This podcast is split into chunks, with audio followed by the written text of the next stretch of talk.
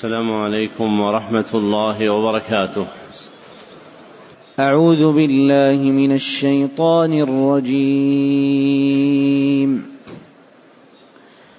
يا أيها الذين آمنوا إذا جاءكم المؤمنات مهاجرات فامتحنوهن الله أعلم بإيمانهن فإن علمتموهن مؤمنات فلا ترجعوهن إلى الكفار لا هن حل لهم ولا هم يحلون لهن وآتوهم ما أنفقوا ولا جناح عليكم أن تنكحوهن إذا آتيتموهن أجورهن ولا تمسكوا بعصم الكوافر واسألوا ما أنفقتم وليسألوا ما أنفقوا ذلكم حكم الله يحكم بينكم والله عليم حكيم.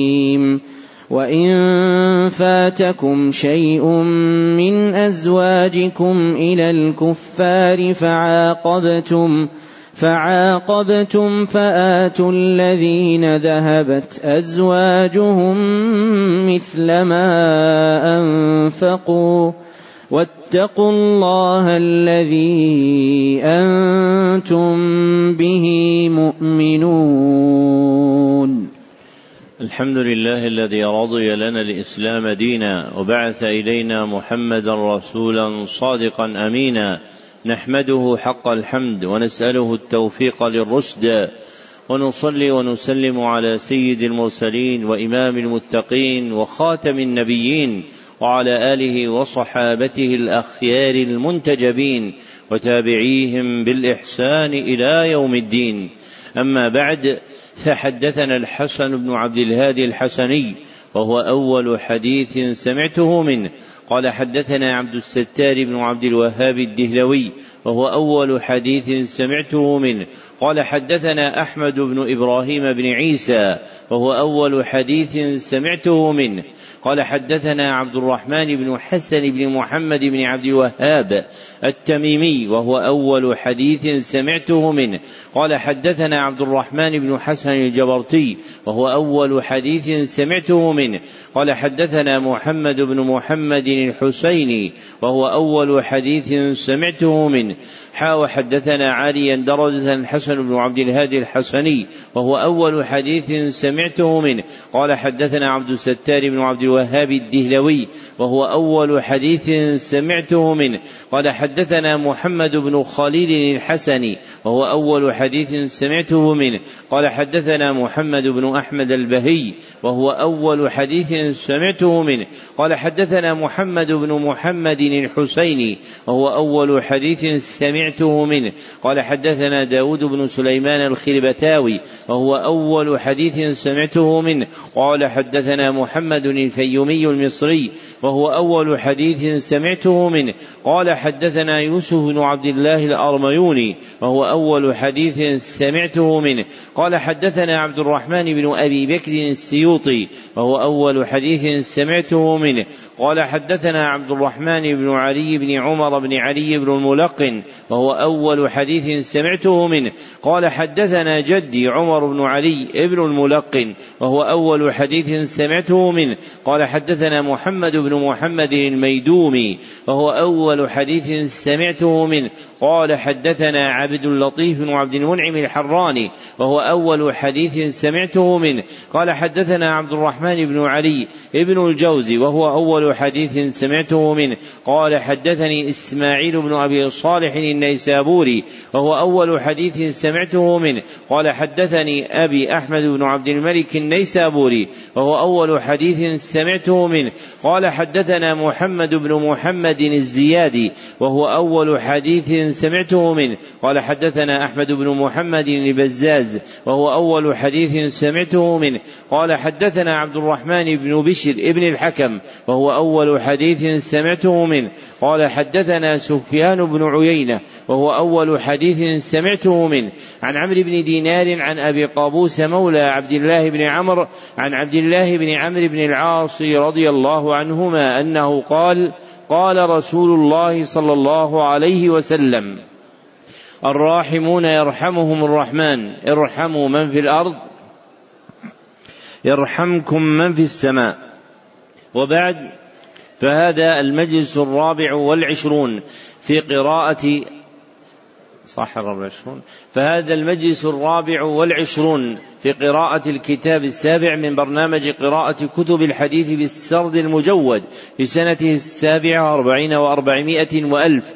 وهو كتاب الجامع المسند الصحيح المختصر من أمور رسول الله صلى الله عليه وسلم وسننه وأيامه المعروف شهرة بصحيح البخاري للحافظ أبي عبد الله محمد بن إسماعيل بن إبراهيم البخاري رحمه الله المتوفى سنة ست وخمسين ومائتين وقد انتهت بنا قراءته عند قوله رحمه الله باب الهجرة. نعم. الحمد لله رب العالمين صلى الله وسلم على نبينا محمد وعلى آله وصحبه أجمعين اللهم اغفر لشيخنا ولوالديه ولمشايخه وللمسلمين أجمعين أخبركم حفظكم الله عبد العزيز بن فتح محمد اللاهوري المعروف بعزيز زبيدي قراءة عليه قال أخبرنا أحمد الله بن أمير الله الدهلوي وعبد بن قمر الدين الملتاني قال أخبرنا نذير حسين بن جواد عن الدهلوي قال أخبرنا محمد إسحاق بن محمد أفضل الدهلوي قال أخبرنا عبد العزيز بن أحمد الدهلوي قال أخبرنا محمد أمين الكشميري قال أخبرنا أحمد بن عبد الرحيم الدهلوي قال أخبرنا أبو طاهر بن إبراهيم الكوراني قال أخبرنا حسن بن علي العجيمي قال أخبرنا عيسى بن محمد الثعلبي قال أخبرنا سلطان بن أحمد المزاحي قال أخبرنا أحمد بن خليل السبكي قال أخبرنا محمد بن أحمد الغيطي قال أخبرنا زكريا بن محمد الأنصاري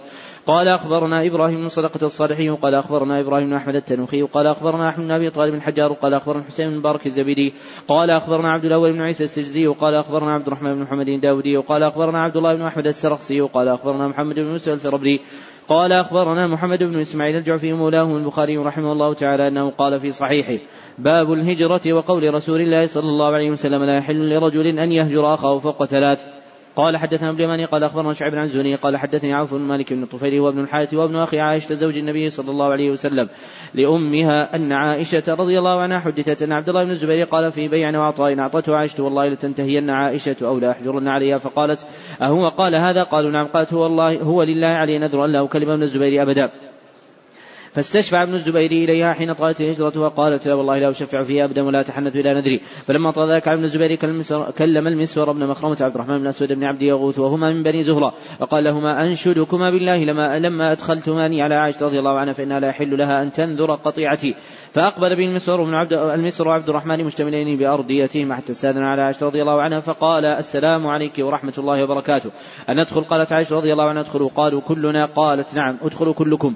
ولا تعلم أن معهما ابن الزبير فلما دخلوا دخل ابن الزبير الحجاب فاعتنق عائشة رضي الله عنها طفقا يناشده ويبكي وطفق المسور وعبد الرحمن يناشدانها إلا ما كلمته وقبلت منه ويقولان إن النبي صلى الله عليه وسلم نهى عما قد ما قد علمت من الهجرة فإنه لا يحل لمسلم أن يهجر أخاه فوق ثلاث ليال. فلما أكثروا على عائشة رضي الله عنها من تذكرة والتحريج طفقت تذكرهما وتبكي وتقول إن نذرت والنذر شديد فلم يزال بها حتى كلمت ابن الزبير. وأعتقد في نذرها ذلك أربعين رقبة كانت تذكر نذرها بعد ذلك فتبكي حتى تبل دموعها خمارها. قال حدثنا عبد الله بن يوسف قال أخبرنا مالك عن شاب عن مالك رضي الله عنه أن رسول الله صلى الله عليه وسلم قال لا تباغضوا ولا تحاسدوا ولا تدابروا وكونوا عباد الله إخوانا ولا يحل للمسلم أن يهجر أخاه فوق ثلاث ليال. قال حدثنا عبد الله بن يوسف قال أخبرنا مالك عن شاب عن عطاء بن يزيد التي عن أبي أيوب الأنصاري رضي الله عنه أن رسول الله صلى الله عليه وسلم قال لا يحل لرجل أن يهجر أخاه فوق ثلاث ليال يلتقيان فيعرض هذا ويعرض هذا وخيرهما الذي يبدأ بالسلام. باب ما يجوز من الهجران لمن عصى وقال كعب حين تخلف عن النبي صلى الله عليه وسلم ونهى النبي صلى الله عليه وسلم المسلمين عن كلامنا وذكر خمسين ليلة. قوله باب ما يجوز تقدم أن هذه الترجمة من أمهات التراجم عند البخاري وأنه ذكرها في ستة عشر موضعا. نعم. أحسن الله إليكم. قال حدثنا محمد قال أخبرنا عبدة عن هشام بن عروة عن أبي عائشة رضي الله عنها قالت قال رسول الله صلى الله عليه وسلم إني لأعرف غضبك ورضاك. قالت قلت وكيف تعرف ذاك يا رسول الله؟ قال إنك كن إذا كنت راضية قلت بلى ورب محمد وإذا كنت ساخطة قلت لا ولا قلت لا ورب إبراهيم. قالت قلت أجل لست هاجر إلا اسمك. قوله أخبرنا عبده تقدم أن هذا الاسم عندهم بسكون الباء إلا في راويين. أحدهما بجالة بن عبدة التميمي والآخر عامر بن عبدة البجلي. نعم. أحسن الله إليكم. قال رحمه الله تعالى باب هل يزور صاحبه كل يوم أو بكرة وعشيا؟ قوله باب هل تقدم أن هذه الترجمة من أمهات التراجم عند البخاري. وأنه ذكرها في خمسة وخمسين موضعا. نعم. أحسن الله إليكم. قال حدثنا إبراهيم وقال أخبرنا هشام عن معمر وقال لي فحدثني عقيل وقال ابن شهاب فأخبرني عمرة بن الزبير أن عائشة رضي الله عنها زوج النبي صلى الله عليه وسلم قالت لما أبوي إلا وهما يدينان الدين ولم يمر عليهما يوم لا يأتينا فيه رسول الله صلى الله عليه وسلم طرف إن بكرة وعشية فبينما نحن جلوس في بيت أبي بكر في نحو الظهيرة. قال قائل هذا رسول الله صلى الله عليه وسلم في ساعة لم يكن يأتينا فيها.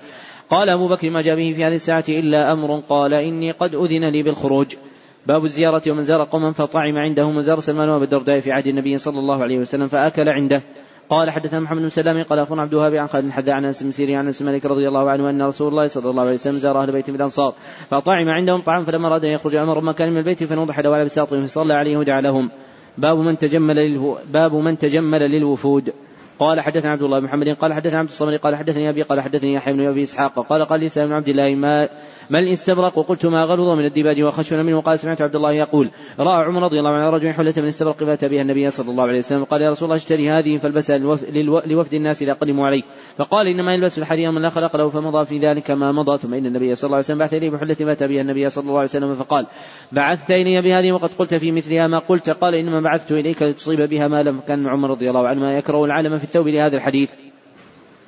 باب الإخاء والحلف. وقال أبو جحيفة رضي الله عنه أخى النبي صلى الله عليه وسلم بين سلمان وأبي الدرداء وقال عبد الرحمن عوف رضي الله عنه لما قدم النبي لما قدمنا المدينة أخى النبي صلى الله عليه وسلم بيني وبين سعد بن الربيع. قال حدثنا مسدد قال حدثنا يحيى بن حميد أنس رضي الله عنه قال لما قدم علينا عبد الرحمن فآخى النبي صلى الله عليه وسلم بينه وبين سعد بن الربيع رضي الله عنهما فقال النبي صلى الله عليه وسلم أولموا لو بشاه قوله حدثنا مسدد. قدم أنه ليس في رواته من اسمه مسدد سوى مسدد بن مسرهد الأسدي. نعم. أحسن الله إليكم. قال حدثنا محمد بن صباح قال حدثنا إسماعيل بن زكريا قال حدثنا عاصم قال قلت لأنس مالك رضي الله عنه وبلغك أن النبي صلى الله عليه وسلم قال لا حلف في الإسلام فقال قد حلف النبي صلى الله عليه وسلم بين قريش والأنصار في داري. باب التبسم والضحك. وقالت فاطمة عليه السلام رضي الله عنها سر إلي النبي صلى الله عليه وسلم فضحكت. وقال ابن عباس إن الله هو أضحك وأبكى. قال حدثنا حبان بن موسى قال أخبرنا عبد الله قال أخبرنا معمر الزهري عن عروه عن عائشة رضي الله عنها رفاعه رضي رضي الله عنه طلق امراته فبت طلاقها فتزوجها بعده عبد الرحمن بن الزبير. فجاءت النبي صلى الله عليه وسلم قالت يا رسول الله إنك تعد رفاعه فطلقها اخر ثلاث تطليقات من زوجها بعده عبد الرحمن بن الزبير وإنه والله مع معه يا رسول الله إلى مثل هذه الهدبة. لهدبة أخذتها من جلبابها قال أبو بكر جالس عند النبي صلى الله عليه وسلم وابن سعيد بن العاص جالس من باب الحجرة ليؤذن له فطفق خالد ينادي أبا بكر. يا أبا بكر ألا تزجر هذه عما تجهر به عند رسول الله صلى الله عليه وسلم يزيد رسول الله صلى الله عليه وسلم على التبسم. ثم قال لعلك تريدين أن ترجع إلى رفاعة لا حتى تذوق عسيلته ويذوق عسيلتك قوله عن الزهري تقدم أن هذه نسبة جماعة من رواتهم وأن المراد بها عند الإطلاق هو محمد بن مسلم الزهري نعم. أحسن الله إليكم. قال حدثنا إسماعيل وقال حدثنا إبراهيم عن صاحب بن كيسان عن بن عبد الحميد بن عبد الرحمن بن زيد بن الخطاب عن محمد بن سعد عن النبي قال استاذن عمر الخطاب رضي الله عنه على رسول الله صلى الله عليه وسلم عنده نسوة من قريش يسألنه ويستكثرن وعالية أصواتهن على صوته فلما استأذن عمر رضي الله عنه تبادر الحجاب فأذن له النبي صلى الله عليه وسلم. فدخل والنبي صلى الله عليه وسلم يضحك فقال أضحك الله سنك يا رسول الله بأبي أنت وأمي. قال عجبت من هؤلاء اللاتي كن عندي. لما سمعنا صوتك تبادر الحجاب فقال أنت أحق أن يهبن يا رسول الله. ثم أقبل عليهن. فقال يا عدوات أنفسهن تهبنني ولم تهبن رسول الله صلى الله عليه وسلم. فقلنا إنك أفض وأغلظ من رسول الله صلى الله عليه وسلم. قال رسول الله صلى الله عليه وسلم إيهن يا ابن الخطاب؟ والذي نفسي بيدي ما لقيك الشيطان سالكا فجا إلا سلك فجا غير فجك. قال حدثنا قتيبة بن قال حدثنا سفيان بن عمرو عن ابي العباس عبد الله بن عمرو رضي الله عنه قال ما كان رسول الله صلى الله عليه وسلم بالطائف قال إنا قافل غدا إن شاء الله. فقال ناس من أصحاب رسول الله صلى الله عليه وسلم لا يبرح ونفتحها فقال النبي صلى الله عليه وسلم فقدوا عن القتال قال فغدوا فقاتلوا قتالا شديدا وكثروا فيهم الجراحات. فقال رسول الله صلى الله عليه وسلم إنا قافل غدا إن شاء الله. وقال فسكتوا فضحك رسول الله صلى الله عليه وسلم. قال الحميدي وحدثنا سفيان كله بالخبر. قوله حدثنا قتيبة تقدم أنه ليس في رواته ما اسمه قتيبة سوى قتيبة بن سعيد الثقفي. نعم. أحسن الله إليكم. قال حدثنا موسى قال حدثنا إبراهيم قال أخبرنا هشام بن أحمد بن عبد الرحمن أن أبا هريرة رضي الله عنه قال أتى رجل النبي صلى الله عليه وسلم فقال هلكت وقعت على أهلي في رمضان. قال أعتق رقبة قال ليس لي. قال فصم شهرين متتابعين. قال لا أستطيع قال باطن ستين مسكينا. قال لا أجد فأتي بعرق فيه تمر. قال إبراهيم العرق والمكتل فقال إن السبب صدق بها. قال على أفقر مني. والله ما بين بيتي أهل بيتي أفقر منا. فضحك النبي صلى الله عليه وسلم حتى بد نواجده فقال فأنتم إذا قوله أخبرنا ابن شهاب تقدم أن هذه الكنية عندهم عند الإطلاق هي لابن شهاب الزهري. واسمه محمد بن مسلم. نعم. أحسن الله إليكم. قال حدثنا عبد العزيز بن عبد الله الويسي وقال حدثنا مالك عن إسحاق بن عبد الله بن أبي طالب عن مالك رضي الله عنه قال كنت أمشي مع رسول الله صلى الله عليه وسلم عليه برد النجراني وغليظ الحاشية فأدركه أعرابي فجبذ برجائه جبذة شديدة قال أنس فنظرت إلى صفحة عاتق النبي صلى الله عليه وسلم قد أثرت فيها عشت من شدة جبذته ثم قال يا محمد مرني مما لله الذي عندك والتفت إليه فضحك ثم أمر له بعطاء. قال حدثنا ابن نمير قال حدثنا ابن إدريس عن إسماعيل عن القيس عن جرير قال ما حجب النبي صلى الله عليه وسلم منذ أسلمت واراني لا تبسم في وجهي ولقد شكوت اليه أني لا أثبت على الخير فضرب بيده في صدري وقال اللهم ثبته واجعله هاديا مهديا. قال حدثنا محمد بن ثنا قال حدثني عن هشام قال أخبرني أبي عن زينب بنت أم سلمة عن أم سلمة رضي الله عنها مسلم رضي الله عنها قالت يا رسول الله إن الله يستحي من الحق. هل على المرأة غسل؟ هل على المرأة غسل إذا احتلمت؟ قال نعم رأت الماء فضحكت أم سلمة رضي الله عنها فقالت تحتلم المرأة؟ فقال النبي صلى الله عليه وسلم فبما شبه الولد. قال حدثني احمد سليمان قال حدثني ابن وهب قال أخبرنا عمرو بن النضر حدثه عن سليمان بن يسار عن عائشة رضي الله عنها قال ما رأيت النبي صلى الله عليه وسلم مستجمعا قط ضاحكا حتى أرى منه لهوات إنما كان يتبسم صلى الله عليه وسلم. قال حدثنا محمد بن محبوب قال حدثنا أبو عوانة عن قتادة عن أنس رضي الله عنه وقال لي خليفة حدثنا يزيد بن زرعين قال حدثنا سعيد عن قتادة عن أنس رضي الله عنه أن رجلا جاء النبي صلى الله عليه وسلم يوم الجمعة ويخطب في المدينة فقال قاحط المطر واستسقي ربك. فنظر إلى السماء مر من السحاب فاستسقى فنشأ السحاب بعضه إلى بعض ثم مطروا حتى سالت متاعب المدينة فما زالت الجمعة المقبلة. فما زالت إلى الجمعة المقبلة ما تقرع ثم قام ذلك الرجل وغيره والنبي صلى الله عليه وسلم يخطب وقال غرقنا فادع ربك يحبسها عنا فضحك. ثم قال ما حوالينا ولا علينا قال مرتين وثلاثة فجعل السحابة يتصدع عن المدينة يمنى وشمالا يمطر ما حوالينا ولا يمطر ولا ولا يمطر منها شيء. يريهم الله عز وجل كرامة نبيه صلى الله عليه وسلم وإجابة دعوته باب قول الله تعالى يا أيها الذين آمنوا اتقوا الله وكونوا مع الصادقين وما ينهى عن وما ينهى عن الكذب. قال حدثنا عثمان بن بشير قال حدثنا جرير عن منصور عن عبد الله رضي الله عنه عن النبي صلى الله عليه وسلم أنه قال إن الصدق يهدي البر وإن البر يهدي الجنة وإن الرجل يصدق حتى يكون صديقا وإن الكذب يهدي الفجور وإن الفجور يهدي النار وإن الرجل يكذب حتى يكتب عند الله كذابا. قال حدثنا مسلم قال حدثنا اسمع بن جعفر عن النبي سهيل النافع بن مالك بن أبي عامر عن أبي أبي هريرة رضي الله عنه رسول الله صلى الله عليه وسلم قال آية المنافق ثلاث إذا حدث كذب وإذا وعد أخر وإذا تؤمن خان. قال حدثنا موسى بن إسماعيل قال حدثنا جرير قال حدثنا أبو رجاء عن سمرة بن جندب رضي الله عنه قال قال النبي صلى الله عليه وسلم رأيت رجلين يأتيان قال الذي رأيته يشق شدقه الذي رأيته يشق شدقه فكذاب يكذب الكذبة تحمل عنه حتى يبلغ الآفاق فيصنع به إلى يوم القيامة. باب في الهدي الصالح. قوله باب في تقدم أن هذه الترجمة من أمهات التراجم عند البخاري وأنه ذكرها في خمسة وعشرين موضعا. نعم. أحسن الله إليكم. قال حدثنا إسحاق بن إبراهيم قال قلت لأبي أسامة حدثكم. الأعمش قال سمعت شقيقا. قال سمعت حذيفة يقول إن أشبه الناس دلا مسمتا واديا برسول الله صلى الله عليه وسلم لابن أم لابن أم عبد. من حين يخرج من بيته إلى أن يرجع إليه لا ندري ما يصنع في أهله إذا خلا. قال حدثنا ابن قال حدثنا شعبة عن مخارق قال سمعت طارقا قال قال عبد الله رضي الله عنه أحسن الحديث كتاب الله وأحسن هدي هدي محمد صلى الله عليه وسلم. باب الصبر على الأذى. وقول الله تعالى إنما يوفى الصابرون أجرهم بغير حساب. قال حدثنا مسدد قال حدثنا يحيى عن ابن سعيد عن سفيان قال حدثنا الاعمش عن سعيد جبير عن أبي عبد الرحمن السلمي عن أبي موسى رضي الله عنه عن النبي صلى الله عليه وسلم أنه قال ليس أحد وقال ليس شيء أصبر على أذى سمعه من الله عز وجل إنهم ليدعون له ولدا وإنه ليعافي مرزقهم. قوله حدثني الأعمش تقدم أن هذا لقب راوي من رواتهم يذكر به واسمه سليمان بن مهران الكاهلي. نعم. أحسن الله إليكم. قال حدثنا عمرو بن حفص قال حدثنا أبي قال حدثنا عمش قال سمعت شقيقا يقول قال عبد الله رضي الله عنه قسم النبي صلى الله عليه وسلم قسمة كبعض ما كان يقسم. قال رجل من الأنصار والله إنها لقسمة ما أريد بها, بها وجه الله عز وجل. قال قلت أما أنا لا أقول أن للنبي صلى الله عليه وسلم فأتيته في أصحابه فسارته فشق ذلك على النبي صلى الله عليه وسلم وتغير وجهه وغضب حتى وددت أني لم أكن أخبرته ثم قال قد أوذي موسى عليه الصلاة والسلام بأكثر من ذلك فصبر. باب من لم يواجه الناس بالعتاب. قال حدثنا عمرو بن حصين قال حدثنا أبي قال حدثنا عمش قال حدثنا مسلم عن مسروق قال قالت عائشة رضي الله عنها صنع النبي صلى الله عليه وسلم شيئا فرخص فيه فتنزع عنه قوم فبلغ ذلك النبي صلى الله عليه وسلم خطب الحمد الله ثم قال ما بال قوم تنزهون عن شيء أصنعه؟ فوالله إني لأعلمهم بالله واشدهم له خشية. قال حدثنا عبد الله قال أخبرنا عبد الله قال أخبرنا شعبة عن قتادة أنه قال سمعت عبد الله هو ابن أبي عتبة مولى أنس عن أبي سعيد الخدري رضي الله عنه أنه قال كان النبي صلى الله عليه وسلم أشد حياء من عذراء في خدرها في ثلاث يكرهه وعرفناه في وجهه. باب من كفر أخاه بغير تأويل فهو كما قال قال حدثنا محمد واحمد بن سعيد قال حدثنا عثمان بن عمر قال أخبرنا عن مبارك عن يحيى بن أبي كثير عن أبي سلمه عن أبي هريرة رضي الله عنه أن رسول الله صلى الله عليه وسلم قال إذا قال رجل يا أخي يا كافر وقد باء به أحدهما. وقال عكرمة بن عمار عن يحيى عن عبد الله بن يزيد أنه سمع أبا سلمه أنه سمع أبا هريرة رضي الله عنه عن النبي صلى الله عليه وسلم. قال حدثني إسماعيل وقال حدثني عبد الله بن قال حدثني إسماعيل. قال حدثنا إسماعيل قال حدثني مالك عبد الله بن دينار عبد الله بن عمر رضي الله عنه أن رسول الله صلى الله عليه وسلم قال أيما رجل قال لاخيه كافر وقد باء بها أحدهما. قال حدثنا موسى بن اسماعيل قال حدثنا ميمون قال حدثنا ايوب بن قلبة عن ثابت بن ضحاك رضي الله عنه عن النبي صلى الله عليه وسلم قال محل ملة غير الاسلام كان فهو كما قالوا مقتل نفسه بشيء عذب به في نار جهنم ولعن المؤمن كقتله ومن رمى مؤمنا بكفر فهو كقتله. باب من لم يرى إكفار من قال ذلك متأولا مجاهدا وقال عمر لحاطب إنه منافق قال فقال النبي صلى الله عليه وسلم ما يدرك لعل الله قد اطلع على أهل بدر فقال قد غفرت لكم. قال حدثنا محمد بن عبا قال حدثنا محمد بن عبادة قال أخبرنا يزيد قال أخبرنا سليم قال حدثنا عمرو بن دينار قال حدثنا جابر بن عبد الله رضي الله عنهما أن معاذ بن جبل رضي الله عنه كان يصلي مع النبي صلى الله عليه وسلم ثم يأتي قوم فيصلي بهم الصلاة فقرأ بهم البقرة قال فتجوز رجل صلى صلاة خفيفة فبلغ ذلك معاذ فقال إنه منافق أبلغ ذلك الرجل فأتى النبي صلى الله عليه وسلم وقال يا رسول الله إنا قوم نعمل بأيدينا ونسقي من واضحنا ونمعنا صلى صلى بنا البارحة فقرأ البقرة فتجوزت وزعم أني منافق قال النبي صلى الله عليه وسلم يا معاذ أفتان أنت؟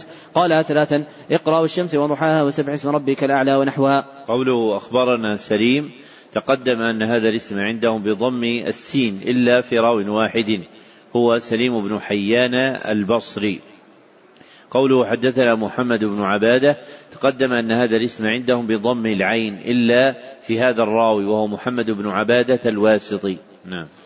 أحسن الله إليكم. قال رحمه الله تعالى حدثني إسحاق قال أخبرنا المغيرة قال حدثنا أوزاعي قال حدثنا زوري عن حميد عن أبي رضي الله عنه أنه قال قال رسول الله صلى الله عليه وسلم من حلف منكم من حلف منكم فقال في حلف الله والعزى فليقول لا إله إلا الله وقال لصاحبه تعالى وقال منكم فليتصدق قال حدثنا قتيبة قال حدثنا ليث عن نافع عن عمر رضي الله عنه أدرك عمر الخطاب رضي الله عنه فرق بأبي فناداهم رسول الله صلى الله عليه وسلم لا إن الله ينهاكم تعالوا أباكم فمن كان حالفا فليحلف بالله أو, أو وإلا فليصمت باب ما يجوز من الغضب وشدة أمر الله وقال الله عز وجل جاهد الكفار والمنافقين واغلظ عليهم قال حدثنا يسرة بن صوان قال حدثنا إبراهيم بن الزهري عن القاسم عن عائشة رضي الله عنها قال دخل علي النبي صلى الله عليه وسلم في بيتي قرام فيه صور. فتلون وجهه ثم تناول الستر فاتكوا وقالت قال النبي صلى الله عليه وسلم من اشد الناس عذابا قام الذين يصورون هذه الصور.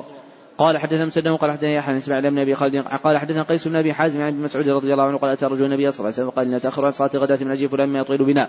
قال فما رأيت رسول الله صلى الله عليه وسلم قط اشد غضبا في موعظه منه يومئذ. قال فقال يا أيها الناس إن منكم منفرين فأيكم ما صلى بالناس فليتجاوز فإن فيهم المريض والكبير وذا الحاجة. قوله في الإسناد المتقدم حدثنا يسره تقدم أنه ليس في رواتهم من اسمه يسره سوى هذا الراوي من شيوخ البخاري وهو يسرة بن صفوان بن جميل اللخمي نعم.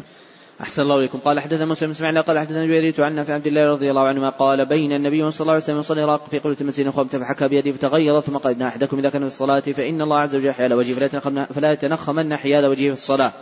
قال حدثنا محمد وقال حدثنا إسماعيل بن جعفر قال اخبر ربيعة بن أبي عبد الرحمن عن من بعد عن زيد بن خجواني رضي الله عنه رجلا سأل رسول الله صلى الله عليه وسلم عن لقطة فقال اعرفها سن ثم أعرف وكاء وعفاصه ثم استنفق بها. فإن جاء ربها فهدي قال يا رسول الله فضلت غنمي. قال خذها فانما لك ولاخيك ولذيبي قال يا رسول الله فضلت ابل قال فغضب رسول الله صلى الله عليه وسلم حتى احمرت وجنته وقال احمر وجهه ثم قال ما لك ولها. معها حذاء واسقاه حتى يلقاها ربها عز وجل. وقال مكي حدثنا عبد الله بن سعيد قال حدثني محمد بن زياد قال حدثني محمد جعفر قال حدثنا عبد الله بن سعيد قال حدثني سالم ابو النضر مولى عمر مولى عمر بن عبيد الله. عن بسر بن سعيد عن زيد بن ثابت رضي الله عنه قال احتاج رسول الله صلى الله عليه وسلم حجارة مخصبة وحصيرا فخرج رسول الله صلى الله عليه وسلم يصلي فيها اتبع اليه رجال جاءوا يصلون بصلاته ثم جاءوا ليلة فحضروا وابطى رسول الله صلى الله عليه وسلم عنهم فلم يخرج اليهم فرفعوا صلاتهم وحصروا الباب فخرج إليهم مغضبا ثم فقال لهم رسول الله صلى الله عليه وسلم ما زال بكم صنيعكم حتى ظننت أنه سيكتب عليكم فعليكم الصلاة في بيوتكم. فإن خير صلاة المرء في إلى الصلاة المكتوبة. باب الحذر من الغضب. لقول الله تعالى والذين يجتنبون كبائر الإثم والفحش واذا ما قولهم وإذا ما غضبوا يغفرون. الذين ينفقون في السراء والضراء والضراء والكاظمين الغيظ والعافين عن الناس والله يحب المحسنين. قال حدثنا عبد الله بن يوسف قال أخبرنا مالك عن شاب عن سعيد بن مسيب عن أبي هريرة رضي الله عنه أن رسول الله صلى الله عليه وسلم قال ليس الشديد بالسرعة. إنما الشديد الذي يملك نفسه عند الغضب. قال حدثنا عثمان بن بشير قال حدثنا جرير عن عمش عن عدي بن ثابت قال حدثنا سليمان بن صورة رضي الله عنه قال استبى رجلان عند النبي صلى الله عليه وسلم عنده جلوس واحدهما يسب صاحبه. مغضبا قد احمر وجهه فقال النبي صلى الله عليه وسلم اعلم كلمة قال ذهب عنه ما يجد. لو قال أعوذ بالله من الشيطان الرجيم. فقالوا للرجل أسمع ما يقول النبي صلى الله عليه وسلم. قال إني لست مجنون. قال حدثني يحيى بن يوسف. قال أخبرنا أبو بكر هو ابن عياش عن أبي حصين عن أبي صالح عن أبي هريرة رضي الله عنه أن رجلا قال النبي صلى الله عليه وسلم أوصني. قال لا تغضب. فرد مرارا قال لا تغضب. باب الحياء. قال حدثنا آدم قال حدثنا شعبة عن قتادة عن أبي السوائل العدوي قال سمعت عمران بن حصين رضي الله عنه قال قال النبي صلى الله عليه وسلم الحياء ولا يأتي إلا بخير. فقال بشير بن كعب مكتوم في الحكمة إن من الحياء وقارا وإن من الحياء سكينة وقال عمران أحدثك عن رسول الله صلى الله عليه وسلم وتحدثني عن صحيفتك. قال حدثنا أحمد يونس قال حدثنا عبد العزيز بن أبي سلمة قال حدثنا شاب عن سالم عن سالم عبد الله بن عمر رضي الله عنهما أنه قال مر النبي صلى الله عليه وسلم رجل يعاتب وهو يعاتب في الحياء فيقول إنك لتستحي حتى كأنه يقول قد أضر بك فقال رسول الله صلى الله عليه وسلم دعه فإن الحياء من الإيمان قال حدثنا علي بن جعلي قال أخبرنا شعبة عن قتادة عن مولى بن أنس قال أبو عبد الله اسمه عبد الله بن أبي عتبة أنه قال سمعت أبا سعيد رضي الله عنه يقول كان النبي صلى الله عليه وسلم شد حياء من عذراء في خدرها باب إذا لم تستحي فاصنع ما شئت قال حدثنا أحمد بن يونس قال حدثنا زهير قال حدثنا منصور عن إبراهيم بن حراش قال حدثنا مسعود رضي الله عنه أنه قال قال النبي صلى الله عليه وسلم إن مما أدرك الناس في النبوة الأولى إذا لم تستحي فاصنع ما شئت. باب ما لا يستحي من حق التفقه في الدين. قال حدثني إسماعيل قال حدثني مالك عن هشام بن عروة عن أبي عن زينب بنت أبي سلمة عن أم سلمة رضي الله عنها قالت جاءت مسلم من رسول الله صلى الله عليه وسلم قالت يا رسول الله إن الله لا يستحي من الحق. فهل عن المراه غسل اذا احتلمت قال صلى الله عليه وسلم نعم إذا رأت الماء. قال حدثنا آدم قال حدثنا شعبة قال حدثنا محمد بن دثاني قال سمعت ابن عمر رضي الله عنه يقول قال النبي صلى الله عليه وسلم مثل المؤمن كمثل شجرة خضراء لا يسقط ورقها ولا يتحات فقال القوم هي شجرة كذا هي شجرة كذا. فأردت أن أقول هي النخلة. وأنا غلام شاب فاستحييت. فقال هي النخلة. وعن شعبة قال حدثنا خبيب بن عبد الرحمن عن حفص بن عاصم عن ابن عمر رضي الله عنه ذكر مثله وزاد فحدثت به عمر رضي الله عنه فقال لو كنت قلت لك أنا حب من كذا وكذا. قال حدثنا مسدد قال حدثنا مرحوم قال سمعت ثابت أنه سمع رضي الله عنه يقول جاءت امرأة النبي صلى الله عليه وسلم تعرض عليه نفسها فقالت لك في هل لك حاجة فيها؟ فقالت ابنته فقالت ابنته ما أقل حياءها؟ فقال هي خير منك عرضت عرضت على رسول الله صلى الله عليه وسلم نفسها.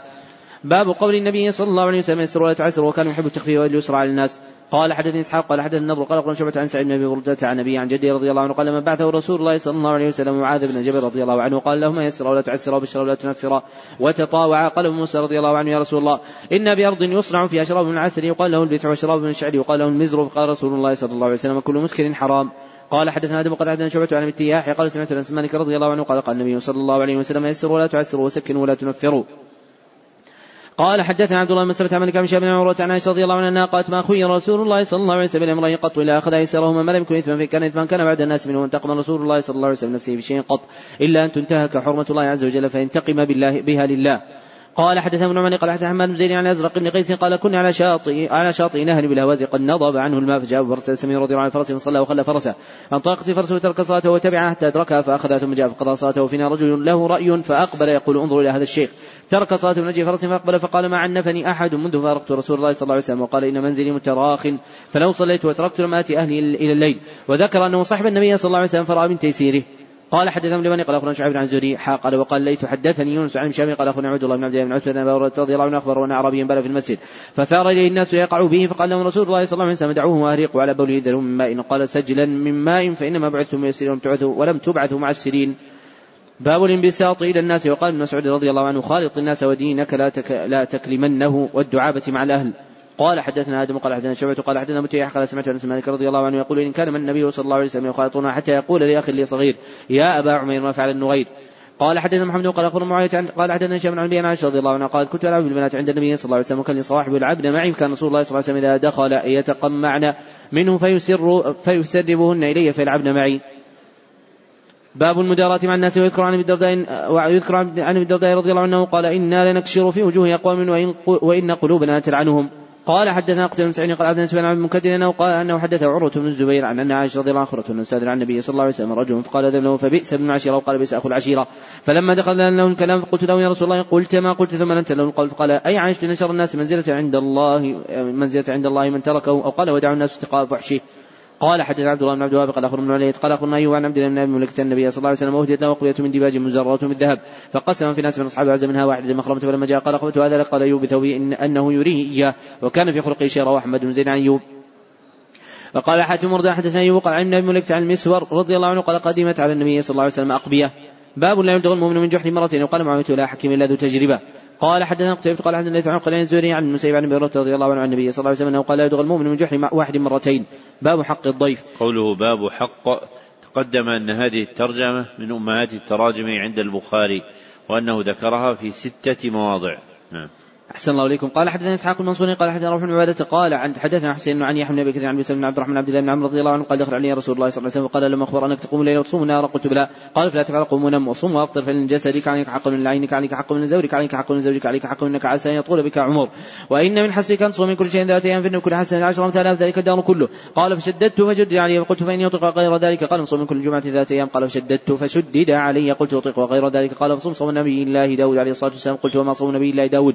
قال نصف الدهر باب إكرام الضيف وخدمته إياه بنفسه وقوله ضيف إبراهيم المكرمين.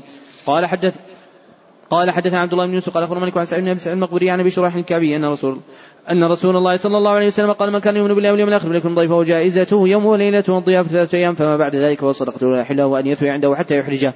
قال حدثنا اسماعيل وقال حدثنا مالك وذكر مثله وزاد من كان يؤمن بالله واليوم الآخر فليقول خيرا وليصمت.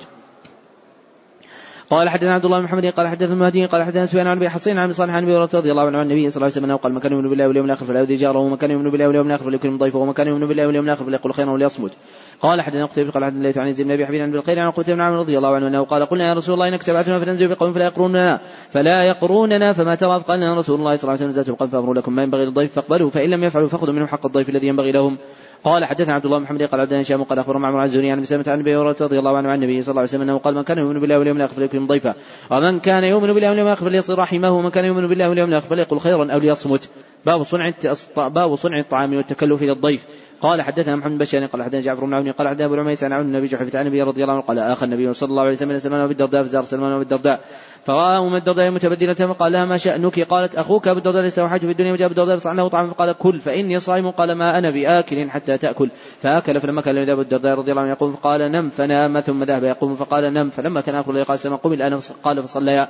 فقال له سلمان رضي الله عنه إن ربك عليك حقا ولنفسك عليك حقا ولأهلك عليك حقا فأعطي كل ذي حق حقه. فأتى النبي صلى الله عليه وسلم ذكر ذلك له. فقال النبي صلى الله عليه وسلم صدق سلمان.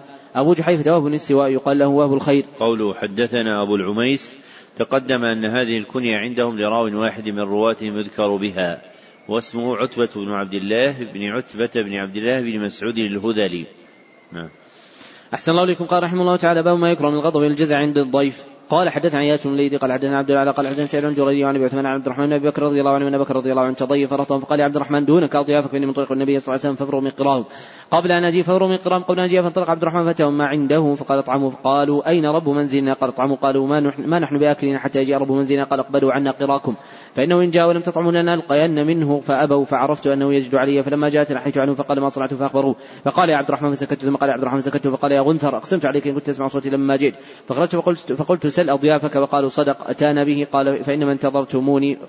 فقال فإنما انتظرتموني والله لا أطعم الليلة فقال الآخرون والله لا نطعمه حتى تطعمه. قال لم أرى في الشر كالليلة ويلكم ما أنتم لم لا تقبلون عنا قراكم هات طعامك. فجاءه فوضع يده وقال بسم الله الأولى للشيطان فأكل وأكلوا. باب قول الضيف صاحب لا أكل حتى تأكل في حديث أبي جحفة رضي الله عنه عن النبي صلى الله عليه وسلم. قال حدثني محمد بن قال حدثنا أبي عدي عن سليمان عن أبي عثمان قال عبد الرحمن بن أبي بكر رضي الله عنه جاء أبو بكر رضي الله عنه ضيف له وقال باضياف له فامسى عند النبي صلى الله عليه وسلم فلما جاء قالت أمي احتبست احتبست عن ضيفك أو قال اضيافك الليلة. قال ما عشيتهم؟ فقالت عرضنا عليه أو, قال أو قالت عليهم فأبوا أو قال فأبى فغضب أبو بكر رضي الله عنه فسبه وجدع وحلف لا يطعمه فاختبأت أنا فقال يا غنثر فحلفت مرة لا يطعمه حتى يطعمه فحلف الضيف وقال الأضياف ولا يطعمه أو يطعمه حتى يطعمه فقال أبو بكر رضي الله عنه كان هذه من الشيطان. فدعا بطعام فاكل واكلوا فجعل لا يرفعون لقوة إلا ربى من اسفلها أكثر منها. فقالت يا أخت بني فراس ما هذا? فقالت وقرة عيني إنها الآن أكثر قبل أن نأكل. فأكلوا وبعث بها النبي صلى الله عليه وسلم ذكر أنه أكل منها. باب إكرام الكبير. باب إكرام الكبير ويبدأ الأكبر بالكلام والسؤال. قال حدثنا سفيان بن حرب قال حدث أحمد بن زيد عن يحيى بن سعيد عن بشير بن يسار مولى الأنصار عرابي بن خديجة رضي الله عنه بن ابي حثمة رضي الله عنه أنهما أنهما حدثا. أن عبد الله بن سالم ومحيص بن مسعود اتيا خيبر فتفرق بالنخل فقتل عبد الله بن سالم وجاء عبد الرحمن بن سالم ومحيص ومحيص بن مسعود النبي صلى الله عليه وسلم تكلموا في ابن صحيح فدعا عبد الرحمن وكان أصغر القوم. فقال النبي صلى الله عليه وسلم كبر الكبرى قال يحيى لي لي كلام الأكبر. من تكلم في ابن صحيح فقال النبي صلى الله عليه وسلم تستحقون قتيلكم. وقال صاحبكم بيمان خمسين منكم. قالوا يا رسول الله أمر لم نره قال فتبرئكم يهود في في, أيمان خمسين منهم. قالوا يا رسول الله قوم كفار فدعهم رسول الله صلى الله وسلم من قبله. قال سلم فأدركت ناقة من تلك الإبل فدخلت مربدا لهم فركضتني برجلها قال تحدثني يحيى عن بشير عن سالم قال يحيى حسبت أنه قال مع رافع بن خديج. وقال ابن عيينة حدثنا يحيى عن بشير عن سالم رضي الله عنه وحده. قال حدثنا مسدد قال حدثني عن عبد الله قال حدثنا نافع عن ابن عمر رضي الله عنه أنه قال قال رسول الله صلى الله عليه وسلم أخبروني بشرة مثل مثل المسلم. تؤتي كلها كل حين بإذن ربها ولا تحت ورقها فوقع في نفسي النخلة وكرهت أن أتكلم ثم أبو بكر وعمر فلما لم يتكلم قال النبي صلى الله عليه وسلم النخلة. فلما خرجت مع أبي قلت يا أبتا وقع في نفسي النخلة. فقال ما منعك أن تقول لو كنت قلت كان أحب من كذا وكذا. قال ما منعني لأني لم أرك ولا أبا بكر تكلمت ما فكرهت باب ما يجوز من الشعر والرجز والحدى وما يكره منه وقوله والشعراء يتبعهم الغابون.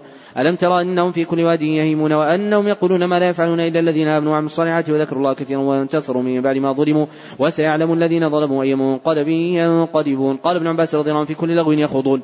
قال حدثنا ابن ديواني قال أخبرنا شعيب بن الزهري قال أخبرنا أبو بكر بن عبد الرحمن مروان بن الحكم أخبرنا عبد الرحمن الأسود عبد ابن عبد ياغوث اخبره ان ابن كعب رضي الله عنه اخبره ان رسول الله صلى الله عليه وسلم قال إن الشعر حكمة. قال حدثنا ابن عمي قال حدثنا سفيان عن اسود بن قيس قال سمعت جندب رضي الله عنه يقول بينما النبي صلى الله عليه وسلم يمشي إذا أصابه حجر فعثرت فدمي فعثر فدميت إصبعه فقال صلى الله عليه وسلم هل أنت إلا إصبع دميت وفي سبيل الله ما لقيت. قال حدثنا بشار قال عبد المالي قال عبد سفيان عبد الملك قال عبد الله عن النبي رضي الله عنه أنه قال قال النبي صلى الله عليه وسلم أصدق كلمة قال الشعر كلمة لبيد. ألا كل شيء ما خلى الله باطل وكاد اميه بالصلاه أن يسلم. قال حدثنا قتيبة بن سعيد قال عبد حاتم بن إسماعيل عن زيد بن أبي عبيد عن سلمة بن أكوع رضي الله عنه قال خرج مع رسول الله صلى الله عليه وسلم خبر ليلا فقال رجل من القوم العامر لعامر بن أكوع ألا اسمعنا من هنيهاتك قال وكان عامر رجلا شاعرا فنزل يحدث بالقوم يقول اللهم لولا أنت ما اهتدينا ولا تصدقنا ولا صلينا فاغفر فداء لك ما اقتفينا وثبت الأقدام إلا قينا والقيا سكينة علينا. إن إذا صيح بنا أتينا وبالصياح عولوا علينا. فقال رسول الله صلى الله عليه وسلم هذا سيق قال عامر بن أكوع فقال يرحمه الله قال رجل من القوم وجبت يا نبي الله تعتنى به. قال فتلك خبر فحصلناه حتى أصابتنا مخمصة شديدة من الله عز وجل فتح عليهم فلما أمس الناس فلما أمس الناس اليوم الذي فتحت عليهم أوقدوا النيران كثيرة فقال رسول الله صلى الله عليه وسلم هذه النيران على شيء توقدون قالوا على لحم. قال على أي لحم؟ قالوا على لحم حمر إنسية. فقال رسول الله صلى الله عليه وسلم أهرقوها واكسر أهرقوها واكسروها فقال رجل يا رسول الله أو, أو نهريق أو نهريق ونغسلها قال أو ذاك فلما انصاف القوم كان سيف عمرو فيه قصر فتناول به يهوديا يضربه ويرجع ذباب سيفه فصاب ركبة عمرو فمات منه فلما قفلوا قال سمعت رضي الله عنه رآني رسول الله صلى الله عليه وسلم شاحبا فقال ما لك؟ فقلت فدا لك أبي وأمي زعم عمرو حبط عمله. قال من قاله؟ قلت له قاله فلان وفلان وفلان سيد بن الحضير. الأنصاري رضي الله عنه فقال يا رسول الله صلى الله عليه وسلم كذا ما قالوا إن له أجرين وجمع بين إصبعيه إنه لجاهد مجاهد قال عربي نشأ بها مثله. قال حدثنا مسلم قال حدثنا إسماعيل قال حدثنا ايوب بن عن بن مالك رضي الله عنه قالت النبي صلى الله عليه وسلم بعض النساء ومعهن أم سليم. فقال ويحك يا انجشا رويدك سوقا من القوارين قال بقلبة فتكلم النبي صلى الله عليه وسلم كلمة لو تكلم بعضكم لعبتموها عليه. قوله سوقك بالقوارير. باب هجاء المشركين. قال حدثنا محمد قال حدثنا عبدة قال اخبرني هشام بن عروة عن أبي رضي الله عنه قال استاذن النبي استاذن حسان بن ثابت رضي الله عنه رسول الله وسلم في هجاء المشركين. فقال رسول الله صلى الله عليه وسلم كيف بنسبهم؟ فقال حسان رضي الله عنه أسلنك منهم كما تسل الشعرة من العجين. وعن هشام بن عروة عن أبيه قال ذهبت أسب حسنا عند عائشة رضي الله عنها فقالت لا تسبوا فإنه كان ينافع عن رسول الله صلى الله عليه وسلم. قال حدثنا أصبر قال أخبر عبد الله بن أبي قال أخبرني يوسف بن شبان الهيثم بن أبي سنان أخبره وأنا سمع أبا رضي الله عنه في قصصه يذكر النبي صلى الله عليه وسلم يقول إنا خلكم لا يقول الرافث يعني بذاك من رواحة. قال فينا رسول الله يتلو كتابه إذا انشق معروف من الفجر سيطع أرانا الهدى بعد العمى فقلوبنا به موقنات أن ما قال واقع. يبيت يجافي جبه عن فراشه إذا استثقلت بالكافرين المضاجع. تبع قل عن زني وقال زبيد عن زني عن سعيد بن الأعرج عن أبي رضي الله عنه. قال حدثنا ابن بن قال قال أخبرنا شعيب بن الزني قال وحدثني إسماعيل قال حدثني أخي عن سليمان عن محمد بن أبي عتيق عن شهاب عبد سلمة بن عبد الرحمن عوف أنه سمع حسان ثابت الأنصاري رضي الله عنه يستشير أبا هريرة رضي الله عنه فيقول يا أبا هريرة نشدتك بالله هل سمعت رسول الله صلى الله عليه وسلم يقول يا حسان اجب عن رسول الله صلى الله عليه وسلم أجب عن رسول الله اللهم أيدي بروح القدس قال أبو هريرة نعم.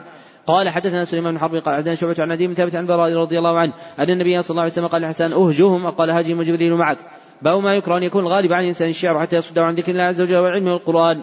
قال حدثنا عبد الله بن موسى قال أخبرنا حنظله عن سالم عن عمر رضي الله عنه عن النبي صلى الله عليه وسلم قال يمتلي جوف احدكم قيحا خير له من يمتلي شعرا قال حدثنا عمر بن حفص قال حدثنا قال حدثنا الأعمش قال سمعت أبو صالح عن أبي هريرة رضي الله عنه قال قال رسول الله صلى الله عليه وسلم لأن يمتلي جوف رجل قيحا يريه خير من يمتلي شعرا باب قول النبي صلى الله عليه وسلم تربت يمينك وعقرا وحلقا قال حدثنا يحيى بن قال حدثني عن قال عن بن عروة عن عائشة رضي الله عنها قالت نافعه أخا أبي القعيس استأذن عليه بعد ما نزل الحجاب وقلت والله لا أذن له حتى استأذن رسول الله صلى الله عليه وسلم أخا أبي القعيس ليس وارضعني ولكن ارضعتني امراته أبي القعيس فدخل علي رسول الله صلى الله عليه وسلم قلت يا رسول الله إن الرجل ليس وارضعني ولكن ارضعتني امرأته. قال اذني له فإنه عمك تربت يمينك قال عروة. فبذلك كانت عائشة رضي الله عنها تقول حرم من رضاعه ما يحرم النسب. قوله عن عقيل تقدم أن هذا الاسم يأتي مصغرا عندهم في راويين. أحدهما عقيل بن خالد الأيلي والآخر يحيى بن عقيل البصري. نعم. أحسن الله إليكم. قال حدثنا آدم قال حدثنا شعبة قال حدثنا حكم عن إبراهيم عن سليمان عائشة رضي الله عنها قالت أراد النبي صلى الله عليه وسلم أن ينفر فلا صفية على باب خبائها كئيبة حزينة لأنها حظ قال عقرى حلقة لغة قريش إنك لحابستنا. ثم قال كتبت يوم النحل يعني طواف. فقالت نعم. قال فانفري إذا باب ما جاء في زعم. قوله باب ما جاء تقدم أن هذه الترجمة من أمهات التراجم عند البخاري وأنه ذكرها في سبعة وأربعين موضعا. نعم. أحسن الله إليكم. قال حدثنا عبد الله بن سلمة عن مالك عن نضر مولى عمر بن عبيد الله أبا أمرة مولى أم بنت أبي طالب أخبرنا سمع أم هاني بنت أبي طالب رضي الله عنها تقول ذهبت إلى رسول الله صلى الله عليه وسلم فتح وجهته يغتسل وفاطمة رضي الله عنها ابنته تستره فسلمت عليه. فقال من هذه؟ فقلت أنا أم هاني بنت أبي طالب. فقال مرحبا بأم هاني فلما فرغ من غسله قام صلى ثمان ركعات ثوب واحد فلما صلى قلت يا رسول الله زعم من أمي أن أقاتل رجلا قد أجرته فلا ابن هبيرة. فقال رسول الله صلى الله عليه وسلم قد جرى يا أم هاني قالت أم هاني وذاك ضحى. باب ما جاء في قول الرجل ويلك. قال حدث مسلم بن قال حدثنا ما بن عقدة عن رضي الله عنه النبي صلى الله عليه وسلم رأى رجلا يسوق بدنا اركبها قال إنها بدنا قال اركبها قال إنها بدنا قال اركبها ويلك. قال حدثنا قتيبة بن سعيد عن مالك عن الزناد عن الأعرج عن أبي هريرة رضي الله عنه أن رسول الله صلى الله عليه وسلم رأى رجلا يسوق بدنه فقال له اركبها قال يا رسول الله بدنا قال اركبها قال ويلك قال قال اركبها ويلك قال في الثانية وفي الثالثة. قال حدثنا مسلم قال حدث حماد عن ثابت بن أنس مالك رضي الله عنه وأيوب عن بقلبة عن أنس مالك رضي الله عنه قال رسول الله صلى الله عليه وسلم سبع وكان معه غلام له أسود وقال له أنجشت يحدو فقال له رسول الله صلى الله عليه وسلم ويحك يا أنجشت رويدك بالقوارير قال حدثنا موسى بن اسماعيل قال عبد بن عقاد عن عبد الرحمن بن بكر عن قال اتنا رجوع عن عند النبي صلى الله عليه وسلم قال ويلك قطعت عنق أخيك قال ثلاثة من كان منكم مادحا لا محالة فليقل أحسب فليقل احسب فلان والله أحسب ولا زكي الله احد كان يعلم. قوله حدثنا وهيب تقدم أنه ليس في البخاري من اسمه وهيب سوى هذا الراوي وهو وهيب بن خالد الباهلي. نعم. أحسن الله إليكم. قال حدثنا عبد الرحمن بن إبراهيم قال حدثنا الوليد عن مزاع عن الزهري عن مسلمة والضحاك عن مسعود الخدري رضي الله عنه قال بين النبي صلى الله عليه وسلم يقصد ذات يوم القسمة فقال ذو القويصرة رجل بني تميم يا رسول الله يعدل قال ويلك من يعدل إذا لم أعدل؟ فقال عمر ذلي فليضرب عنقه. قال إن له أصحاب يحقر أحدكم صلاته مع صلاتهم وصيامه مع صيامهم مرقوم الدين السلم من رمية. ينظر إلى نصره فلا يوجد فيه شيء ثم ينظر إلى ثم ينظر إلى رصافه فلا يوجد فيه شيء. ثم ينظر إلى نضيه فلا يوجد فيه شيء ثم ينظر إلى قذذه فلا يوجد فيه شيء. سبق الفرد والدم يخرجون على حين فرقة من الناس. آياتهم رجل إحدى يديه مثل هذه المرة ومثل بضعة التدردر قال سعيد أشهد وسمعت سمعت النبي صلى الله عليه وسلم واشهد أني كنت مع علي رضي الله عنه قالت لهم فالتمس بالقتل فوتي به عن الناس الذي نعت النبي صلى الله عليه وسلم. قال حدثنا محمد قاتل أبو الحسن قال اخبر عبد الله قال أخبرنا اوزاعي قال حدثنا شهاب بن محمد بن عبد الرحمن بن رضي الله عنه رجل اتى رسول الله صلى الله عليه وسلم وقال يا رسول الله هلكت؟ قال ويحك قال وقعت على أهلي في رمضان قال أعتق رقبة قال ما أجد قال صم شهرا قال أستطيع قال بطع مسكين مسكينا قال مجد فوتي بعرق فقال خذ وتصدق به فقال يا رسول الله على غير أهلي فوالذي نفسي بيده ما بين طلبي المدينة أحوج مني فضحك النبي صلى الله عليه وسلم حتى بني أنيابه حتى بدت أنيابه قال خذ تابع يونس عن الزهري وقال عبد الرحمن بن خالد عن الزهري ويلك. قال حدثنا سليمان عبد الرحمن قال حدثنا الوليد قال حدثنا أبو عمرو النوزعي قال حدثنا مشاب بن الزهري أعطاني التي عن الخدري رضي الله عنه أن عربي قال يا رسول الله أخبرني عن الهجرة فقال ويحكي ان شأن الهجرة إن شهر شأن الهجرة شديد فهل لك من ابن قال نعم قال وتجد صدقتها قال نعم قال فمن من وراء بحر فإن الله عز وجل لن يترك من عملك شيئا. قال حدثنا عبد الله بن عبد الوهاب قال حدثنا خالد بن قال حدثنا شعبة عن واخد محمد بن زيد قال سمعت أبي عن ابن عمر رضي الله عنه عن النبي صلى الله عليه وسلم قال ويلكم قال ويحكم قال شعبة قال شعبة شك هو قال شعبة شك هو لا ترجع بعدهم كفارا يضرب بعضكم رقاب بعض. وقال نظر عن شعبة ويحكم. وقال عمر بن محمد عن أبيه ويلكم وقال ويحكم. قال حدثنا عمرو بن عاصم قال حدثنا مقتل عن رضي الله عنه رجل من أهل البادية اتى النبي صلى الله عليه وسلم وقال يا رسول الله متى الساعة قائمة؟ قال وينك وما اعددت لا قال ما اعددت لا إلا أني أحب الله ورسوله. صلى الله عليه وسلم قال إنك مع من أحببت. فقلنا نحن كذلك. قال نعم ففرحنا بيومئذ فرحا شديدا. ففرغ غلام المغيرة كلم إقراني. فقال انه خرادا فلن يدركه انهار حتى تقوم الساعة. واقتصر شعبة عقدته أنه قال سمعت انسا عن النبي صلى الله عليه وسلم باب علامة حب الله عز وجل لقوله تعالى إن كنتم تحبون الله فاتبعوني يحببكم الله. قال حدثنا بشر بن خالد قال حدثنا محمد بن جعفر عن شعبة عن سليمان عن أبي عبد الله رضي الله عن النبي صلى الله عليه وسلم قال المرء مع من أحب قال حدثنا قتيبة بن قال حدثنا جرير عن عمش عن أبي قال قال عبد الله بن مسعود رضي الله عنه جاء رجل إلى رسول الله صلى الله عليه وسلم قال يا رسول الله كيف تقول في رجل أحب قوم ولم يلحق بهم؟ قال رسول الله صلى الله عليه وسلم المرء مع من أحب؟ تابع جرير بن حازم وسليمان بن قرم وابو عوانة عن عمش عن أبي عبد الله رضي الله عنه عن النبي صلى الله عليه وسلم. قال حدثنا ابن عمي قال عبد الله عن عمش عن أبي موسى رضي الله عنه قال قيل النبي صلى الله عليه وسلم رجل يحب القوم ولما يلحق بهم قال المرء مع من أحب. تابعه أبو معاوية ومحمد بن عبيد. قال حدثنا عبدان قال اخبرنا عن شعبة عن مرة عن سالم بن الجعد عن مالك رضي الله عنه سأل النبي صلى الله عليه وسلم الساعة يا رسول الله؟ قال ما عدت لا. قال ما عدت من كثير الصلاة ولا صوم ولا صدقة ولكن يحب الله ورسوله صلى الله عليه وسلم. قال أنت مع من أحببت. باب قول الرجل الرجل يخسأ. قوله باب قول تقدم أن هذه الترجمة من أمهات التراجم عند البخاري وأنه ذكرها في ثلاثة عشر موضعا. نعم. أحسن الله إليكم. قال رحمه الله تعالى حدثنا ابن الوليد قال حدثنا سلم زرير قال سمعت ورجاء سمعت قال سمعت عن رضي الله عنه قال قال رسول الله صلى الله عليه وسلم من صائد قد خبت لك خبيئا فما هو؟ قال الدخ اخسأ قال حدثنا ابن قال أخبرنا شعيب قال عن زوري قال أخبرني بن عبد الله عبد الله بن عمر رضي الله عنه اخبر عن عمر الخطاب رضي الله عنه عن رسول الله صلى الله عليه وسلم رتب من أصحابه قبل من صياد حتى وجده يلعب مع الغلمان في أطعم بني مغالة وقد قال ابن صياد يوم الحلم فلم يشرح حتى ضرب رسول الله صلى الله عليه وسلم ظهره بيده ثم قال تشهد أني رسول الله؟ فنظر إليه فقال أشهد أنك رسول أمي. ثم قال ابن صياد تشهد أني رسول الله. فرده النبي صلى الله عليه وسلم ثم قال امنت بالله ورسله ثم قال ابن صياد ماذا ترى؟ قال يأتيني صادق وكاذب. قال رسول الله صلى الله عليه وسلم خلط عليك الأمر. قال رسول الله صلى الله عليه وسلم إني خبأت لك خبيا قال هو الدخ. قال اخسف لم تعد وقد ركب قال عمر رضي الله عنه يا رسول الله تأذني فيه أضرب عنقه قال رسول الله صلى الله عليه وسلم إن يكن هو لا تسلط عليه وإن لم يكن هو في الأخير لك في قتله قال سالم سمعت عبد الله بن عمر رضي الله عنه يقول انطلق بعد ذلك رسول الله صلى الله عليه وسلم وبين كعب الأنصاري رضي الله عنه يا أمان النخل التي فيها ابن صياد حتى إذا دخل رسول الله صلى الله عليه وسلم. طبق رسول الله صلى الله عليه وسلم ينتقي بجذوع النخل ويقتل يسمع من الصياد شيئا قبل أن يراه ابن صياد مضطجع على الفراش في قطبة له فيها رمرمة وقال زمزمة فرات من صياد النبي صلى الله عليه وسلم ينتقي بجذوع النخل. فقالت من صياد أي صافي واسمه هذا محمد بن من صياد فقال رسول الله صلى الله عليه وسلم تركته بين قال سالم قال عبد الله قام رسول الله صلى الله عليه وسلم فأثنى على الله بما ثم ذكر الدجال فقال إني أنذركموه وما من نبي قد أنذره قوم لقد أنذره نوح قومه ولكن سيقول لكم في قول لم يقل نبي لقوم تعلمون أنه أعور وأن الله عز وجل ليس بأعور. باب قول رجل مرحبا وقالت عائشة رضي الله عنها قال النبي صلى الله عليه وسلم فاطمة عليه السلام رضي الله عنها مرحبا بابنتي وقالت أم هاني رضي الله عنها جئت للنبي صلى الله عليه وسلم. وقال مرحبا بأم هاني. قال حدثنا عمرو بن ميسرة قال حدثنا عبد الوارث قال حدثنا متيح عن جارة عن ابن عباس رضي الله عنه قال مقدم وفد عبد القيس على النبي صلى الله عليه وسلم قال مرحبا بالوفد الذين جاءوا غير خزايا ولا دام قال يا رسول الله إن حي من ربيعة بينه وبينك مضر ولا وإن لا نصل اليك إلا في الشيء الحرام فمرنا بأمر فصل ندخل به الجنة وندعو به مورانا فقال أربع وأربع أقيموا الصلاة وآتوا الزكاة وصوموا رمضان وأعطوا وأعطوا الخمس ما غنمتم ولا تشربوا في الدباء والحنتم والنقي والمزفت. قوله عن أبي جمرة تقدم أن هذه الكنية بالجيم هي لراو واحد من رواتهم واسمه نصر بن عمران الضبعي. قوله حدثنا أبو التياح تقدم أن هذه الكنية هي أيضا لواحد من رواتهم هو يزيد بن حميد الضبعي. نعم.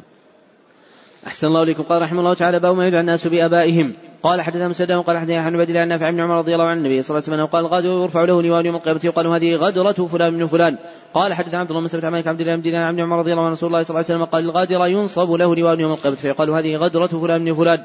باب لا يقل خبثت نفسي. قال حدثنا محمد يوسف قال حدثنا سفيان عن هشام عن ابي عن رضي الله عنه عن النبي صلى الله عليه وسلم قال يقول أحدكم خبثت نفسي ولكن ليقل لقست نفسي. قال حدثنا عبد قال اخونا عبد الله عن يوسف عن زهري عن أبي أمامة المساني عن ابي رضي الله عن النبي صلى الله عليه وسلم قال يقول أحدكم خبثت نفسي ولكن ليقل لقست نفسي. تابعه وقيل. باب لا تسبوا الدهر. قال حدثنا أحمد بن قال حدثنا عن يوسف عن شهاب قال أخونا مسلمة أنه قال قال أبو هريرة رضي الله عنه قال رسول الله صلى الله عليه وسلم قال الله عز وجل سبوا بنو آدم الدهر وأن الدهر بيد الليل والنهار. قال حدثنا عياش بن قال حدثنا عبد الله قال حدثنا معمر عن زهري عن سلمة عن أبي هريرة رضي الله عنه عن النبي صلى الله عليه وسلم أنه قال لا تسموا العنب الكرم ولا تقولوا خيبة الدهر فإن الله عز وجل هو الدهر. باب قول النبي صلى الله عليه وسلم إنما الكرم قلب المؤمن وقد قال إنما المفلس الذي يفلس يوم القيامة كقوله إنما الصرعة الذي يملك نفسه عند غضب كقوله لا ملك إلا لله عز وجل فاصغى بانتهاء الملك. ثم ذكر الملوك أيضا فقال إن الملوك إذا دخلوا القرية أفسدوها. قال حدثنا علي بن عبد الله قال عبد سفيان عن عن سعد بن سعيد عن أبي رضي الله عنه أنه قال قال رسول الله صلى الله عليه وسلم ويقول الكرم إنما الكرم قلب المؤمن. باب قول الرجل فداك ابي فداك أبي وأمي فيه الزبير. قال حدثنا مسدد قال حدثنا يحيى عن سفيان قال حدثنا سعد بن إبراهيم عن عبد الله عن, عن علي رضي الله عنه قال ما سمعت رسول الله صلى الله عليه وسلم من فدي احد غير سعد سمعته يقول ارمي فداك أبي وأمي وأظن يوم أحد. باب قول الرجل جعلني الله عز وجل فداك. وقال أبو بكر النبي صلى الله عليه وسلم فديناك بآبائنا وأمهاتنا. قال حدثنا علي بن عبد الله قال حدثنا بشر بن فضيل قال حدثنا حمد بن أبي إسحاق عن مالك رضي الله عنه قال هو أبو طلحة رضي الله عنه عن النبي صلى الله عليه وسلم عن النبي صلى الله عليه وسلم صغيرة مردفة عن راحلته فلما كانوا بعض الطريق عثرت ناقته وصل على النبي صلى الله عليه وسلم امراته وأنا أبو طلحة قال أحسب اقتحم عن بعيري فأتى رسول الله صلى الله عليه وسلم فقال يا نبي الله اجعلناه فداك. هل أصابك من شيء؟ قال ولكن عليك بالمراه فألقى أبو طلحة ثوبه على وجهه وقد فقصد قصدها فألقى ثوبه عليها. فقامت امرأته فشد له مع راحلته فركبها فساروا حتى إذا كان ظل المدينة وقال اشربوا على المدينة. قال النبي صلى الله عليه وسلم ايبن ابن عبد ربنا حمده فلم يقول حتى دخل المدينة. باب حب الاسماء الله عز وجل. قال حدثنا بن فضيل قال اخبر بن عين قال حدثنا مكذب عن جابر رضي الله عنه قال ولد لرجل منا غلام سماه القاسم. فقلنا لك كاب القاسم والاكرام فأخبرنا فاخبر النبي صلى الله عليه وسلم قال سمي عبد الرحمن. باب قول النبي صلى الله عليه وسلم سم بسم الله تكتنوا بكنيتي قال ونس رضي الله عن النبي صلى الله عليه وسلم. قال حدثنا مسدد قال حدثنا خالد عن قال حدثنا حسين عن سامع عن جابر رضي الله عنه أنه قال ولد رجل منا غلام سماه القاسم قالوا فسماه القاسم قالوا لا نكنيه حتى سأل النبي صلى الله عليه وسلم قال سموا بسم الله تكتنوا بكنيتي قال حدثنا علي بن عبد الله قال حدثنا سفيان عن أيوب عن سيرين قال سمعت أبا هريرة رضي الله عنه قال قال أبو القاسم صلى الله عليه وسلم سموا بسم الله تكتنوا بكنيتي قال حدثنا عبد الله محمد قال حدثنا سفيان قال سمعته المكدر ابن المكدر قال سمعت جابر بن عبد الله رضي الله عنهما قال ولد رجل منا غلام فسماه القاسم قال نكنيك بأبي القاسم ولا نعمك عينا فأتى النبي صلى الله عليه وسلم ذكر ذلك له فقال أسمي ابنك عبد الرحمن. باب اسم الحزن. قال حدثنا إسحاق بن نصير قال حدثنا عبد الرزاق قال أخبرنا معمر الزهري عن المسيب عن النبي رضي الله عنه أباه جاء النبي صلى الله عليه وسلم قال ما اسمك؟ قال حزن. قال أنت سن قال له غير اسم سمانيه أبي قال ابن المسيب. فما زالت الحزونة فينا بعد. قال حدثنا ابن عبد الله محمود قال حدثنا عبد الرزاق قال أخبرنا معمر الزهري عن المسيب عن النبي عن جده رضي الله عنه بهذا. فحدث بهذا باب تحويل الاسم إلى اسم إلى اسم أحسن منه. قال حدثنا سعيد بن مريم قال حدثنا أبو غسان قال حدثنا أبو حازم عن سعيد رضي الله عنه قال أوتي المنذر بن أبي أسيد. إلى النبي صلى الله عليه وسلم حين ولد فوضع على فخذه وأبو سيد جالس فلاها النبي صلى الله عليه وسلم بشيء بين يديه فأمر أبو سيد بابنه فاحتمل فخذ النبي صلى الله عليه وسلم فاستباق النبي صلى الله عليه وسلم فقد أنصبه وقال أبو سيد قال ابنه يا رسول الله قال مسلم فلان قال ولكن أسمه المنذر فسمه يومئذ المنذر. قال حدثنا صدق بن فضل قال أخبرنا محمد جابر عن شعبة عن طالب بن ممت عن النبي رافع عن النبي رضي الله عنه زينب رضي الله عنها كانت اسمها برة. فقيل تزكي نفسها سماها رسول الله صلى الله عليه وسلم زينب. قال حدثنا إبراهيم بن موسى قال عبد هشام بن مجرد أخبرهم قال أخبرني أحمد بن حميد بن جبير بن شيبة. قال جلست سعيد بن مسيب فحدثني جده حزنا قدم على النبي صلى الله عليه وسلم قال مسلم قال اسمي حزن. قال بل أنت سهل قال ما أنا بغير اسما سمانيه أبي قال ابن مسيب فما زالت فينا الحزونه بعد. باب من سمى بأسماء الأنبياء وقال انس رضي الله عنه قبل النبي صلى الله عليه وسلم إبراهيم. يعني ابنه قال حدثنا ابن قال حدثنا محمد بن بشر قال حدثنا إسماعيل قال قلت لابن أبي أوفى رأيت إبراهيم ابن النبي صلى الله عليه وسلم قال مات صغيرا ولو قضي أن يكون بعد محمد صلى الله عليه وسلم نبي عاش ابنه ولكن لا نبي بعده. قال حدثنا سليمان بن حرب قال أخبرنا شعبة عن عدي بن ثابت قال سمعت براء رضي الله عنه قال مات إبراهيم عليه السلام رضي الله عنه. قال رسول الله صلى الله عليه وسلم ان له مرضعا في الجنة. قال حدثنا آدم قال حدثنا شعبة عن حسين عبد الرحمن عن سالم بن أبي الجعد عن جابر عبد الانصار رضي الله عنه أنه قال قال رسول الله صلى الله عليه وسلم سموا باسمي لا تكتبوا بكنيتي فإنما أنا قاسم اقسم بينكم رواه أنس عن النبي صلى الله عليه وسلم قال حدثنا موسى بن سمعان قال حدثنا ابو قال حدثنا أبو حصين عن صالح النبي رضي الله عنه عن النبي صلى الله عليه وسلم قال سموا باسمي لا تكتبوا بكنيتي ومن راني في المنام فقد رآني في الشيطان يتمثل صورتي ومن كذب علي متعبنا فليتبوأ مقعده من النار. قال حدثنا محمد علاء قال حدثنا ابو اسامه عن بريد بن عبد الله بن أبي بردة عن ابي بردة عن موسى رضي الله عنه قال ولد لي غلام فاتيت به النبي صلى الله عليه وسلم سماه إبراهيم. فحنكه بتمرته ودعا له بالبركة ودفعه إليه وكان أكبر ولد أبي. وكان وكان أكبر ولد أبي موسى. قال حدثنا أبو الوليد قال عندنا زيد قال عندنا زيد بن علاقة قال سمعت مغيرة شعبة رضي الله عنه. قال انكسفت الشمس يوم مات إبراهيم. رواه أبو بكر رضي الله عن النبي صلى الله عليه وسلم. قوله حدثنا أبو الوليد. تقدم أن هذه الكنية عندهم عند الإطلاق هي لأبي الوليد الطيالسي واسمه هشام بن عبد الملك. نعم. أحسن الله إليكم. قال رحمه الله تعالى باب تسمية الوليد. قال أخبر من عين فضل بن قال حدثنا من عين عن زوري عن سعيد عن أبي رضي الله عنه قال مرفع النبي صلى الله عليه وسلم ركعت يقال اللهم نجيب الوليد من الوليد وسلمة بن هشام بن عائشة بن أبي ربيعة من من مكة. اللهم اجعل وطأتك كان عمد اللهم اجعلها عليهم سنين كسن يوسف. قوله باب تسمية. تقدم أن هذه الترجمة من أمهات التراجم عند البخاري وأنه ذكرها بهذا اللفظ في ثلاثة مواضع وقال في أربعة مواضع باب التسمية. نعم. أحسن الله إليكم. قال رحمه الله تعالى باب من دعا صاحبه فنقص من اسمه حرفا. وقال أبو حازم عن رضي الله عنه قال قال لي النبي صلى الله عليه وسلم يا أبا هر قال حدثنا لمن يقرأ شعب عن الزهري قال حدثنا حدثني أبو سلمة بن عبد الرحمن عائشة رضي الله عنه زوج النبي صلى الله عليه وسلم قال قال رسول الله صلى الله عليه وسلم يا عائش هذا جبريل يقرئك السلام. قلت عليه السلام ورحمة الله. قالت وهو يرى ما لا نرى. قال حدثنا إسماعيل موسى, موسى بن إسماعيل قال حدثنا إبراهيم قال حدثنا أيوب عن مقلبة عن رضي الله عنه قال كنت مسلما في الثقل وأنجشت غلام النبي صلى الله عليه وسلم يسوق بنا فقال النبي صلى الله عليه وسلم أنجش رويدك سوقك بالقارين. باب الكنية الصبي قبل أن يولد للرجل. قال حدثنا مسلم قال حدثنا عبد الوارث عن أبي عن رضي الله عنه قال كان النبي صلى الله عليه وسلم أحسن الناس خلقا وكان لي أخ يقال له أبو عمير قال أحسبه فطيم. وكان جاء قال يا أبا عمير ما فعل غير نغر كان يلعب به فلما فربما حضر الصلاة وهو بيتنا فيمر بساط تحته فيكنس وينضح ثم يقوم نقوم خلفه ويصلي بنا. باب التكني بأبي تراب من كانت له كنية أخرى. قال حدثنا خالد مخرج قال حدثنا سليمان وقال حدثنا أبو حازم عن سعد رضي الله عنه قال إن كانت أحب أسماء علي رضي الله عنه إليه لأبو تراب وإن كان يفرح ان يدعى بها وما سماه أبو تراب الا النبي صلى الله عليه وسلم غضب يوم فاطمة رضي الله عنها فخرج واضطجع على الجدار إلى المسجد. فجاء النبي صلى الله عليه وسلم يتبعه فقال هو ذا فقال هو ذا مضطجع في الجدار. فجاء النبي صلى الله عليه وسلم تلا ظهره ترابا. فجعل النبي صلى الله عليه وسلم يمسح التراب عن ظهره ويقول اجلس يا أبا تراب. باب بغض الأسماء إلى الله عز وجل. قال حدثنا ابن قال أخبرنا شعيب قال حدثنا الزناد عن رجع رضي الله عنه أنه قال قال رسول الله صلى الله عليه وسلم اخنى الأسماء يوم القيامة عند الله رجل سمى ملك الأملاك. قال حدثنا ابن عبد الله قال حدثنا سفيان عن الزناد عن رجع عن أبي رضي الله عنه روايته قال اخنع اسم عند الله وقال سفيان غير مرة اخنع اسم عند الله عز وجل رجل سمى ملك الأملاك. قال سفيان يقول غيره تفسيره شاهان شاه. باب كنية المشرك. وقال مسعود رضي الله عنه سمعت النبي صلى الله عليه وسلم يقول إلا أن يريد ابن أبي طالب. قال حدثنا لمن قال اخبرنا شعيب عن زهري قال حدثني إسماعيل قال حدثني أخي عن سليمان عن محمد بن أبي عتيق عن مشاب عن عروه بن الزبير عن بن زيد رضي الله عنه من أخبره أن رسول الله صلى الله عليه وسلم ركب على حمار يعني قطيفة فدكية وأسامة وراءه يعود سعد بن عبادة في بني حارث بن خزرج قبل وقعة بدر فسار حتى مر مر بمجلس فيه عبد الله بن أبي بن سلول وذلك قبل أن يسلم وذلك قبل أن يسلم عبد الله بن أبي في ذلك المجلس. أخلاط والمسلمين والمشركين وعبد الأوثان واليهود وفي المسلمين عبد الله بن رواحة رضي الله عنه. فلما غشت المجلس المجلس عجلته الدابة خمر ابن أبي انفه بردائه قال تغبر عني رسول الله صلى الله عليه وسلم ثم وقف نزل دعا من الله وقرأ عليهم القرآن. فقال عبد الله بن أبي بن سلمة المرة أحسن ما تقول إن كان حق لا تؤذن به في مجالس من جاءك فاقص عليه. قال عبد الله بن رواحة رضي الله عنه بلى يا رسول الله فاغسل لم يجلس فإنه يحب ذلك؟ فاستبى المسلمون والمشكون واليهود حتى كادوا يثارون فلم يزل رسول الله صلى الله عليه وسلم يخفضهم حتى سكتوا أو حتى سكتوا ثم ركب رسول الله صلى الله عليه وسلم دابته فسار حتى دخل عليه على سعد بن عبادة. فقال رسول الله صلى الله عليه وسلم يا سعد بن سعد قال أبو حبيب يريد عبد الله بن أبي. قال كذا وكذا. وقال سعد بن عبادة يا رسول الله بأبي أن تعفو عنه. واصفح فهو الذي أنزل عليك كتب قد جاءك الله جاء الله عز وجل بالحق الذي أنزل عليك. وقد ولقد اصطلح أهل هذه البحرة توجوه ويعصبوا بالعصابة فلما رد الله عز وجل ذلك الحق الذي أعطاك شرق بذلك فذلك فعل بما رأيت. فعفى عنه رسول الله صلى الله عليه وسلم وكان رسول الله صلى الله عليه وسلم وأصحابه يعفون عن المشركين والكتاب كما أمر الله عز وجل ويصبرون على الأذى. قال الله تعالى ويصبرون على الأذى. قال الله تعالى واسمعون من الذين كتاب الآية. قال ود كثير من الكتاب فكان رسول الله صلى الله عليه وسلم في العفو عنهم ما أمره الله عز وجل به حتى أذن لهم فيه. حتى أذن له فيهم فلما غزا رسول الله صلى الله عليه وسلم بدرا فقتل الله عز وجل بهم قتل صاد الكفار وسادة قريش. فقفل رسول الله صلى الله عليه وسلم وأصحابه منصورين غالمين معهم مسار بصاد الكفار وسادة قريش. قال ابن أبي ابن أبي بن سلول. ومعهم المشكل عبد أوثان هذا أمر قد توجه فبايعوا رسول الله صلى الله عليه وسلم عن الإسلام فأسلموا. ترجم المصنف رحمه الله قبل باب أبغض الأسماء إلى الله. وأخرج فيه الحديث الذي رواه هو مسلم. أخنى الأسماء يوم القيامة عند الله رجل تسمى ملك الأملاك. وانفرد عنه مسلم بإخراج حديث أحب الأسماء إلى الله وهو حديث أبي هريرة رضي الله عنه أن النبي صلى الله عليه وسلم قال أحب الأسماء إلى الله عبد الله وعبد الرحمن.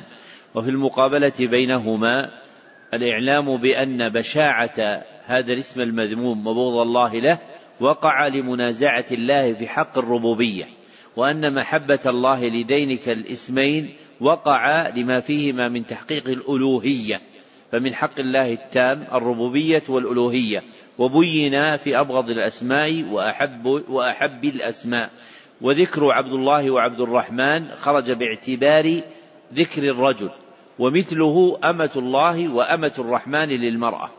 نعم.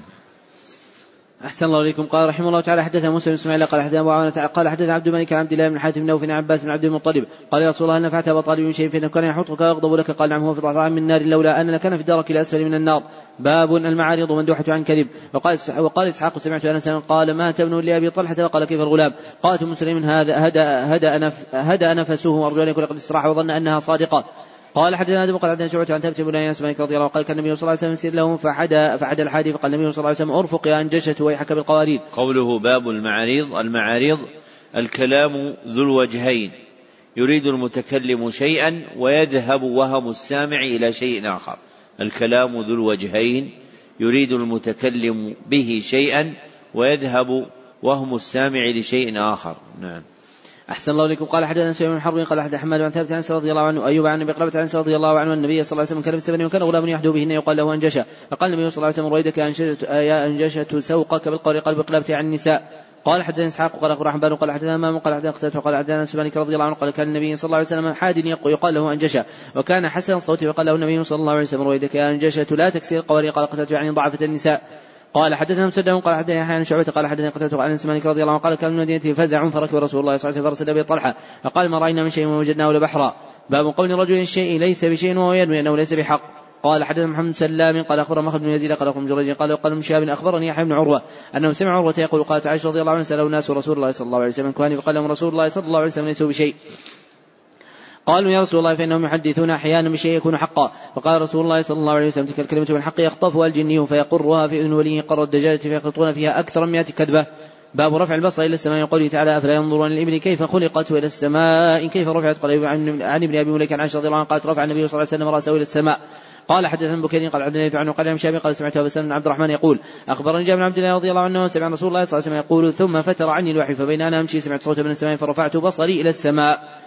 فإذا الملك الذي جاءني بحراء قاعد على على كرسي من السماء والأرض. قال حدثنا ابن أبي مريم قال حدثنا محمد جابر قال أخبرني شريك عن كريم عن عباس رضي الله عنه قال في بيت ميمونة. والنبي صلى الله عليه وسلم عنده فلما كانت الليل الآخر الآخر وبعضه قعد فنظر إلى السماء فقرأ إن في خلق السماوات والأرض واختلاف الليل والنهار. واختلاف الليل والنهار لآيات لأولي الألباب. قوله عن كريب تقدم أنه ليس في رواته من اسمه كريب سوى كريب بن أبي مسلم الهاشمي مولى بن عباس. نعم. أحسن الله إليكم. قال رحمه الله تعالى باب نكت العود في الماء والطين. قال حدثنا مسدد قال حدثنا عن عثمان بن غياث قال حدثنا أبو عثمان بن موسى رضي الله عنه كان مع النبي صلى الله عليه وسلم في حائط من حيطان المدينة في يد النبي صلى الله وفي يد النبي صلى الله عليه وسلم عود يضرب به بالماء والطين. فجاء رجل يستفتح وقال النبي صلى الله عليه وسلم افتح بشر بالجنه فذهبت فاذا أبو بكر رضي الله عنه فتحت له بشرته بالجنة ثم استدعى رجل آخر. قال افتح له بشر بالجنه فاذا عمر رضي الله عنه فتحت له بشرته بالجنة ثم استدعى رجل آخر وكلام تكن فجلس. فقال افتح بشر بالجنه على بل تصيبه أو تكون. فذهبت فاذا عثمان رضي الله عنه فتحت له بشرته بالجنة. فاخبرته بالذي قال قال الله المستعان. باب الرجل ينكت, ينكت الشيء بيده في الأرض. قال حتى محمد بشير قال حدثنا أبي عدي عن شعبة عن سليمان ومنصور عن سعد بن عبيد عن عبد الرحمن السلمي عن رضي الله عنه قال كل مع النبي صلى الله عليه وسلم وجعل ينكت الأرض بعود. فقال ليس منكم من أحد الله قد فرغ من مقعده من الجنة ونار قال وابدا أن تكلوا قال اعملوا فكل ميسر فاما من أعطاه اتقى الآية. باب التكبير والتسبيح عند التعجب. قوله باب التكبير تقدم أن هذه الترجمة من أمهات التراجم عند البخاري وأنه ذكرها بهذا اللفظ في تسعة مواضع وقال في ترجمتين باب يكبر. نعم. أحسن الله إليكم. قال حدثنا بن قال أخبرنا شعيب بن قال حدثني هند بنت الحارث أنه مسلمة رضي الله عنها قال استقبل النبي صلى الله عليه وسلم وقال سبحان الله ما هذا زي من الخزائن وهذا زي من الفتن؟ من يقضي صواحب الحجر يريد به أزواجه حتى يصلين رب رب كاسية في الدنيا عالية في الآخرة وقال النبي تعالى عن عباس عن عمر رضي الله عنه قال قلت النبي صلى الله عليه وسلم طلقت نساءك؟ قال لا قلت الله أكبر.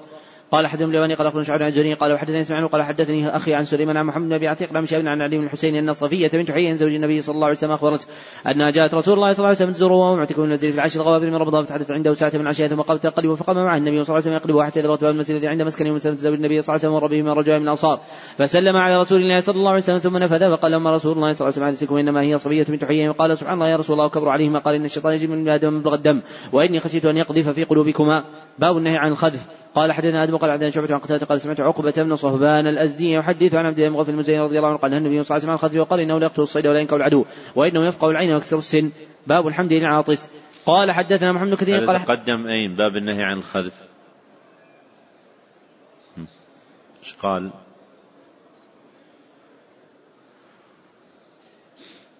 في كتاب الصيد ماذا قال؟ قال باب الخذف والبندقة. نعم. أحسن الله إليكم. قال رحمه الله تعالى باب الحمد للعاطس. قال حدث محمد كثير قال عدنا سفيان قال عدنا سليمان عن سمانك رضي الله عنه قال عطس رجلان عند النبي صلى الله عليه وسلم شمت أحدهم ولم شمت الآخر فقيل له فقيل له فقال هذا حمد الله وهذا لم يحمد الله. باب تشميت العاطس إذا حمد الله. قال حدثنا سليمان بن حرب قال حدثنا شعبة عن اشعث بن سليمان قال سمعت معاوية بن سويد عن البراء رضي الله عنه قال أمر النبي صلى الله عليه وسلم يسبعون عن سبع من ربيعة ما يضرب على الجنازة وتشميت العاطس واجاب الداعي ورد السلام اصل المظلوم. وإبرار المقسم ونهى عن سبع عن خاتم الذهب وقال حلقة الذهب عن نفس الحديد والدباج والسندس والمياثر. باب ما يستحب من العطاس وما يكره من التثاؤب. قوله باب ما يستحب تقدم أنها من أمهات التراجم عند البخاري وأنه ذكرها في السبعة مواضع. نعم. أحسن الله إليكم. قال رحمه الله تعالى حدثنا آدم بن أبي ياسين قال حدثنا أبي ذئب قال حدثنا سعيد المقبول عن أبي عن رضي الله عن النبي صلى الله عليه وسلم أنه قال إن الله يحب العطاس ويكره التثاؤب فإذا عطس فحمد الله عز وجل فحق على كل مسلم سمع يشمته. أما التثاؤب فإنما هو من الشيطان فرده وما استطاع إذا قالها ضحك منه الشيطان. باب إذا عطس كيف يشمت؟ قال حدثنا مالك بن اسماعيل قال حدثنا عبد العزيز بن أبي سلمة قال اخبر عبد الله بن دينار بن صاحب رضي الله عنه النبي صلى الله عليه وسلم أنه قال إذا عطس احدكم فليقل الحمد لله وليقل له أخوه صاحبه يرحمك الله فإذا قال له يرحمك الله فليقل يهديكم الله ويصلح بالكم. باب لا يشمت العطس اذا لم يحمد الله عز وجل. قال حدثنا آدم النبي قال حدثنا شعبة قال حدثنا سليمان التيمي وقال سمعت أنس رضي الله عنه يقول عطس رجل عند النبي صلى الله عليه وسلم شمت أحدهما ولم يشمت الآخر. فقال الرجل يا رسول الله شمت هذا ولم شمته قال إن هذا حمد الله ولم تحمد الله. باب اذا تثاوب فليضع يده على فيه. قال حدثنا عاصم علي قال حدثنا ابي بن عن يقول عن النبي النبي رضي الله عنه النبي صلى الله عليه وسلم أنه قال الله يحب العطاس ويكره التثاؤب فاذا عطس أحدكم حمد الله كان حقا على كل مسلم سمعه يقول له يرحمك الله من التثاؤب فإنما هو من الشيطان فإذا تثاوب أحدكم فليرده من بين أحدكم اذا إذا تثاءب ضحك منه الشيطان. بسم الله الرحمن الرحيم. كتاب الاستئذان. باب بدو السلام. قال حدثنا يحيى بن جعفر قال حدثنا عبد الرزاق عن عن همام عن أبي رضي الله عنه صلى الله عليه وسلم أنه قال خلق الله آدم على صورته طوله 60 ذراعا فلما خلقه قال ذهب فسلم على أولئك النفر من الملائكة على أولئك النفر من الملائكة جلوس, جلوس فاستمع ما يحيونك فإنها تحياتك وتحيي ذريتك فقال السلام عليكم فقال السلام عليك ورحمة الله فزادوه ورحمة الله. فكل من يدخل الجنة على صورة آدم فلم يزل الخلق ينقص بعده حتى الآن. باب قول الله تعالى يا أيها الذين آمنوا ادخلوا بيوتا غير بيوتكم حتى تستأنسوا وتسلموا على أهلها ذلك خير لكم لعلكم تذكرون فلم تجدوا فيها احدا فلا تدخلوا حتى يذن لكم وإن قيل لكم ارجعوا فارجعوا وأزكى لكم الله ما تعملون عليم ليس عليكم جاح تدخلوا بيوتا غير مسكونة فيها متاع لكم. الله يعلم ما تبدون وما تكتمون. وقال سعيد بن أبي الحسين الحسين إن نساء العجم يكشفن صدورهن ورؤوسهن قال بصرك قول الله عز وجل قل المؤمنين يغضوا من أبصارهم ويحفظوا فروجهم وقال أقتدوا عما يحل لهم. وقل المؤمنات يغضضن من أبصارهن ويحفظن فروجهن خائنة الأعين من النظر إلى ما نهي عنه. وقال الزهري في النظر إلى التي لم تحرم النساء لا يصلح النظر إلى شيء منهن مما يشتهى النظر إليه. وإن كانت صغيرة كرعاطة النظر إلى الجواري يباعن بمكة إلا ان يريد أن يشتري. قال حدثنا بن قال أخبرنا شعب بن زهري قال اخبرنا سليمان بن يساني قال أخبرني عبد الله بن عباس رضي الله عنه قال رضي رسول الله صلى الله عليه وسلم الفضل بن عباس. يوم النحل خلفه على عجوز راحلته وكان الفضل رجلا وضيئا فوقف النبي صلى الله عليه وسلم الناس يفتيهم واقبلت امراه من خثعم وضيئة تستفتي رسول الله صلى الله عليه وسلم طبق الفضل ينظر إليها وأعجبه حسنها فالتفت النبي صلى الله عليه وسلم الفضل ينظر إليها فأخلف بيده فأخذ بدق الفضل فعدل وجهه عن النظر إليها فقالت يا رسول الله إن فريضه الله في الحج على عبادي أدركت ابي شيخا كبيرا لا يستطيع أن يستوي على الراحلة فهل يقضي عنه ان احج عنه؟ قال نعم. قال حدثنا عبد الله بن محمد قال أخبرنا أبو عامر قال حدثنا زهير عن زيد بن اسماء عن بن سلام الخدري رضي الله عن النبي صلى الله عليه وسلم قال ياكم الجلوس بالطرقات فقال يا رسول الله ما لنا من جالس نبد أن نتحدث فيها فقال إذا ابيتم المجلس فأعطوا الطريق حقه قالوا ما حق الطريق يا رسول الله قال غض البصر وكف الأذى ورد السلام والأمر بالمعروف والنهي عن المنكر باب السلام اسم من أسماء الله تعالى وإذا حييتم بتحية فحيوا بأحسن منها وردوها قوله باب السلام هذه الترجمة من أمهات التراجم عند البخاري ذكرها بهذا اللفظ باب السلام في موضعين وذكرها بلفظ باب تسليم في خمسة مواضع. وذكرها بلفظ باب التسليم في أربعة مواضع. نعم. أحسن الله إليكم. قال رحمه الله تعالى حدثنا عمرو بن حفص قال حدثنا أبي قال حدثنا عمش قال حدثني شقي عبد الله رضي الله عنه قال كنا صلى الله عليه وسلم الله من قبل قبل عباده السلام على جبريل السلام على ميكائيل السلام على فلان. فلما انصرف النبي صلى الله عليه وسلم أقبل علينا بوجهه فقال إن الله هو السلام. فإذا جلس أحدكم في الصلاة فليقل التحيات لله والصلاة الطيبات السلام عليك يا النبي ورحمة الله وبركاته. السلام علينا وعلى الله الصالحين فإنه إذا قال ذلك أصاب كل عبد صالح في السماء والأرض. أشهد أن لا إله إلا الله وأشهد محمد عبده ورسوله. ثم يتخير بعد ثم يتخير بعد من الكلام ما شاء. باب تسليم القليل عن كثير. قال حدث محمد قاتل أبو الحسن قال أخبرنا عبد الله قال أخبرنا عمرو بن النبي عن أبي رضي الله عن النبي صلى الله عليه وسلم أنه قال يسلم الصغير على الكبير والمار وعلى القاعد والقليل على الكثير. باب تسليم الراكب على الماشي. قال حدث محمد قال أخبرنا مخلد قال أخبرنا جريج قال أخبرنا من جريج قال أخبرني زياد أنه سمع ثابت مولى عبد الرحمن بن زيد أنه سمع ابو هريرة رضي الله عنه يقول قال رسول الله صلى الله عليه وسلم الراكب على الماشي والماشي على القاعد والقليل على الكثير. باب تسليم الماشي على القاعد. قال حدثنا إسحاق بن إبراهيم قال أخبرنا بن عبادة قال حدثنا ابن جريج قال أخبرني زياد ثابت أخبره وهو مولى عبد الرحمن بن زيد عن أبي هريرة رضي الله عنه عن رسول الله صلى الله عليه وسلم قال يسلم الراكب على الماشي والماشي عن القاعد والقليل عن كثير. باب تسليم الصغير عن كبير. وقال إبراهيم عن موسى بن عقبة عن صفوان بن سليمان عن بن عن هريرة رضي الله عنه قال قال رسول الله صلى الله عليه وسلم يسلم الصغير عن كبير والمار عن القاعد والقليل عن كثير. باب إفشاء السلام. قال حدثنا قتيبة قال عن جرير عن شيباني عن شعر بن أبي شعثاء معاوية بن سويد مقرن عن البراء بن عازب رضي الله عنه أنه قال أمر رسول الله صلى الله عليه وسلم بسبع بعاده المريض واتباع الجنائز وتشميت عطس ونصر الضعيف عن المظلوم وإفشاء السلام براء المقسم ونهى عن شرب في ونهى عن الشرب في الفضة ونهى عن تختم الذهب عن ركوب عن ركوب المياتر وعن لبس الحرير والدباج والقسي والاستبرق قوله عن الشيباني تقدم أن هذه أن هذه نسبة جماعة من رواتهم والمراد بها عند الإطلاق سليمان بن أبي سليمان الشيباني نعم. أحسن الله إليكم. قال رحمه الله تعالى باب السلام المعرفة وغير المعرفة. باب السلام المعرفة وغير المعرفة. قال حدثنا عبد الله بن يوسف قال حدثنا ليث قال حدثني يزيد عن أبي الخير عبد الله بن عمرو رضي الله عنه رجلا سأل النبي صلى الله عليه وسلم خير قال تطعم الطعام تقرأ السلام على من عرفت وعلى من لم تعرف. قال حدثنا ابن عبد الله قال ابن سفيان عن زهري عن بن يزيد التي عن أبي أيوب رضي الله عن النبي صلى الله عليه وسلم قال يحمل المسلمين يجرى خوف فقلت الذين يلتقيان فيصد هذا ويصد هذا وخيرهم الذي يبدأ بالسلام. وذكر سفيان منه ثلاث مرات. باب آية الحجاب. قال حدثني أحمد سليمان قال حدثني قال أخبرني موسى بن قال أخبرني أنس مالك رضي الله عنه كان من عشر سنين مقدم رسول الله صلى الله عليه وسلم المدينة فخدمت رسول الله صلى الله عليه وسلم عشرا حياته. وكنت أعلم الناس بشان الحجاب حين أنزل وقد كان ابي بن كعب رضي الله عنه يسألني عنه وكان أول ما نزل في متنا رسول الله صلى الله عليه وسلم زينب بنت جحش أصبح النبي صلى الله عليه وسلم. وكان أول ما نزل في متنا رسول الله صلى الله عليه وسلم زينب بنت جحش أصبح النبي صلى الله عليه وسلم بها عروسا فدعا القوم فأصابه طعمه فاخرجوا باقي منه امراته عند رسول الله صلى الله عليه وسلم طال المكث. فقام رسول الله صلى الله عليه وسلم فخرج وخرجت معه كي يخرجوا فمشى رسول الله صلى الله عليه وسلم مشيت معه حتى جاء عتبة حجرة عائشة. ثم ظن رسول الله صلى الله عليه وسلم أنهم خرجوا فرجع ورجعت معه حتى دخل زينب فاذا جلوس لم تفرقوا فرجع رسول الله صلى الله عليه وسلم ورجعت معه حتى بلغ عتبة حجرة عائشة وظن أنهم قد خرجوا. فرجع ورجعت معه فاذا قد خرجوا فأنزل آية الحجاب فضرب بيني وبينهم سترا. قال حدثنا ابن نعمان قال حدثنا معتمر قال ابي حدثنا أبو مجلس عن أنس رضي الله عنه قال من زوج النبي صلى الله عليه وسلم زين دخل القوم فطعموا ثم جلسوا يتحدثون فأخذ كأنه يتهيأ القيام فلم يقم فلما رأى قام فلما قام قام من قام من القوم وقعد بقية قومه وإن النبي صلى الله عليه وسلم جاء ليدخل فلقوا جلوسا ثم انهم قاموا فانطلقوا فأخبرت النبي صلى الله عليه وسلم فجاء حتى دخل فذهبت ادخل فالقى, فألقى الحجاب بيني وبينه وأنزل الله تعالى يا أيها الذين آمنوا ادخلوا بيوت النبي الآية قال حدثني إسحاق قال أخبرني يعقوب قال حدثنا أبي عن صالح بن شهاب قال أخبرني عمره بن زبير عائشة رضي الله عنه زوج النبي صلى الله عليه وسلم قالت كان عمر بن الخطاب رضي الله عنه يقول رسول الله صلى الله عليه وسلم احجب نساءك قالت فلم يفعل. وكان أزواج النبي صلى الله عليه وسلم يخرجن إلى ليل قبل المناصع خرجت سودة بنت زمعة. وكانت امرأة طويلة فراغ بن الخطاب رضي الله عنه في المجلس فقال عرفتك يا سودة حرصا على ينزل الحجاب حرصا على أن ينزل الحجاب. قالت فأنزل الله عز وجل آية الحجاب. باب الاستئذان من أجل البصر. قال حدثنا علي بن عبد الله قال حدثنا سفيان قال الزهري وحفظته كما, كما أنك ها هنا عن سعد سعد. قال طلع رجل من جح من حجر قال طلع رجل من حجر في حجر النبي صلى الله عليه وسلم مع النبي صلى الله عليه وسلم مدرا يحك به رأسه.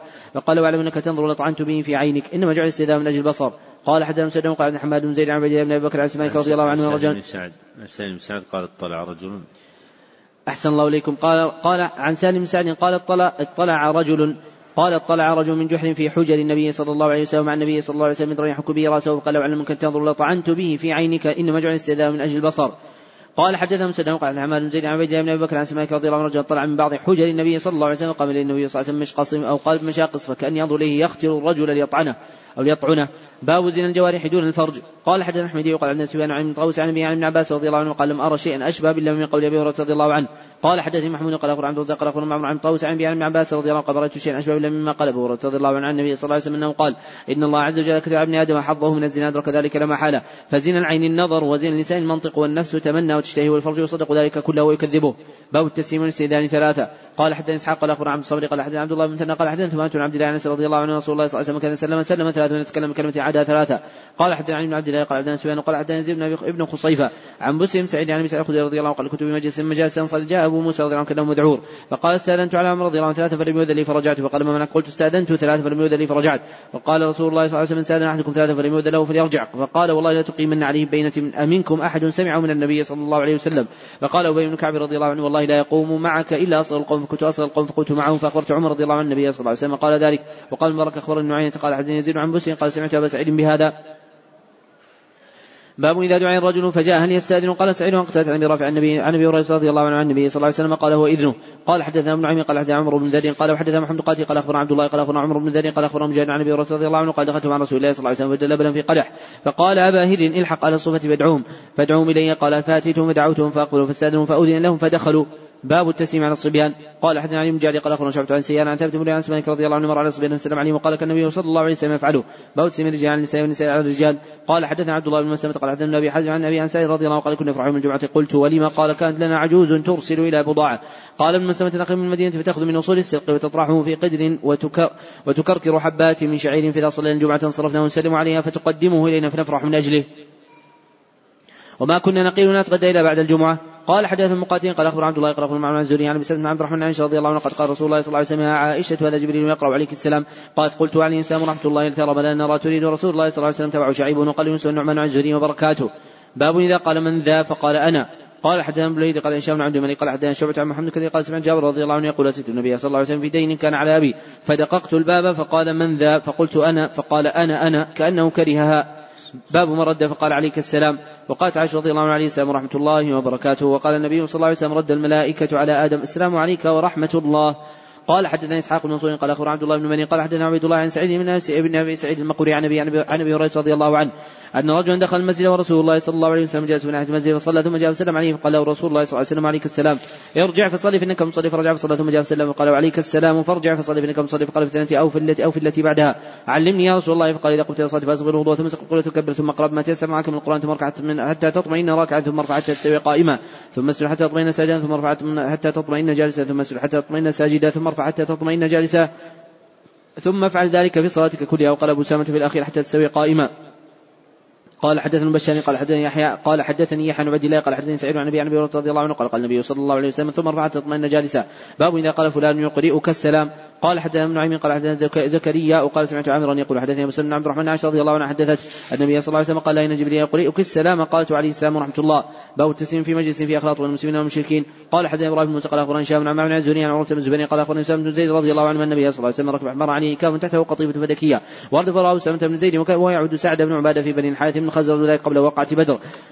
حتى مر في مجلس فيه أخلاط من المسلمين والمشركين عبد الاوثان واليهود وفيهم عبد الله بن أبي بن سلول وفي المجلس عبد الله بن رواحة رضي الله عنه فلما غش المجلس عجاجة الدابة خمر عبد الله بن أبي أنفه بردائه ثم قال تغبر عني وسلم عليهم النبي صلى الله عليه وسلم ثم وقف فنزل فدعاهم إلى الله عز وجل وقرأ عليهم القرآن. فقال عبد الله بن أبي بن سلول أيها المرء لا أحسن من هذا إن كان ما تقول حق ولا تؤذن في مجالس وارجع إلى راحلك ومن جاءك منا فاقصص عليه. قال ابن رواحة رضي الله عنه اغشنا في مجالسنا فإننا نحب ذلك السبب المسلمون والمشركون واليهود حتى هموا يتواثبوا فلم يزل النبي صلى الله عليه وسلم يخفضهم فتركوا دابته حتى دخل على سعد بن عبادة فقال يا سعد أنفع ما قال أبو حباب يريد عبد الله بن أبي قال كذا وكذا قال اعف عنه يا رسول الله واصفح. والله لقد أعطاك الله عز وجل الذي أعطاك ولقد صح أهل هذه البحرة يعني توجهه في عصبنا بالعصابة فلما الله. ذلك بالحق الذي أعطاك شرق بذلك فذلك فعل به ما رأيت. فاعف عنه النبي صلى الله عليه وسلم. باب من لم يسلم على مقترف ما على من اقترف ذنبا ولم رد سلامه حتى تتبين توبته والى متى تتبين توبة العاصي. وقال عبد الله بن عمرو رضي الله عنه لا تسلم على شربة الخمر. قال حدثنا ابن بكير قال حدثنا عن قال عن بن عبد الرحمن بن عبد الله بن عبد الله بن كعب رضي الله قال سمعت كعب مالك رضي الله عنه عند قلب عن تبوك ونهى رسول الله صلى الله عليه وسلم عن كلامنا واتي, وآتي رسول الله صلى الله عليه وسلم وسلم عليه فاقول في نفسي هل حرك شفتيه برد السلام أم لا؟ حتى كمن خمسون إلى واد النبي صلى الله عليه وسلم بتوبة الله عز وجل علينا حين صلى الفجر. باب كيف يرد على أهل الذمه السلام؟ قال حدثنا ابن قال أخبرنا شعب عن زهري قال أخبرني عمرة بن رضي الله عنها قال دخل رجل من يهود على رسول الله صلى الله عليه وسلم قالوا السلام عليك فهمت فقلت عليكم السلام واللعنة. فقال رسول الله صلى الله عليه وسلم اهلنا عائشه فإن الله يحب الرفق بالامر كله. فقلت يا رسول الله أولم تسمع ما قال وقال رسول الله صلى الله عليه وسلم فقد قلت عليكم. قال حدثنا عبد الله بن يوسف قال أخبرنا مالك عبد الله بن عبد الله بن عمر رضي الله عنه رسول الله صلى الله عليه وسلم قال إذا سلم عليكم اليهود فإنما يقول أحدهم السلام عليك فقولوا عليك. قال حدثنا ابن ابي شيبة قال حدثنا شيء قال أخبرنا عبد الله بن أبي بكر بن أنس قال حدثنا أنس بن مالك رضي الله عنه أنه قال قال النبي صلى الله عليه وسلم إذا سلم عليكم أهل الكتاب فقولوا عليكم. باب النظر في كتاب من يحذر على المسلمين يستبين أمره. قال حدثنا يوسف بن بهلول قال حدثنا ابن إدريس قال حدثني حسين بن عبد الرحمن عن سعد بن عبيدة عن أبي عبد الرحمن السلمي عن علي رضي الله عنه قال بعثني رسول الله صلى الله عليه وسلم زبير بن عوام وابن مرثد غنوي وكلنا فارس وقال انطلقوا حتى تأتوا روضة خاخ فنبه امرأة من المشركين معها صحيفة من حاطب النبي ولتعت المشركين. قال فأدركنا نسير على جمل الله حيث قال لنا رسول الله صلى الله عليه وسلم قال قلنا أين الكتاب الذي معك؟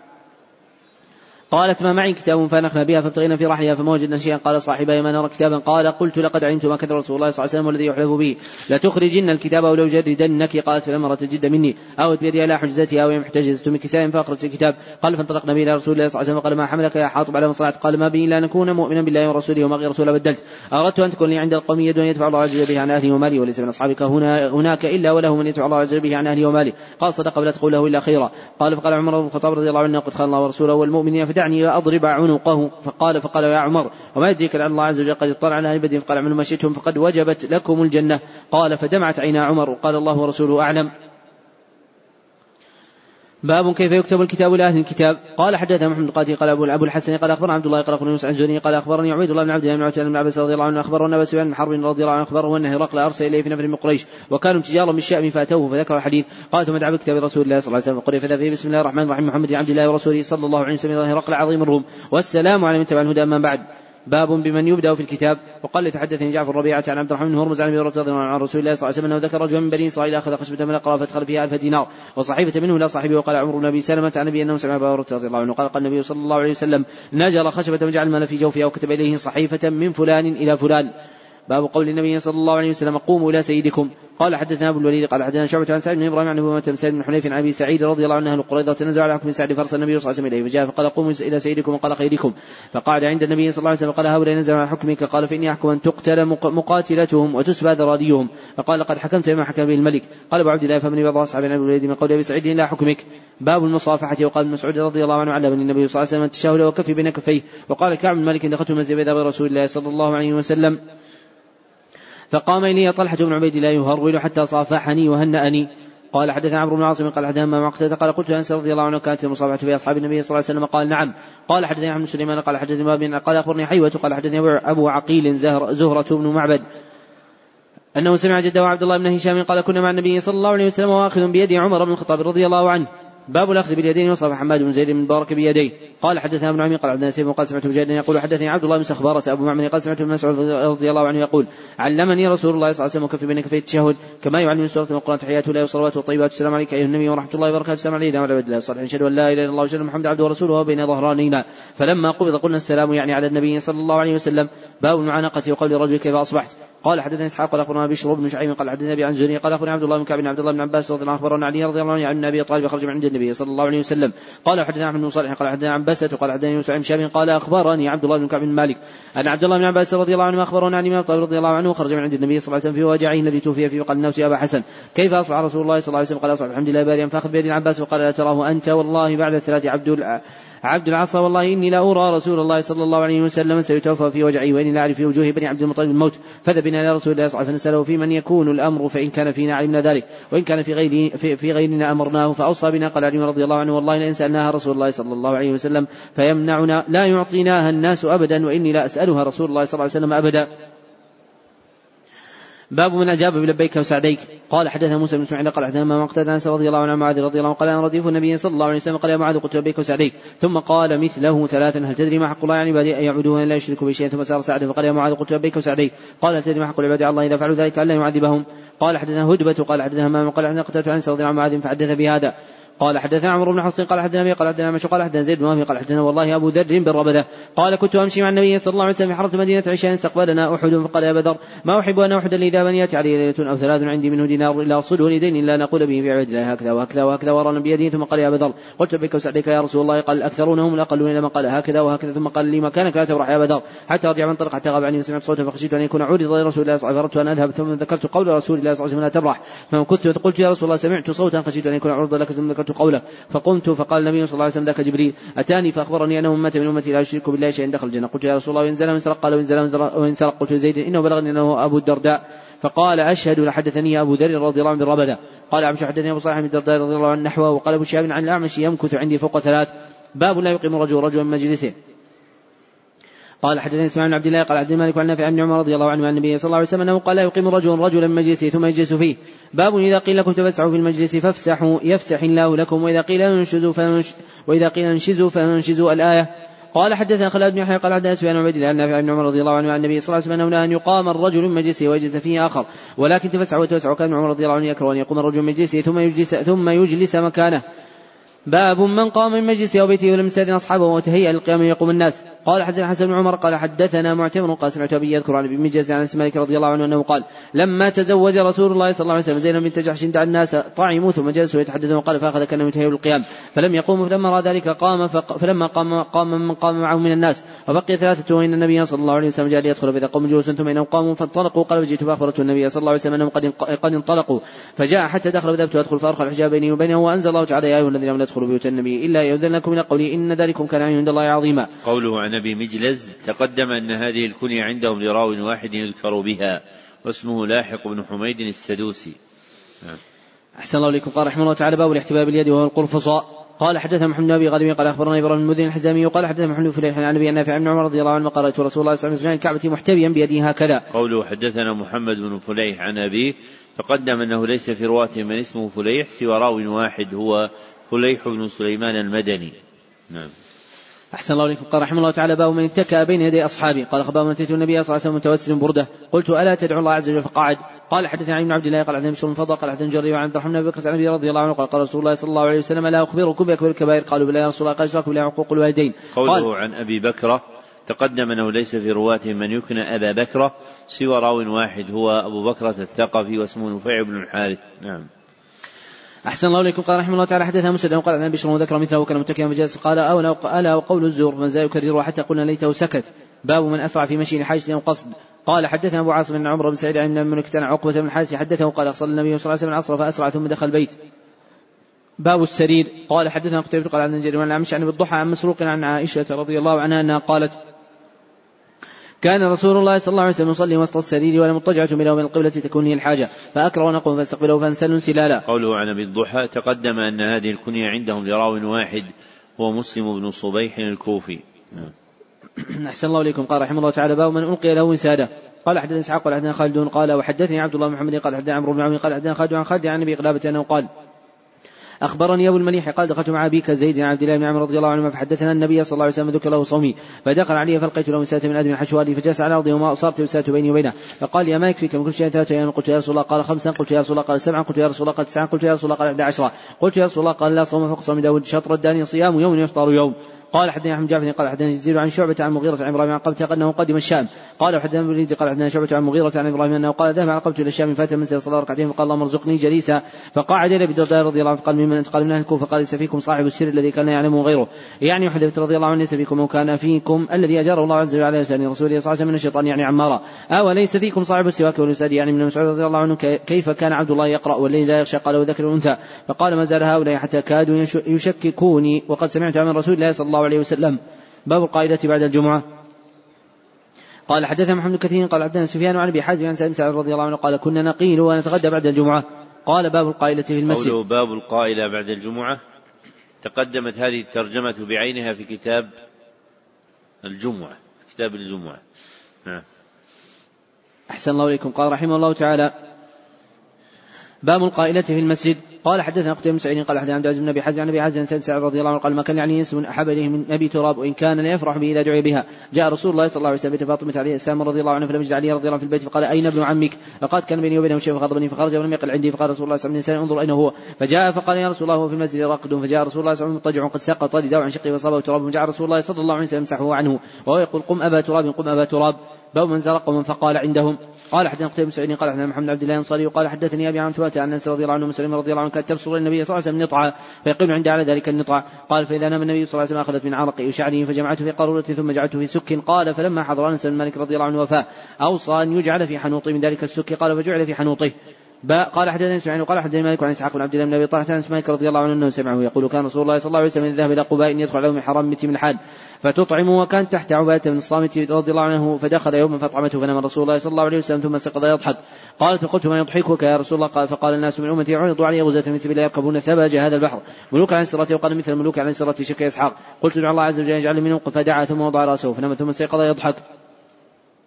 فقلت ما يضحكك يا رسول الله؟ قال ناس من أمتي عرضوا علي غزاة من سبيل يركبون ثبج هذا البحر بنوك عن سرته وقال مثل الملوك عن سره فقلت الله عز وجل يجعل منهم. قال أنت من الاولين فركبت البحر زمان معاوية فصرعت عند باتها حين خرجت من البحر فهلكت. باب الجلوس كيف ما تيسر. قال حدثنا ابن عبد الله قال ابن سفيان عن الزهري عن عطاء بن يزيد الذي عن مسعود رضي الله عنه أنه قال النبي صلى الله عليه وسلم عن الستين وعن بيعته شمال الصماء والاحتباء في دم واحد. ليس على فرض انسان من شيء والملامسة والمنابذة. تابع معمر محمد بن حفصة عبد الله بن بدين عن الزهري. باب من ناجى بين يدي الناس ومن لم يخبر بسر صاحبه فإذا مات أخبر به. قال حدثنا موسى عن النبي عوانة قال حدثنا فراس عن عامر عن مسروق قال حدثتني عائشة من رضي الله عنها انها قالت إنا كنا أزواج النبي صلى الله عليه وسلم عنده جميعا لم تغادر منا واحدة فأقبلت فاطمة عن رضي الله عنها تمشي لا والله ما تخفي مشيتها لا والله ما تخفى مشيتها من, مشي من مشية رسول الله صلى الله عليه وسلم فلما رأى رحبا قال مرحبا بابنتي. ثم جلس عن يمينه وعن شماله ثم سار فبكت بكاء شديدا فلما رأى حزنا سارت ثانية إليه تضحك.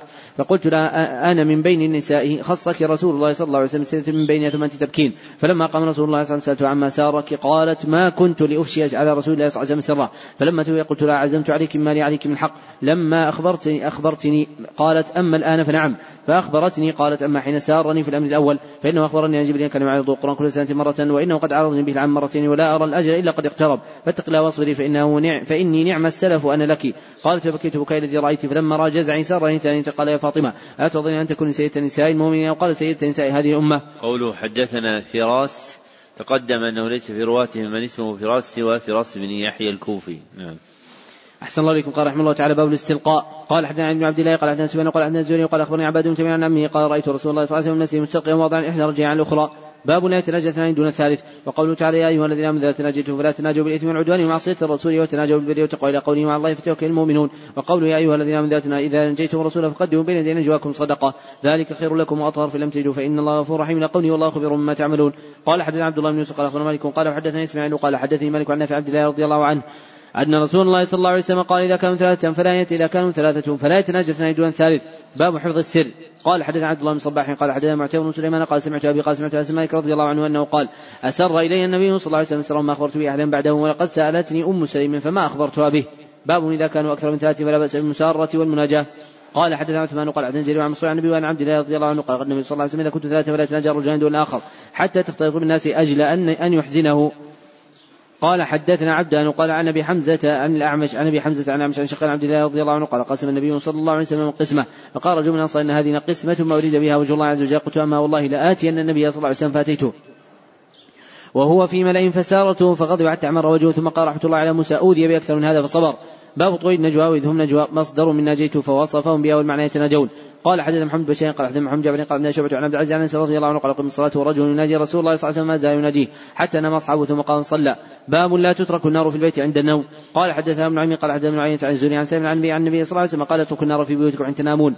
قال حدثنا محمد بن العلاء قال حدثنا أبو سامة عن بريد بن عبد الله عن أبي بردة النبي موسى رضي الله عنه أنه قال احترق بيت من المدينة على من الليل فحدث بشانه النبي صلى الله عليه وسلم قال إن هذه النار ما يعدو لكم فإذا نمتم فاطفئوا عنكم. قال حدثنا قتيبة قال حماد عن كثير عن عطاء بن عبد الله رضي الله عنه أنه قال قال رسول الله الله صلى الله عليه وسلم خير من الآنية وأجيف الأبواب وأطفئ المصابيح فإن الفويسقة فإن الفويسقة ربما جرت الفتيلة فأحرقت أهل البيت.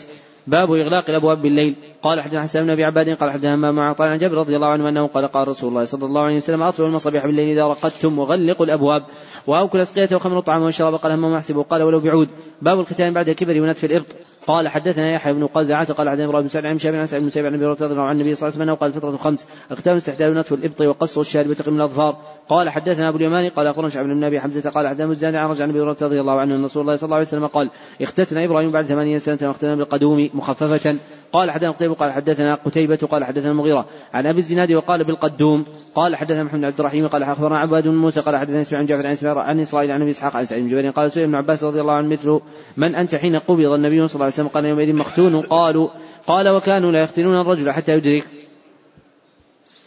وقال ابن إدريس عن النبي عن ابي إسحاق عن سعيد بن عن عباس رضي الله عنه أنه قال قبض النبي صلى الله عليه وسلم وأنا ختين. باب كل له من باطل إذا شغلوا عن طاعة الله وقمن قال صعب تعالى وقامرك وقوله تعالى إن الناس من يشتري الحديث ليضل عن ليضل عن سبيل الله. قال حدثني أحمد بن كيني قال حدثني عن قين عن شامي قال أخبرني أحمد بن عبد الرحمن بن هريرة رضي الله عنه قال قال رسول الله صلى الله عليه وسلم أحد منكم قال في حليب الله والعزى فليقل لا إله إلا الله. ومن قال صعب تعالى وقام منك ويتصدق باب ما جاء في البناء. قال أبو هريرة رضي الله عنه عن النبي صلى الله عليه وسلم من أشراط الساعة إذا طال رعاء البهم في البنيان. قال حدثنا ابن عمي قال إسحاق بن سعيد عن سعيد عن عمر رضي الله عنه أنه قال رأيت مع النبي صلى الله عليه وسلم بنيت بيدي بيتا يكنني من المطر ويظلني من الشمس ما أعانني عليه أحد من خلق الله عز وجل. قال حدثنا ابن عبد الله قال حدثنا سفيان قال عمرو قال ابن عمر رضي الله عنه والله ما وضعت لبنة على بنتي ولا غرست نخلة. منذ قبض النبي صلى الله عليه وسلم قال سفيان ذكرت لبعض أهله قال والله لقد بنى قال سفيان قلت فلعله قال قبل أن يبني. بسم الله الرحمن الرحيم. كتاب الدعوات. قوله تعالى ادعوني أستجب لكم. إن الذين يستكبرون عن عبادتي سيدخلون جهنم داخلين. وقوله ولكل نبي دعوه مستجابة. قال حدثني إسماعيل قال حدثني مالك عن الزاني عن عن أبي هريرة رضي الله عنه أن رسول الله صلى الله عليه وسلم قال لكل نبي دعوه يدعو بها ويريد أن أختبئ دعوتي شفاعة لأمتي في الآخرة. وقال خليفة قال معتبر سمعت أبي انس رضي الله عن النبي صلى الله عليه وسلم أنه قال كل نبي سأل سؤالا قال كل نبي سأل سؤلا أو قال لكل نبي دعوة قد دعا بها. فاستجيب فجعلت دعوتي شفاعة لأمتي يوم القيامة. باب أفضل الاستغفار قوله تعالى استغفروا ربكم إنه كان غفارا. يرسل السماء عليكم مدرارا ويمددكم بأموال وبنين ويجعل لكم جنات ويجعل لكم أنهارا. وقوله والذين إذا فعلوا فحشة ظلموا أنفسهم. ذكروا الله واستغفروا لذنوبهم ومن يغفر الذنوب إلا الله ولم يصروا على ما فعلوا وهم يعلمون. قال حدثنا معمر قال حدثنا عبد الله قال حدثنا حسين قال حدثنا عبد الله بن بريدة عن بشير بن كعب العدوي أنه قال حدثني شداد بن أوس رضي الله عنه عن النبي صلى الله عليه وسلم أنه قال سيد الاستغفار أن تقول اللهم أنت الله أنت ربي لا إله إلا أنت خلقتني وأنا عبدك وأنا على عهدك ووعدك ما استطعت أعوذ بك من شر ما صنعت ابو لك بنعمتك علي وأبوء بذنبي اغفر لي فإنه لا يغفر الذنوب إلا أنت. قال ومن قالها من النار موقن قال ومن قالها من النهار موقنا بها فمات من يومه قبل أن يمسي فهو من الجنة ومن قال من الليل فهو موقن بها فمات قبل أن يصبح فهو من أهل الجنة. باب استغفار النبي صلى الله عليه وسلم في اليوم والليله قال حدثنا أبو قال أخبرنا شعبان عن قال أخبرنا مسلم عبد الرحمن أنه قال قال أبو رضي الله عنه سمعت رسول الله صلى الله عليه وسلم يقول والله إني أستغفر الله وأتوب إليه في اليوم أكثر من سبعين مرة.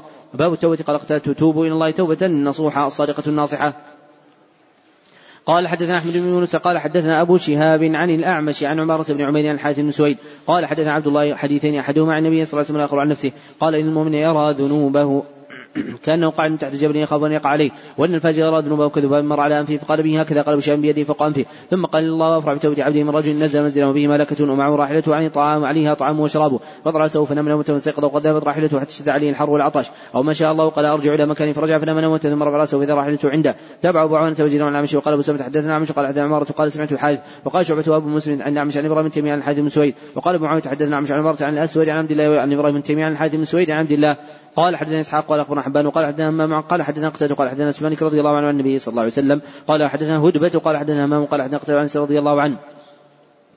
أنه قال قال رسول الله صلى الله عليه وسلم الله أفرح بتوبة عبده من أحدكم سقط على بينه وقد أضله في أرض فلا باب الضجع على الشق اليم... باب الضجع على الشق الأيمن. قال حدثنا عبد الله بن محمد قال حدثنا هشام بن يوسف قال اخونا معن الزهري عن عروة عن رضي الله عنه قد كان النبي صلى الله عليه وسلم يصلي من الليل 11 11 ركعة اذا طال الفجر صلى ركعتين خفيفتين ثم طلع على الشق الأيمن حتى يجيء المؤذن فيؤذنه. باب إذا بات طاهرا. قال حدثنا مسدد قال حدثنا معتمر قال سمعت منصورا عن سعيد بن عن سعد بن عبيدة. قال حدثنا براء بن عازب رضي الله عنه أنه قال قال رسول الله صلى الله عليه وسلم إذا أتيت مرجعك فتوضا وضوءك لصلاه ثم على شقك الايمن وقل اللهم أسلمت نفسي إليك وفوضت أمري إليك وجد الله إليك رهبه ورغبت إليك لا من جاء ولا لا من جاء ولا من جاء منك إلا إليك. آمنت بكتابك الذي أنزلته من نبيك الذي أرسلت فإن مت مت على الفطره فاجعلهن آخر ما تقول. فقلت أستذكرهن. وبرسولك الذي أرسلت؟ قال لا وبنبيك الذي أرسلت. باب ما يقول إذا نام.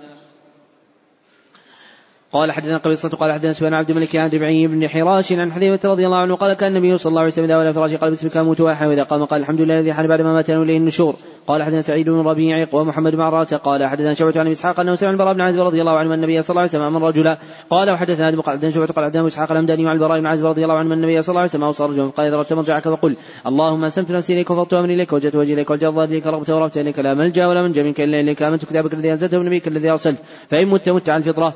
باب وضع اليد, اليد اليمنى تحت الخد الأيمن. قال حدثني مسلم بن إسماعيل قال أبو عوانة عبد الملك علي بعين عن حذيفه رضي الله عنه أنه قال كان النبي صلى الله عليه وسلم إذا أخذ مضجعه من الليل وضع يده تحت خده. ثم يقول اللهم باسمك أموت وأحيا استيقظ قال الحمد لله الذي حال بعد ما مات اليه النشور. باب النوم على الشق الأيمن. قال حدثنا مسدد قال حدثنا عبد واحد بن زياد قال حدثنا قال حدثنا علاء بن المسيب قال حدثني أبي عن البراء بن عازب رضي الله عنه أنه قال كان رسول الله صلى الله عليه وسلم إذا اول فراشنا مع الشق الأيمن ثم قال اللهم اسلمت نفسي إليك ووجهت وجهي إليك وفضت أمري إليك والجأت ظهري إليك رغبت ورغبت إليك لا ملجأ ولا منجأ منك إلا اليك آمنت كتابك الذي أنزلته ونبيك ونبيك الذي أرسلت. وقال رسول الله صلى الله عليه وسلم قال ان ثم تحت ليلة متع الفطرة. استرهبوا من الرهبة ملكوت ملك مثل رهبوت خير من رحموت. تقول تقول ترهب خير من أن ترحم. باب الدعاء إذا انتبه من الليل. قال حدثنا علي بن عبد الله قال ابن مهدي عن سفيان عن سلمة عن كريب عن ابن عباس رضي الله عنه أنه قال بت عند ميمونة رضي الله عنها فقام النبي صلى الله عليه وسلم حاجته وغسل وجهه ويديه ثم نام ثم قام فأتى القربة فأطلق شناقها ثم توضأ وضوءا بين وضوءين. لم يكثر وقد أبلغ فصلى فقمت فتمطيت كراهية أن يرى أني كنت أتقيه.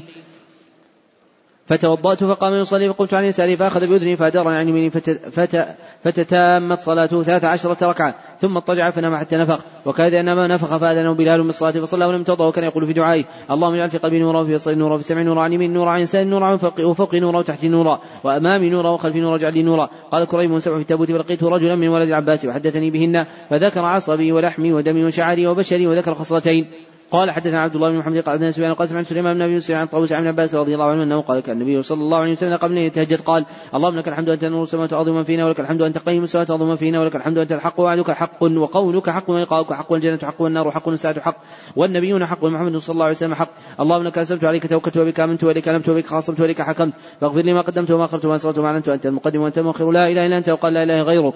باب التكبير والتسبيح عند المنام. قال حدثنا سليمان بن حرب قال حدثنا شعبة عن الحكم عن النبي عن علي رضي الله عنه فاطمة عن سام رضي الله عنه شكت ما تقى في يدها من ضحى النبي صلى الله عليه وسلم تسأله قادما فلم تجد ذكر ذلك العشر رضي الله عنه؟ فلما جاء أخبرته قال فجاءنا وقد أخذنا مضاجعنا فذهبت أقوم. فقال مكانك فجلس بين حتى وجدت برد قدمي على صدري؟ فقال أدلكما على ما هو خير لكم من قادم إذا ويتم من فرجكما أو أخذتما مضاجع أو أخذتما مضاجعكما فكبر 33 وسبعة 33 وحدة 33 فهذا خير لكما من خادم وعن شعبة خالد عن مسيرين قال التسبيح 34 باب التعوذ والقراءة عند المنام. قال حدثنا عبد الله بن يوسف قال حدثنا الذي قال حدثني عقيل عن شام قد أخبرني عروة عن عائشة رضي الله عنها رسول الله صلى الله عليه وسلم كان إذا أخذ مضجعه نفث في يديه وقرأ بالمعوذات ومسح بهما جسده. باب قال حدثنا أحمد بن يونس قال حدثنا زيد قال حدثنا عبيد الله بن عمر قال حدثني سعيد بن أبي سعيد مقبري عن أبي عن النبي رضي الله عنه أنه قال قال النبي صلى الله عليه وسلم إذا اوى احدكم لفراشه فلينفض فراشه بداخله إزاره. فإنه لا يدري ما خلفه عليه ثم يقول باسمك ربي وضعت جنبي وبك أرفعه إن أمسكت نفسي فارحمه وإن أرسلتها فاحفظها ما تحفظ به الصالحين. تابعه أبو ضمرة ويسمع من زكريا عن عبيد الله وقال يحيى بشر عن عبيد الله عن سعيد عن أبي رضي الله عن النبي صلى الله عليه وسلم ورواه مالك بن عجل عن سعيد بن رضي الله عنه عن النبي صلى الله عليه وسلم. باب الدعاء نصف الليل. قال حدث عبد العزيز بن عبد الله قال عبد الملك وعن بن عبد الله الاغر وأبي سلمة بن عبد الرحمن بن رضي الله عنه رسول الله صلى الله عليه وسلم قال تنزل ربنا تبارك وتعالى كل ليلة اسماء الدنيا حين يبقى الليل الآخر. يقول من يدعوني فاستجيب له ومن يسالني فأعطيه ومن يستغفرني فأغفر له. باب الدعاء عند الخلاء. قال حدثنا محمد عرارة قال حدثنا شعبة عن بن صيب عن سماك رضي الله عنه أنه قال كان النبي صلى الله عليه وسلم إذا دخل الخلاء قال اللهم إني أعوذ بك من الخبث والخبائث باب ما يقول إذا أصبح قال حدثنا مسدد قال حدثنا زيد بن زرعين قال حدثنا حسين قال حدثنا عبد الله بن مرة عن شيء من كعب بن شداد بن أوس رضي الله عنه النبي صلى الله عليه وسلم قال سيد الاستغفار اللهم أنت ربي لا إله إلا أنت خلقتني وأنا عبدك وأنا على عهدك ووعدك ما استطعت. أبوء لك بنعمتك أبوء لك بذنبي فاغفر لي فإني أغفر الذنوب إلا أنت. أعوذ بك من شر ما صنعت إذا قال إحني مسلم ما تدخل الجنة وكان من أهل الجنة وإذا قال إحني يصبح فمات مني يومي وذكر مثله. قال حدثنا أبو نعيم قال حدثنا سفيان عبد الملك بن عمر إبراهيم بن حراش عن حذيفة رضي الله عنه قال كان النبي صلى الله عليه وسلم إذا رضي إنما قال بسمك اللهم أموت وأحيا وإذا استيقظ من امي قال الحمد لله الذي حان بعد ما مات وإليه النشور قال حدثنا عبد عن أبي حمزة عن منصور عن بن حراش عن خرجت من الحدي عن أبي ذر رضي الله عنه قال كان النبي صلى الله عليه وسلم إذا أخذ مضجعه من الليل قال اللهم باسمك أموت وأحيا فاستيقظ قال الحمد لله الذي أحيانا بعد ما اماتنا وإليه النشور. باب الدعاء في الصلاة. قال حدثنا عبد الله بن يوسف قال أخبرنا الليث قال حدثني يزيد عن بالخير عن عبد الله بن عمرو رضي الله عنه عن أبي بكر الصديق رضي الله عنه أنه قال النبي صلى الله عليه وسلم علم دعاء ندعو به في الصلاة قال قل اللهم إني ظلمت نفسي ظلما كثيرا ولا يغفر الذنوب إلا أنت فاغفر لي مغفرة من عندك وارحمني إنك أنت غفور رحيم وقال عمرو عن يزيد عن أبي الخير إنه سمع عبد الله بن عمرو رضي الله عنهما قال قال أبو بكر رضي الله عنه للنبي صلى الله عليه وسلم. قال حدثنا علي قال حدثنا مالك بن سعيد قال حدثنا هشام بن عروة عن أبي عائشة رضي الله عنها في قوله تعالى وجرب بصلاتك ولا تخافت بها قالت أنزلت في الدعاء. قال حدثنا عثمان بن قال حدثنا جرير عن عن النبي وعن عبد الله رضي الله عنه أنه قال كنا نقول في الصلاه السلام على الله السلام على فلان فقال النبي صلى الله عليه وسلم ذات يوم إن الله والسلام فإذا قعد أحدكم الصلاه فليقل تحية لله إلى قول الصالحين فإذا قال اصاب كل عبد الله في السماء والأرض صالح شاء أشهد أن لا إله إلا الله وأشهد محمد عبده ورسوله ثم يتخير من الثناء ما شاء. باب الدعاء بعد الصلاة. قال حدثني إسحاق قال أخونا يزيد قال أخونا مرقع عن سبيل ابي صالح عن أبي رضي الله عنه أنه قال قالوا يا رسول الله ذهب الدثور بدرجات ونعيم المقيم. قال كيف ذاك؟ قال صلوا كما صلينا وجاهدوا كما جاهدنا وأنفقوا من فضول أموالهم ليست لنا أموال. قال أفلا أخبركم بأمر تدركون من كان قبلكم يسبقون من جاء بعدكم لا يأتي أحد مثل ما جئتم من جاء مثله تسبحون بدون صلاه عشرة وتحمدون عشرة وتكبرون عشرة. تابع عبد الله بن عمر عن سمي ورواه ابن عجاء عن سمي ورجاء بن حيوة ورواه جرير عبد العزيز بن رفيع عن صالح بن رضي الله عنه ورواه سهيل عن أبي عن أبي رضي الله عنه عن النبي صلى الله عليه وسلم. قال حدثنا قتيبة بن سعيد قال عن جرير وعن منصور عن المسيب بن رافع عن مراد مولى المغيرة شعبة أنه قال كتب المغيرة إلى معاوية ابن أبي سفيان رضي الله عنه أن رسول الله صلى الله عليه وسلم كان يقول في دبر كل صلاة إذا سلم لا إله إلا الله وحده لا شريك له الملك والحمد لله كل شيء قدير اللهم لا منع ما أعطيت ولا معطي من منعت ولا الجد منك الجد وقال شعبة عن منصور قال سمعت المسيب باب قول الله تعالى وصلي عليهم ومن أخص ومن خص أخاه بالدعاء دون نفسه. وقال أبو موسى رضي الله عنه قال النبي صلى الله عليه وسلم اللهم اغفر لعبيد أبي عامر. اللهم اغفر لعبد الله بن قيس ذنبه. قال حدثنا مسدد قال عبد الله عن زيد بن أبي عبيد مولى سلمة قال حدثنا سلمة بن أكوع رضي الله عنه قال خرج مع النبي صلى الله عليه وسلم قال رجل من القوم يا عامر. لو أسمعت منه من هنيهاتك فنزل يحدو به المذكر. تالله لو الله ما تدين وذكر شعر غير هذا ولكن لم يحفظه. قال رسول الله صلى الله عليه وسلم من هذا السيقال عمرو الاكوع قال يرحمه الله. قال رجل من القوم يا رسول الله ولا متعتنا به. فلما صاف القوم قاتلوهم فأصيب عمرو رضي الله عنه بقلب سيف نفسه فمات. فلما أمسى وقد نار كثيرا فقال رسول الله صلى الله عليه وسلم هذه النار على شيء توقدون قالوا على حمر انسيه قال اهرقوا ما فيها وكسروها قال رجل يا رسول الله ألا نهريق ما فيها ونصيبها؟ قال أو ذاك. قال حدثنا مسلم قال حدثنا شعبة عن عمرو قال سمعت النبي رضي الله عنه قال كان النبي صلى الله عليه وسلم إذا أتى رجل من صدقته قال اللهم صل على آل آل فلان. فاتاه به فقال اللهم صل على آل أبي أوفى. قال حدثنا علي بن عبد الله قال عن سفيان عن سمعنا عن قيس قال سمع جرير رضي الله عنه قال قال لي رسول الله صلى الله عليه وسلم لا تريحني من ذي الخلصة وهو نصب كانوا يعبدون يسمى, يسمى الكعبة اليمانية. قلت يا رسول الله إن الرجل لا يثبت على خير وصك بصدري قال وجعل هذه يمانيه قال فخرجت خمسين من احمس من قومي وربما قال سفيان فانطلقت بعصبة من قومي فاتيتها فأحرقتها ثم أتيت النبي صلى الله عليه وسلم قلت يا رسول الله والله ما أتيتك حتى تركتها مثل الجمال الأجرب. فدعا لي أحمس وغيرها فدعا لاحمس وخيلها قال حدثنا سعيد بن ربيعة قال عن شعبة عن قتادة انه قال سمعت أنس رضي الله عنه قال قالت مسلمة رضي الله عن النبي صلى الله عليه وسلم أنس خادمك. اللهم أكثر ماله وولده وبارك له فيما أعطيته. قال حدثنا عثمان النبي شفت قال عبد عبدة عن شمع عن عائشة رضي الله عنها قال سمع النبي صلى الله عليه وسلم رجلا يقرأ في المسجد فقال رحمه الله لقد أذكرني كذا وكذا آية اسقطتها في سورة كذا وكذا.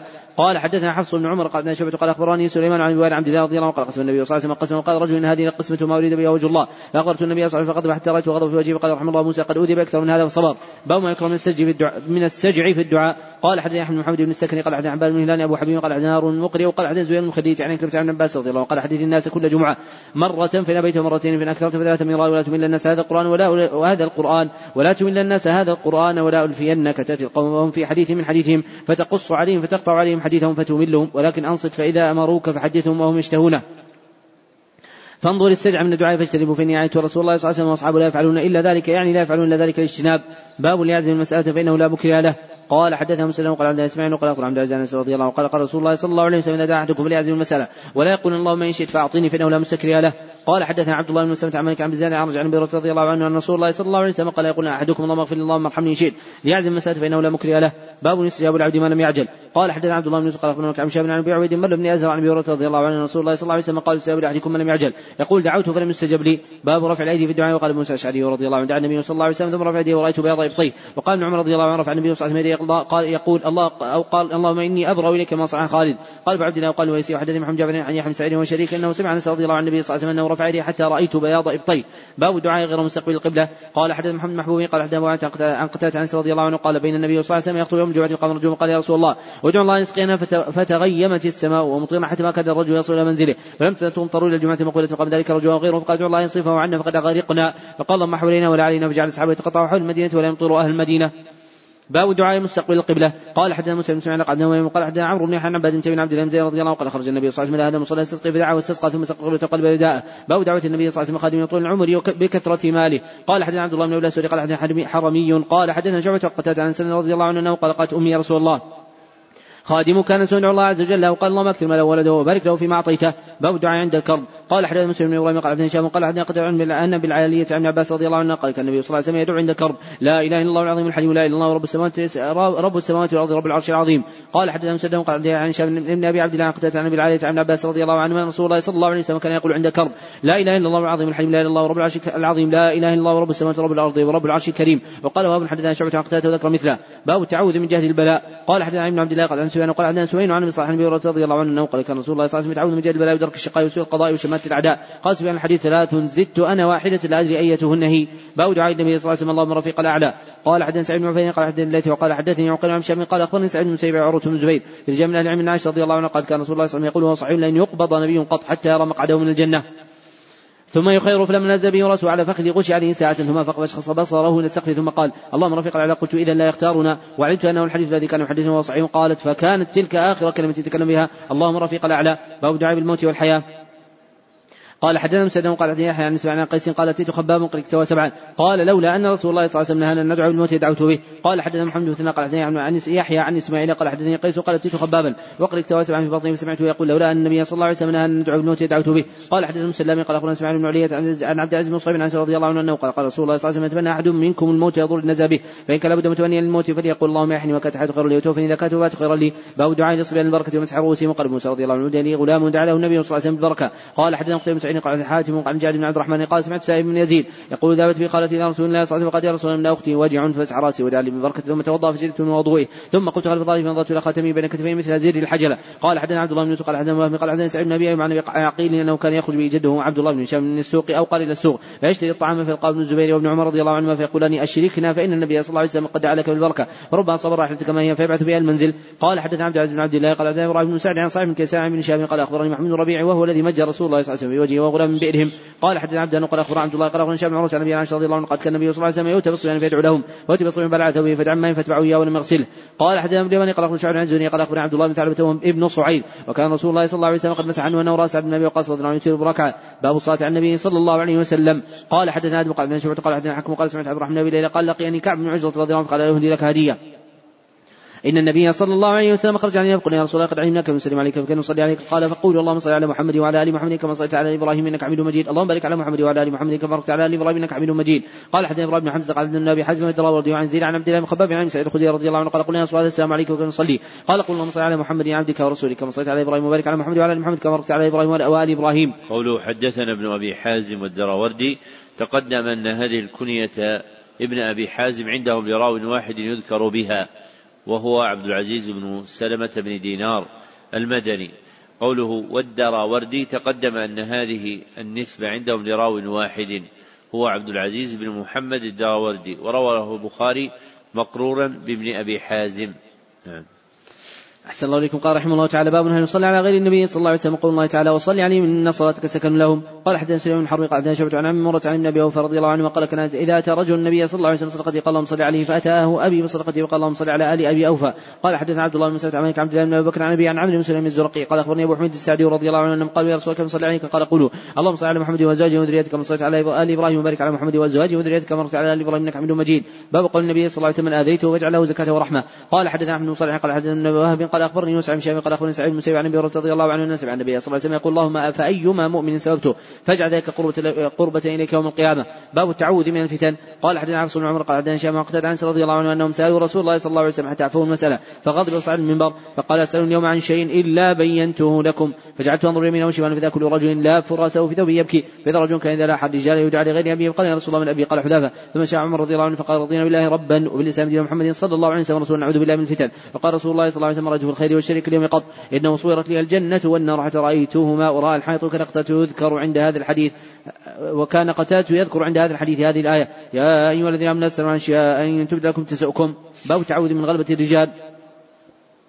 قال حدثنا قتيبة بن سعيد قال حدثنا إسماعيل بن عن عمرو بن أبي عمرو مولى المطلب بن عبد الله بن حنطب بن سمع عن مالك رضي الله عنه يقول قال رسول الله صلى الله عليه وسلم ابي طلحة التمس لنا غلام من غلمانكم يخدمني فخرج بي أبو طلحة يردفني وراءه فكنت أخدم رسول الله صلى الله عليه وسلم كل من نزل كنت أسمع يكثر ان يقول اللهم إني أعوذ بك من الهم والحزن والعجز والكسل والبخل والجبن وضاع الدين وغلبة الرجال فلم ازال أخدمه حتى قلنا من خيبر. وأقبلت بالصبيه بنت حيين قد حازها فكنت أراه يحوي وراءه بعباته انكسام ثم يردفها وراءه حتى إذا كنا بالصبايا صنع حيزا في نطع ثم أرسلني بدعوت الرجال فاكلوا وكان ذلك بناء وكان ذلك بناءه بها. ثم أقول حتى بدا له أحد قال هذا جبيل يحبنا ونحبه فلما شرع المدينة. قال اللهم إني أحرم بين جبليها مثل ما حرم به إبراهيم مكة. اللهم بارك لهم في مديهم وصاعهم باب التعوذ من عذاب القبر. قال حدثنا احمدي قال حدثنا سفيان قال حدثنا مسلم قال سمعت أم خالد بنت خالد. قال ولم أسمع أحد من سمع النبي من النبي صلى الله عليه وسلم غيرها. قال سمعت النبي صلى الله عليه وسلم يتعوذ من عذاب القبر. قال حدثنا آدم قال حدثنا شعبة قال عبد الملك عن مصعب قال كان سعد يأمر بخمس. ويذكرون عن النبي صلى الله عليه وسلم أنه كان يأمر بهن. اللهم إني أعوذ بك من البخل وأعوذ بك من الجبن وأعوذ بك من ارد إلى أرض العمر وأعوذ بك من فتنة الدنيا يعني فتنة الدجال. وأعوذ بك من عذاب القبر.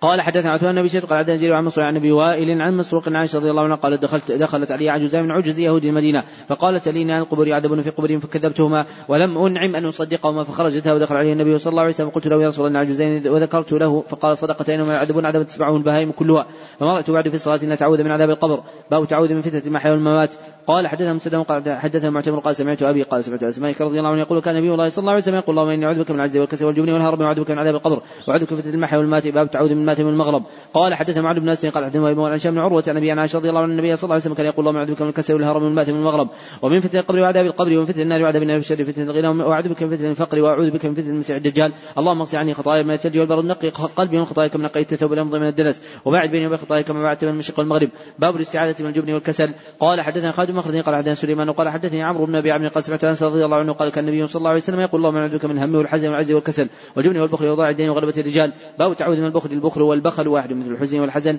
قال حدثنا محمد بن قال حدثنا غدر قال حدثنا شعبة عن مالك بن عن مصعب بن سعد عن سعد بن أبي وقاص رضي الله عنه أنه قال كان يأمر أنه كان يأمر بهؤلاء الخمس ويحدثون عن النبي صلى الله عليه وسلم. اللهم إني أعوذ بك من البخل وأعوذ بك من الجبن وأعوذ بك من ان ارد إلى أرض العمر وأعوذ بك من فتنه الدنيا وأعوذ بك من عذاب القبر. باب التعوذ من أرض العمر أراذلنا أسقاطنا. قال حدثنا أبو معمر قال حدثنا عبد الوارث قال عبد العزيز بن مصعب بن مالك رضي الله عنه قال كان رسول الله صلى الله عليه وسلم يتعوذ يقول اللهم إني أعوذ بك من الكسل وأعوذ بك من الجبن وأعوذ بك من الهرم وأعوذ بك من البخل. باب الدعاء برفع الوباء والوجع. قال حدثنا محمد بن يوسف قال حدثنا سفيان عن هشام عروس عن أبي عائشة رضي الله عنها قال قال النبي صلى الله عليه وسلم اللهم حبب إلى المدينة كما حببت إلى مكة وشد وأنقل حماه الجحفة اللهم بارك لنا في مدنا وصاعنا قال حدثنا مسلم بن قال إبراهيم بن قال النبي قال عادني رسول الله صلى الله عليه وسلم من شكوى اشفيت منه عن الموت. فقلت يا رسول الله ترى من الوجع والدمان ولا إلا ابنة لي واحدة. أفلا زي مالي قال لا قلت فبشطره قال ثلث كثير. إنك أن تذر ورثتك أغنياء خير من تذر مع يتكفون الناس وإنك لن تنفق نفقة تبتغي وجه الله عز وجل لا أجرت حتى ما تجعل في في امرأتك. قلت آ أخلف بعد أصحابي. قال إنك تخلف. فتعمل عمل تبتغي وجه الله إلا زدت درجة ورفع لك. تخلف حتى ينتفع بك القوم ينظر بك آخرون. اللهم انظر لأصحابي جرت ولا ترد على عقب لك الباس سعد من قال سعد رثى له النبي صلى الله عليه وسلم من أن توفي بمكة باب الاستعاذة من أرض العمر ومن فتنة الدنيا وفتنة النار. قال حدثنا إسحاق بن إبراهيم قال أخبرنا الحسين عن زائدة عن عبد الملك عن مصعب بن النبي رضي الله عنه قال تعوذ بكلمتك النبي صلى الله عليه وسلم يتعوذ بهن. اللهم أعوذ بك من الجبن وأعوذ بك من البخل وأعوذ بك من أن أرد إلى ارض العمر وأعوذ بك من فتنة الدنيا وعذاب القبر. قال حدثني أحمد موسى قال حدثنا وكيع قال حدثنا هشام بن عروة عن النبي رضي الله عن النبي صلى الله عليه وسلم كان يقول اللهم أعوذ بك من الكسل والهرم والمغرم والمأثم. اللهم إني أعوذ بك من عذاب النار وفتنه النار وعذاب القبر وشر فتنه الغلا وشر فتنه الفقر ومن شر فتنه المسيح الدجال. اللهم اصلح خطايا ما يثلج وبعض نقل بين خطاياك من نقته بالارض من الدنس وباعد بيني وبين خطاياك من بعدت من المشرق والمغرب باب الاستعاذة من فتنه باب الاستعاذة من فتنة الغنى قال حدثنا مسلم بن اسماعيل قال حدثنا سلام نبي مطيع عن هشام بن عبد قال خالتي أن النبي صلى الله عليه وسلم كان يتعوذ. اللهم إني أعوذ بك من فتنه النار ومن عذاب النار وأعوذ بك من فتنه القبر وأعوذ بك من عذاب القبر وأعوذ بك من فتنه الغنى وأعوذ بك من فتنه الفقر وأعوذ بك من فتنه المسيح الدجال. باب التعوذ من فتنه الفقر. قال حدثنا محمد وقال أخبرنا معاوية قال أخبرنا هشام بن عروة عن أبي عائشة رضي الله عنها قالت كان النبي صلى الله عليه وسلم يقول اللهم إني أعوذ بك من فتنه النار وعذاب النار وفتنه القبر وعذاب القبر وشر فتنه الغنى وشر فتنه الفقر. اللهم إني أعوذ بك من شر فتنه المسيح الدجال. اللهم اصل قلبي ما يثلج والبرد نقي قلبي من خطاياك كما نقيت ثوب الابض من الدنس وبعد بيني وبين خطاياك كما بعدت من شق المغرب اللهم إني أعوذ بك من كسر المتن والمغرب. باب الدعاء من كثرة المال مع البركة. قال حدثني محمد بشار قال عندنا غدار قال عندنا شعبة قال سمعت قتادة عن رضي الله عنه من سمي رضي الله عنه أنها قالت يا رسول الله آنس آنس خادمك. ادعو الله عز وجل له قال اللهم أكثر ماله وولده وبارك له فيما أعطيته. أجل من زيد قال سمعت أسماء رضي الله عنه ذكر مثله. قال حدثنا أبو زيد سعيد بن ربيع قال عندنا شعبة قتادة أنه قال سمعت أنس رضي الله عنه قال قالت أم سلمة رضي الله عنها أنس خادمك. قال اللهم أكثر ماله وولده وبارك له فيما أعطيته. باب الدعاء عند الاستخارة. قال حدثنا مطلب بن عبد الله بن مصعب قال حدثنا عبد الرحمن بالموالي عن محمد بن كثير عن جابر رضي الله عنه قال كان النبي صلى الله عليه وسلم على المسخرة بالمولي كلها كسورة من القرآن. إذا هم بالله يقول إذا هم بالأمر فليقرأ ركعتين ثم يقول اللهم إني أستغفرك بعلمك وأستقدرك بقدرتك وأسألك من فضل من فضلك العظيم. فإنك تقدر ولا أقدر وتعلم ولا أعلم وأنت علام الغيوب. اللهم إن كنت تعلم أن هذا من خير لي في ديني وعاشي وعقدة أمري وقال في عاجل أمري وآجله فاقدر لي. وإن كنت تعلم أن هذا من شر لي في ديني وعاشي وعقدة أمري وقال في عاجل أمري وآجله فاصرف عني واصرفني عنه واقدر لي الخير حيث كان ثم ردني به وسمع حاجته. باب الدعاء عند الوضوء. قال حدثنا محمد علي قال حدثنا مسامة عن بريد بن عبد الله عن أبي بردة عن أبي موسى رضي الله عنه أنه قال دعا النبي صلى الله عليه وسلم ما فتوضأ ثم رفع يديه فقال اللهم اغفر لعبيد أبي عامر ورايت بياض ابطيه فقال اللهم اجعله يوم القيامة فقال كثير من خلقك من الناس باب دعاء إذا على عقبة قال حدثنا سليم بن حرب قال عن زيد عن عن أبي عثمان أبي موسى رضي الله عنه أنه قال كنا مع النبي صلى الله عليه وسلم في سفر فكنا إذا علمنا كبرنا فقال النبي صلى الله عليه وسلم أيها الناس أربع على أنفسكم إنكم لا تدعون صم ولا غيب ولا تدعون سميعا بصيرا ثم علي وأنا أقول في نفسي لا حول ولا قوة إلا بالله قال عبد الله بن قيس قل لا حول ولا قوة إلا بالله فانها كنز من كنوز الجنة أو قال ألا أدلك على كلمة كنز من كنوز الجنة لا حول ولا قوة إلا بالله. باب الدعاء إذا هبط واديا في حديث جابر رضي الله عنه. باب الدعاء إذا أراد سفرا أو رجع. قال حدثني إسماعيل وقال حدثني مالك عن نافع عبد الله بن عمر رضي الله عنه أن رسول الله صلى الله عليه وسلم كذا قبل من غزو أو حج أو عمرة يكبر على كل شرف من الأرض. ثلاث تكبيرات ثم يقول لا إله إلا الله وحده لا شريك له الملك والحمد لله كل شيء قدير. أي بن بن عبد ربنا حمد وصدق الله وحده ونصر عبده وهزم الأحزاب وحده. باب الدعاء للمتزوج. قال حدثنا مسدد قال حدث أحمد بن زيد عن ثابت عن رضي الله عنه قال النبي صلى الله عليه وسلم الرحمن عوف في هذه الصفرة فقال ما هي قال ما قال تزوجت امرأة عن وزن من ذهب قال بارك الله لك أولم ولو بشاه قال حدثنا ابن عمان قال حدث أحمد بن زيد عن عمرو عن جابر رضي الله عنه قال هلك أبي ترك سبعة, سبعة وتسع بنات فتزوجت امرأة فقال النبي صلى الله عليه وسلم تزوجت يا جابر. قلت نعم. قال بكرا ثيبة. قلت ثيبة. قال هل جارية تلعب وتلعبك وتضحك وتضحكك قلت هل أبي ترك سبعة وقال تسع بنات فكرهت ان اجيئهن مثلي وتزوجت امرأة تقوم عليهن. قال بارك الله عليك لم يقل معينة محمد بن عن عمرو لم يقل لم يقل ابن عيينة ومحمد بن مسلم عن عمرو بارك الله عليك باب ما يقول إذا أتى أهله. قال حدثنا عثمان بن قال حدثنا جرير عن منصور عن سالم عن كريب عن عباس رضي الله عنه أنه قال قال النبي صلى الله عليه وسلم ان أحدهم إذا أراد أن يأتي اهله قال بسم الله اللهم جنب الشيطان وجنب الشيطان ما رزقنا فإنه إن يقدر بينهم ولد في ذلك لم يضره الشيطان أبدا. أو قول النبي صلى الله عليه وسلم ربنا آتنا في الدنيا حسنة. قال أحدهم سنه قال عن عبد الله عن عبد العزيز رضي الله عنه قال كان أكثر دعاء النبي صلى الله عليه وسلم اللهم ربنا آتنا في الدنيا حسنة والآخرة حسنة وقنا عذاب النار. باب التعوذ من فتنة الدنيا. قال حدثنا فروة بن أبي المغراء قال حدثنا عبيدة بن محمد عن دميك عن مصعب بن سعد بن أبي وقاص عن النبي رضي الله عنه أنه قال كان النبي صلى الله عليه وسلم علم من هؤلاء الكلمة كما تعلم الكتابة. اللهم إني أعوذ بك من البخل وأعوذ بك من الجبن وأعوذ بك من أن نرد أن نرد إلى أرض العمر وأعوذ بك من فتنة الدنيا وعذاب القبر. باب تكرير الدعاء. قال حدثنا إبراهيم بن قال حدثنا أنس بن عياض عن شمع عن ابي عائشه رضي الله عنها رسول الله صلى الله عليه وسلم طب حتى إنه يقول لي قد صنع الشيء ما صنعه ولم دعا ربه ثم قال اشعرت أن الله عز وجل أفتاني فيما استفتيته فيما استفتيته فيه. فقالت عائشة رضي الله عنها ما ذاك يا رسول الله؟ قال جاءني رجل يجلس أحدهما عند رأسي والآخر عند رجليه. فقال من صاحبي ما وجع الرجل؟ قال مطلوب قال من طبه؟ قال بدون عصر قال في ماذا؟ قال في مشط ومشط وجف طلعة. قال فإنه قال في ذروان. وذروان بئر في بني زريق. قالت فأتى رسول الله صلى الله عليه وسلم فرجع على عائشة. وقال والله لكن ما نقاعة الحناء ولكن اغلى رؤوس الشياطين. قالت فأتى رسول الله صلى الله عليه فأخبر عن بئر فقلت يا رسول الله فلا أخرجته. قال أما أنا فقد شفاني الله عز وجل وكرهت ان اثير على الناس شرا. زاد عيسى بن يوسف وليت عن هشام بن ابي رضي الله عنه. قال سحر النبي صلى الله عليه وسلم فدعا ودعا وساق الحديث. باب الدعاء على المشركين وقال مسعود رضي الله عنه قال النبي صلى الله عليه وسلم اللهم اعني عليهم بسبع كسبع يوسف. وقال اللهم عليك بأبي جهل وقال ابن عمر رضي الله عنه. دعا النبي صلى الله عليه وسلم في الصلاه اللهم لعن فلان وفلان حتى أنزل الله عز وجل ليس لك من الامر شيء. قال حدثنا مسلم قال أخبرنا وكيع عن ابن أبي خالد قال سمعت النبي أوفى رضي الله عنه قال دعا رسول الله صلى الله عليه وسلم على احزابه فقال اللهم انزل كتاب سر الاحزاب اهزم الأحزاب اهزمهم وزلزلهم قال حدثنا معاذ بن فضالة قال حدثنا هشام بن عن النبي الله عليه وسلم رضي الله عن النبي صلى الله عليه وسلم كان إذا قال سمع الله لمن حمده فركعه اخذ من صلاة العشاء قالت اللهم انجع ياسر من ابي ربيعة اللهم انجل وليد من وليد اللهم انجل سنه من هشام اللهم انجل المستضعفين من المؤمنين اللهم انجل وطاعتك على مضار اللهم اجعل سنين كسن يوسف قال حدثنا حسن ربيعة قال حدثنا أبو الاحوص عن عاصم بن عنس رضي الله عنه قال بعث النبي صلى الله عليه وسلم سرية وقال لهم القراء فأصيبوا فما رأيت النبي صلى الله عليه وسلم وجد على شيء ما وجد عليهم فقنت شهرا في صلاة الفجر ويقول إن عصية عصوا الله ورسوله صلى الله عليه وسلم. قال حتى عبد الله بن محمد قال هشام قال أخبرنا عن عروة عائشة رضي الله عنها قال قال اليهود يسلمون على النبي صلى الله عليه وسلم يقول السلام عليك عائشه رضي الله عنها قولهم فقالت عليكم السلام واللعنة. فقال النبي صلى الله عليه وسلم يا عائشه إن الله يحب الرفق في الامن كله؟ فقالت يا نبي الله نسمع ما يقولون؟ قال تسمع رد ذلك عليهم فاقول عليكم. قال حدثنا محمد بن قال حدثنا الانصاري وقال حدثنا هشام بن حسان قال حدثنا محمد بن قال حدثنا عبيدة. قال حدثنا عن أبي طالب رضي الله عنه قال كنا مع النبي صلى الله عليه وسلم الخندق فقال مر الله قبورهم وبيوتهم نارا كما شغلنا صلاته وصلاة غابت الشمس صلاه العصر. باب الدعاء للمشركين قال حدثنا علي قال حدثنا سفيان قال حدثنا مسلم عن أبي رضي الله عنه قال قدم الطفيل بن عمرو على رسول الله صلى الله عليه وسلم. قال يا رسول الله دوسا قد عصت. وأبت تدعو الله عز وجل عليها فظن الناس أنه يدعو عليهم. فقال ما دوسا واتي بهم. باب قول النبي صلى الله عليه وسلم اللهم اغفر لي ما قدمت وما أخرت. قال حدثنا محمد بن قال حدثنا عبد الملك بن صباح قال حدثنا شعبة عن أبي إسحاق عن ابن أبي موسى عن النبي رضي الله عن النبي صلى الله عليه وسلم أنه كان يدعو بهذا الدعاء. رب اغفر لي خطيئتي رب اغفر لي خطيئتي وجاري من في أمري كله. وما تعلم بي مني. اللهم اغفر لي خطاياي وعمدي وجهلي وأزني وكل ذلك عندي. اللهم اغفر لي ما قدمت وما أخرت. وما اسررت وما اعلنت المقدم وانت المؤخر وأنت على كل شيء قدير. قال عبد الله بن عدي وحدثنا أبي قال عبد شعبة عن إسحاق بن عن ابن ابي موسى عن النبي رضي الله عن النبي صلى الله عليه وسلم.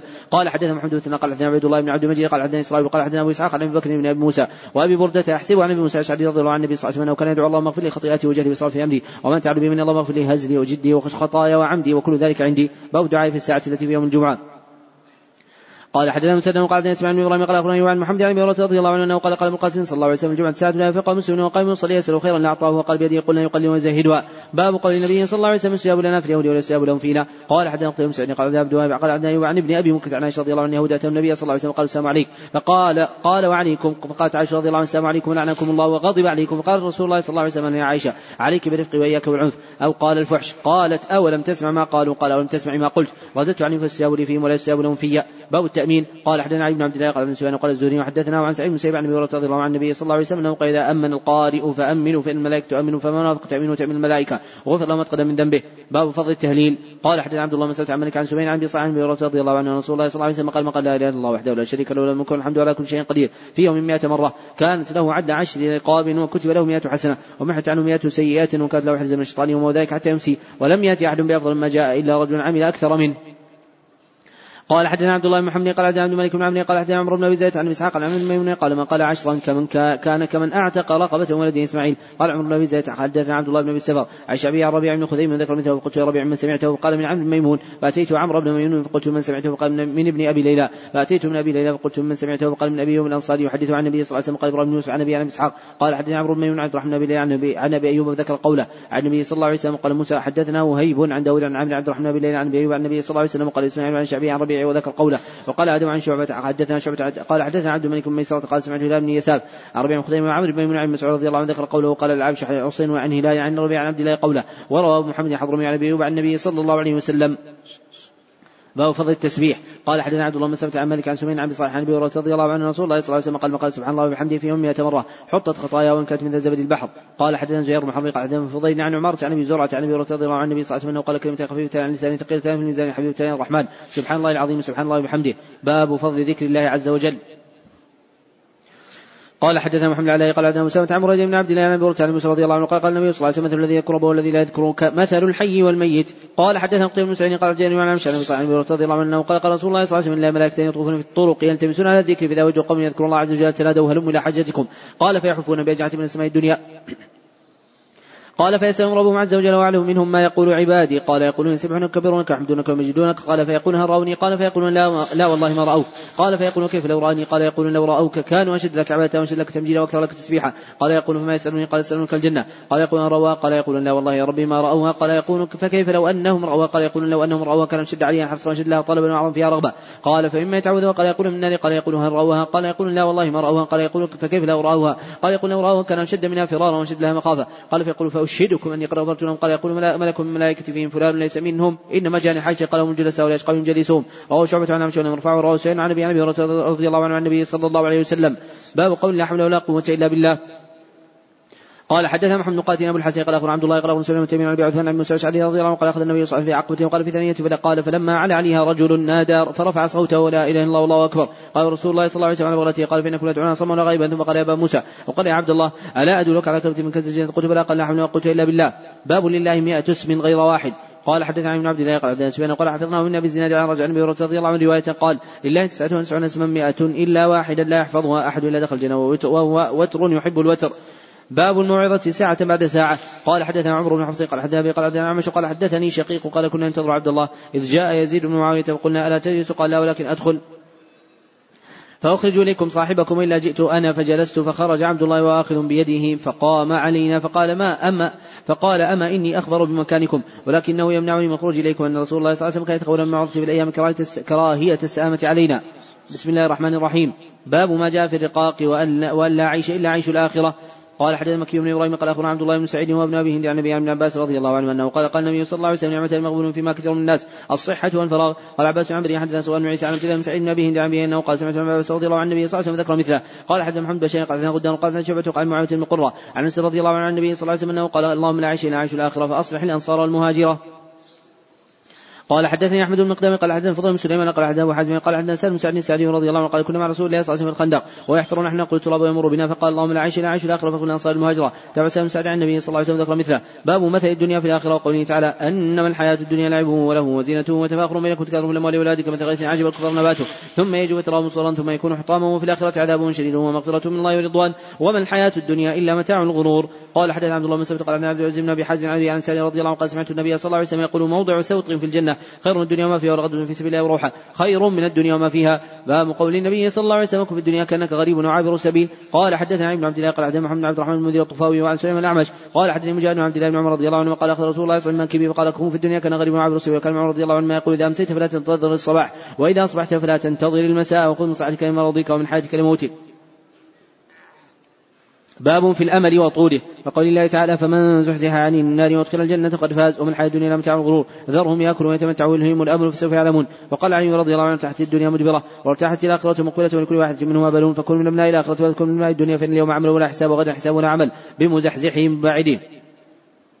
قال حدثنا صدق بن فضل قال اخبرني احمد عن سفيان قال حدثني أبي عن منذر عن ربيع بن خثيم عن عبد الله رضي الله عنه قال خط النبي صلى الله عليه وسلم خطا مربعا وخط خطا في الوسط خارجا منه وخط خطوط وخط خططا صغارا إلى هذا الذي في الوسط من جانبه الذي في الوسط وقال هذا الإنسان وهذا أجل محيط به وقال قد أحاط به وهذا الذي هو خارج أمله هذه الخطوط الصغار الاعراض فإن أخطأه هذا نهشه هذا وإن أخطأه هذا نهشه هذا قال حتى مسلم قال حدثنا قال إسحاق بن عبد الله بن أبي طالب رضي الله عنه قال خط النبي صلى الله عليه وسلم خطوطا وقال هذا الأمل وهذا اجله فمنه كذلك جاء إذ جاءه الخط الأقرب باب من بلغ ستين سنة وقد أعذر الله عز وجل إليه في العمر. لقوله عز وجل أولم نعمركم ما تذكر فيه من تذكر وجاءكم النذير؟ قال حدثني عبد السلام الطاهري قال حدثنا عمرو بن علي عن مالك محمد الغفاري عن سعيد بن أبي سعيد المقبري عن أبي هريرة رضي الله عن النبي صلى الله عليه وسلم أنه قال أعذر فقال عن النبي صلى الله عليه وسلم فقال أعذر الله عز وجل امرئ أخر أجله حتى بلغه ستين سنة. تبعه حازم بن عجلان عن المقبري قال حدثنا بن عبد الله قال عن أبو صفوان عبد الله بن سعيد قال حدثنا يوسف بن هشام قال أخبرني سعيد بن مسيب بن ابي هريرة رضي الله عنه قال سمعت رسول الله صلى الله عليه وسلم يقول لا يزال قلب الكبير شابا في اثنتين في حب الدنيا وطول الأمل. قال ليت حدثني يوسف بن وهب عن يوسف بن شاب قال أخبرني سعيد وأبو سلمة. قال حدثنا مسلم بن إبراهيم قال حدثني هشام قال حدثنا قتادة عن رضي الله عنه قال قال رسول الله صلى الله عليه وسلم يكبر ابن آدم ويكبر معه اثنان حب المال وطول العمر. رواه شعبة عن قتادة. باب العمل الذي يبتغى به وجه الله عز وجل فيه سعد. قال حدثنا معاذ بن قال أخبرنا عبد الله قال أخبرنا عن قال أخبرني محمد بن ربيع وزعم محمود أنه عقل رسول الله صلى الله عليه وسلم قال وعقل مجة مجة من دم كانت في دارهم. قال سمعت عثمان مالك الأنصاري رضي الله عنه بحر بني سالم قال غدا عليه رسول الله صلى الله عليه وسلم فقال لن يوافي عبد يوم القيامة يقول لا إله إلا الله يبتغي وجه الله إذا حرم الله عز وجل عليه النار. قال حدثنا قتيبة قال عن يعقوب بن عبد الرحمن عن عمرو عن سعيد المقبري عن أبي هريرة رضي الله عنه رسول الله صلى الله عليه وسلم قال يقول الله تعالى ما لعبد المؤمن عند ما لعبد المؤمن عندي جزاء إذا قبضت صفية من أهل الدنيا ثم احتسبه إلا الجنة.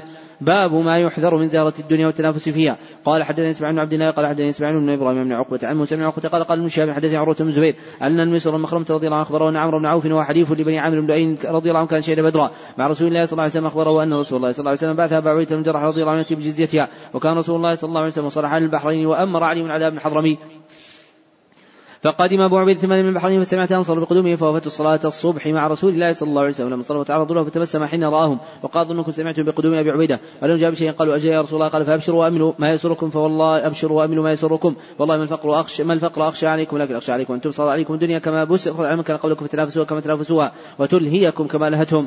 قال حدثنا نقطة بن سعيد قال عن الليث وعن زيد بن ابي حبيب عن ابي الخير عن نقطة بن عامر رضي الله عنه أن رسول الله صلى الله عليه وسلم خرج يوما فصلى على اهله وحد صلاته عن ثم صلى المنبر فقال إني فرطكم وأنا شهيد عليكم وإني والله لا أنظر إلى حوض الآن وإني قد اعطيت مفاتيح خزائن الأرض أو قال مفاتيح الأرض وإني والله ما أخاف عليكم تشركوا بعدي ولكني أخاف عليكم ان تنافسوا بها. قال حدثنا اسماعيل وقال عبد الملك وعن زيد بن اسماعيل قال بن سعيد عن ابي سعيد رضي الله عنه أنه قال قال رسول الله صلى الله عليه وسلم أكثر ما أخاف عليكم ما يخرج الله عز وجل لكم من بركات الأرض. قيل وما بركات الأرض؟ قال الدنيا. قال رجل هل يأتي الخير بالشر فصمت النبي صلى الله عليه وسلم أنه انه ينزل عليه. ثم جعل يمسح عن جبينه فقال إن السائل قال أنا قال أبو سعيد قد حملناه وحين طلع ذلك. قال خير إلا بالخير إن هذا المال خضرة عنوة وإن كل ما أنبت الربيع يقتل حبطا أو يلم إلا أكلة الخضرة أكلت حتى إذا امتد خصرتها سقط الشمس فاجترت وثلاطت وبالت ثم عادت فأكلت وإن هذا المال حلوة من أخذه بحقه وضعه في حقه فنعم المعونة هو. ومن أخذ بغير حقه كان كالذي يأكل لا يشبع. قال حدثني محمد بن قال عندنا غدر وقال شعبة قال سمعت أبا جرمة قال حدثني زهد بن مضرب قال سمعت عمران بن حصين رضي الله عنه مع النبي صلى الله عليه وسلم أنه قال خيركم قرني ثم الذين يلونهم ثم الذين يلونهم. قال عمران فهذه قال النبي صلى الله عليه وسلم بعد قوله مرتين أو ثلاثة ثم يكون بعدهم قوم يشهدون ويستجدون ويخونون ولا يتمنون وينذرون ولا يفون ويظهر في مسلما. قال حد عبد عن أبي حمزة عن العامش عن إبراهيم عن عبيد عن عبد الله رضي الله عنه عن النبي صلى الله عليه وسلم أنه قال خير الناس قرني ثم الذين يلونهم ثم الذين يلونهم ثم يجيء ثم يجيء من بعدهم قوم تسبق شهادتهم أيمانهم أيمانهم شهاداتهم وأيمانهم شهادتهم. قال حدثنا يحيى بن موسى قال حدثنا وكيع قال عن إسماعيل بن قيس قال سمعت خبابا قال اكتوى يومئذ سبعا في بطني وقال لولا ان رسول الله صلى الله عليه وسلم نهانا ندعو الموت دعوته الموت ان أصحاب محمد صلى الله عليه وسلم مضوا. ولم تنقصهم الدنيا بشيء وإن اصبنا من الدنيا ما لا ينجو له موضع عند التراب. قال حدثنا محمد بن قال قال حدثنا يحيى عن إسماعيل قال حدثني قيس قالت الخباب رضي الله عنه. وهو يبني حائط لهم فقال ان أصحابنا الذين مضوا لم تنقصهم الدنيا شيئا وإن اصبنا من بعدهم شيئا لا نجد له موضعا إلا التراب. قال حدثنا محمد كثير قال عن سفيان عن اعمش عن أبي وائل عن خباب رضي الله عنه قال هجرنا مع رسول الله صلى الله عليه وسلم. باب قول الله تعالى يا أيها الناس إن وعد الله حق فلا تغرنكم الحياة الدنيا ولا يغرنكم بالله الغرور. إن الشيطان لكم عدو فاتخذوه عدوا إنما يدعو حزبه ليكونوا من أصحاب السعير. جمعه سعر. قال مجاهد غرور الشيطان. قال حدثنا سعد بن حصين قال حدثنا شيبان عن يحيى محمد بن إبراهيم القرشي قال أخبرني معاذ بن عبد الرحمن أن ان ابن ابان أخبره. قالت عثمان رضي الله عنه بطهور وجالس على المقاعد فتوضأ فأحسن وضوء ثم قرأت النبي صلى الله عليه وسلم توضأ في هذا المجلس فأحسن وضوء ثم قال من توضأ مثل هذا الوضوء ثم تبس فركع ركعتين ثم جلس غفر له من ذنبه. قال وقال النبي صلى الله عليه وسلم لا تغتروا. باب ذهب الصالحين. قال حدثني أحمد حماد قال حدثنا أبو عوانة عن بيان قاسم بن أبي حازم عن مرداس الاسلمي قال قال النبي صلى الله عليه وسلم يذهب الصالحون الأول في الأول ويبقى حفالتك حفالة الشعريه وقال تم لا يباليهم الله عز وجل بالة قال أبو عبد الله يقال حفالة وحثالة باب ما يتقى قوله عن مرداس الأسلمي ليس في رواة الستة من اسمه مرداس سوى هذا الراوي من الصحابة وهو مرداس بن مالك الأسلمي. مرداس بن مالك الأسلمي نعم.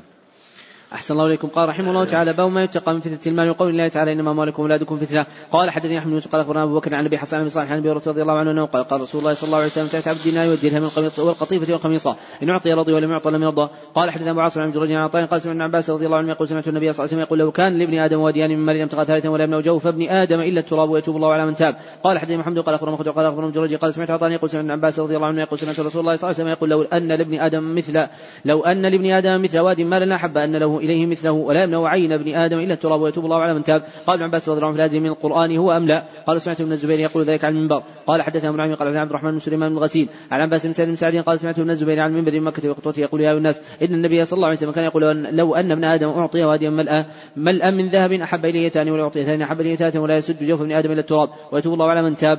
قال حدثنا عبد العزيز بن عبد الله قال عن بن سعد عن صحيح شهاب قال أخبرني أنس مالك رضي الله عنه رسول الله صلى الله عليه وسلم قال لو أن لابن آدم واديا من ذهب احب أن يكون له واديان ولن يملأ فاه إلا التراب ويتوب الله على من تاب وقال لنا أبو الوليد حدث عن بن سلمة عن ثابت عن رضي الله عنه رضي الله عنه قال كنا نرى هذا من القرآن حتى نزلت ألهاكم التكاثر.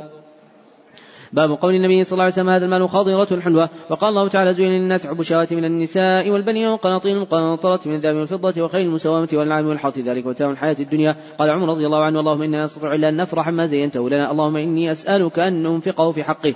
قال حدث عن بن عبد الله قال عن سفيان قال عن زهري يقول أخبرني عروة وسعيد بن المسيب عن حكيم بن حزام رضي الله عنه قال سألت النبي صلى الله عليه وسلم فأعطاني ثم سألته فأعطاني ثم سألته فأعطاني ثم قال هذا المال. وربما قال سفيان قال لي حكيم قال لي يا حكيم إن هذا المال خاضرة حلوة. أنا أخذه بطيب نفس بورك له فيه ومن أخذه بشراب نفس بارك له فيه وكان كالذي يأكل ولا يشبع واليد العليا خير من اليد السفلى باب ما قدم من مال فهو له قال حدثني عمر عمر بن حفص قال حدثني أبي قال حدثني عمش قال حدثني إبراهيم بن تيمي عن حاتم بن سويد قال قال عبد الله رضي الله عنه قال قال النبي صلى الله عليه وسلم أيكم مال والدي أحب إليه؟ مالي. قالوا يا رسول الله ما منا أحد إلا ماله أحب إليه أحب إليه. قال فإن ماله ما قدم ومال والدي ما أخر. باب المكثرون هم المقلون. وقوله تعالى من كان يريد الحياة الدنيا وزينتها وفي عملهم فيها هم فيها لا يبخسون. أولئك الذين ليس هم الآخرة إلا النار وحبط ما صنعوا فيها وباطل ما كانوا يعملون. قال حتى نقطة بن سعيد قال زيد عبد العزيز بن رفيع عن زيد بن وهب عن رضي الله عنه قال خرجت ليلة من الليالي فإذا رسول الله صلى الله عليه وسلم يمشي وحده وليس معه إنسان. قال ظننت أنه يكره يمشي معه أحد قال جعلت أمشي في ظل القمر فالتفت فرآني فقال من هذا؟ قلت أبو ذر. جعل له فداءك. قال يا أبو ذر تعالى قال فمشيت معه ساعة فقال للمكثر أن المكثرين هم المقلون يوم القيامة. إلا من أعطى الله عز وجل خيرا فنفخ, فنفح فيه, فيه يمينه وشماله وبين يديه وراءه وعمل فيه خيرا. قال فمشيت معه ساعة ساعة فقال لي اجلس ها هنا. قال فأجلسني بقاع حوله حجارة فقال لي اجلس ها هنا حتى أرجع إليك. قال فانطلق في فانطلق في الحرة حتى لا أراه فلبث عني فأطغى اللبث. ثم إني سمعته وهو مقل ويقول إن سرق الزنا قال فلما جاء مصر حتى قلت يا نبي الله جعلنا فداءك من تكلم بجانب الحرة. ما سمعت أحدا يرجع إليك شيئا؟ قال ذلك جبريل عليه السلام عرض عرضني في جانب الحرة. قال بشر أمتك أنه من مات لا يشرك بالله شيئا دخل الجنة. قلت يا جبريل وإن سرق وإن زنا؟ قال نعم. قلت قال قلت وإن سرق وإن زنا؟ قال نعم. وإن شرب الخمر. قال نظر أخبرنا شعبة قال وحدثنا حبيب بن أبي ثبت ولا مش عبد العزيز بن رفيع قال حدثنا زيد بن وهب حدث بهذا قال أبو عبد الله حديث أبي صالح عن الدرداء المرسل لا يصح وإنما ردنا للمعرفة وصح حديث أبي ذر قيل ابي عبد الله حديث عطاء بن يسار عن الدرداء قال مرسل أيضا لا يصح وصح حديث حديث أبي ذر رضي الله عنه قال اضربوا على حديث أبي الدرداء هذا إذا مات قال لا إله إلا الله عند الموت. باب قول النبي صلى الله عليه وسلم ما أحب أن لي مثل أحد ذهبا. قال حدثنا حسن بن ربيعة قال حدثنا أبو الاحوص عن عن زيد بن وهب قال قال أبو ذر رضي الله عنه كنت أمشي مع النبي صلى الله عليه وسلم في حاره المدينة فاستقبلنا أحد فقال يا أبا ذر قلت لبيك يا رسول الله قال ما يسرني أن عندي مثل أحد هذا ذهبا تمضي علي ثلاثة عندي منه دينار إلا شيئا أرصده لدين إلا نقول به في عباد الله هكذا وهكذا وهكذا عن يميني وعن شمالي ومن خلفي ثم شاف قال الاكثرين هم الأقلون يوم القيامة إلا من قال هكذا وهكذا وهكذا عن يميني وعن شمالي ومن خلفي وقليل ما هم ثم قال لي مكانك لا تبرح حتى أتيك ثم تلقى بسواد الله حتى ورى وسمعت صوتا قد ارتفع فتخوفت أن يكون قد عرض النبي صلى الله عليه وسلم فرت وأنا آتيه فذكرت قوله لي لا تبرح حتى أتيك ولم أبرح حتى أتاني فقلت يا رسول الله لقد سمعت صوت خوفت وذكرت له فقال وهل سمعته قلت نعم. قال ذاك جبريل أتاني فقال مات من أمتك لا يشرك بالله شيئا دخل الجنة. قلت وإن زنى وإن سرق؟ قال وإن زنى وإن سرق. قال حدثني أحمد بن شبيه قال حدثنا أبي قال عن يونس قال وقال ليت حدثني يونس. عن هشام بن عبد الله بن عبد الله بن عتبة قال قال أبو هريرة رضي الله عنه قال قال رسول الله صلى الله عليه وسلم وكان لي مثل أحد ذهبا لسرني ألا تمر علي ثلاث لا عندي منه شيء شيء إلا شيء أوصل لدين باب الغنى غنى النفس. وقول الله تعالى يحسبون ان ما نمدهم به من مال وبنين. قوله تعالى من دون ذلك هم لا يعملون. قال ابن لم يعملوها لابد لم يعملوها لا بد من أن يعملوها. قال حدثنا احمد يونس قال حدثنا أبو بكر قال حدثنا أبو حصين عن صالح النبي رضي الله عن النبي صلى الله عليه وسلم أنه قال ليس الغنى عن كثرة العرض ولكن الغنى غنى النفس. باب فضل الفقر. قال حدثني إسماعيل وقال عبد العزيز بن أبي حازم عن أبي سعد السعدي رضي الله عنه قال من رجل عن رسول الله صلى الله عليه وسلم قال رجل عنده جالس ما رأيك في هذا؟ قال رجل من أشراف الناس. هذا من أشراف رجل من أشراف الناس. هذا والله حريم أن خطرا ينكع. من شفع من شفع قال سكت رسول الله صلى الله عليه وسلم. رجل فقال له رسول الله صلى الله عليه وسلم رأيك في هذا؟ قال يا رسول الله هذا رجل من فقراء المسلمين. هذا حريم خطر الا ينكع. وإن شفع لا يشفع. وإن قال الا يسمع لقوله فقال رسول الله صلى الله عليه وسلم هذا خير من الأرض مثل هذا.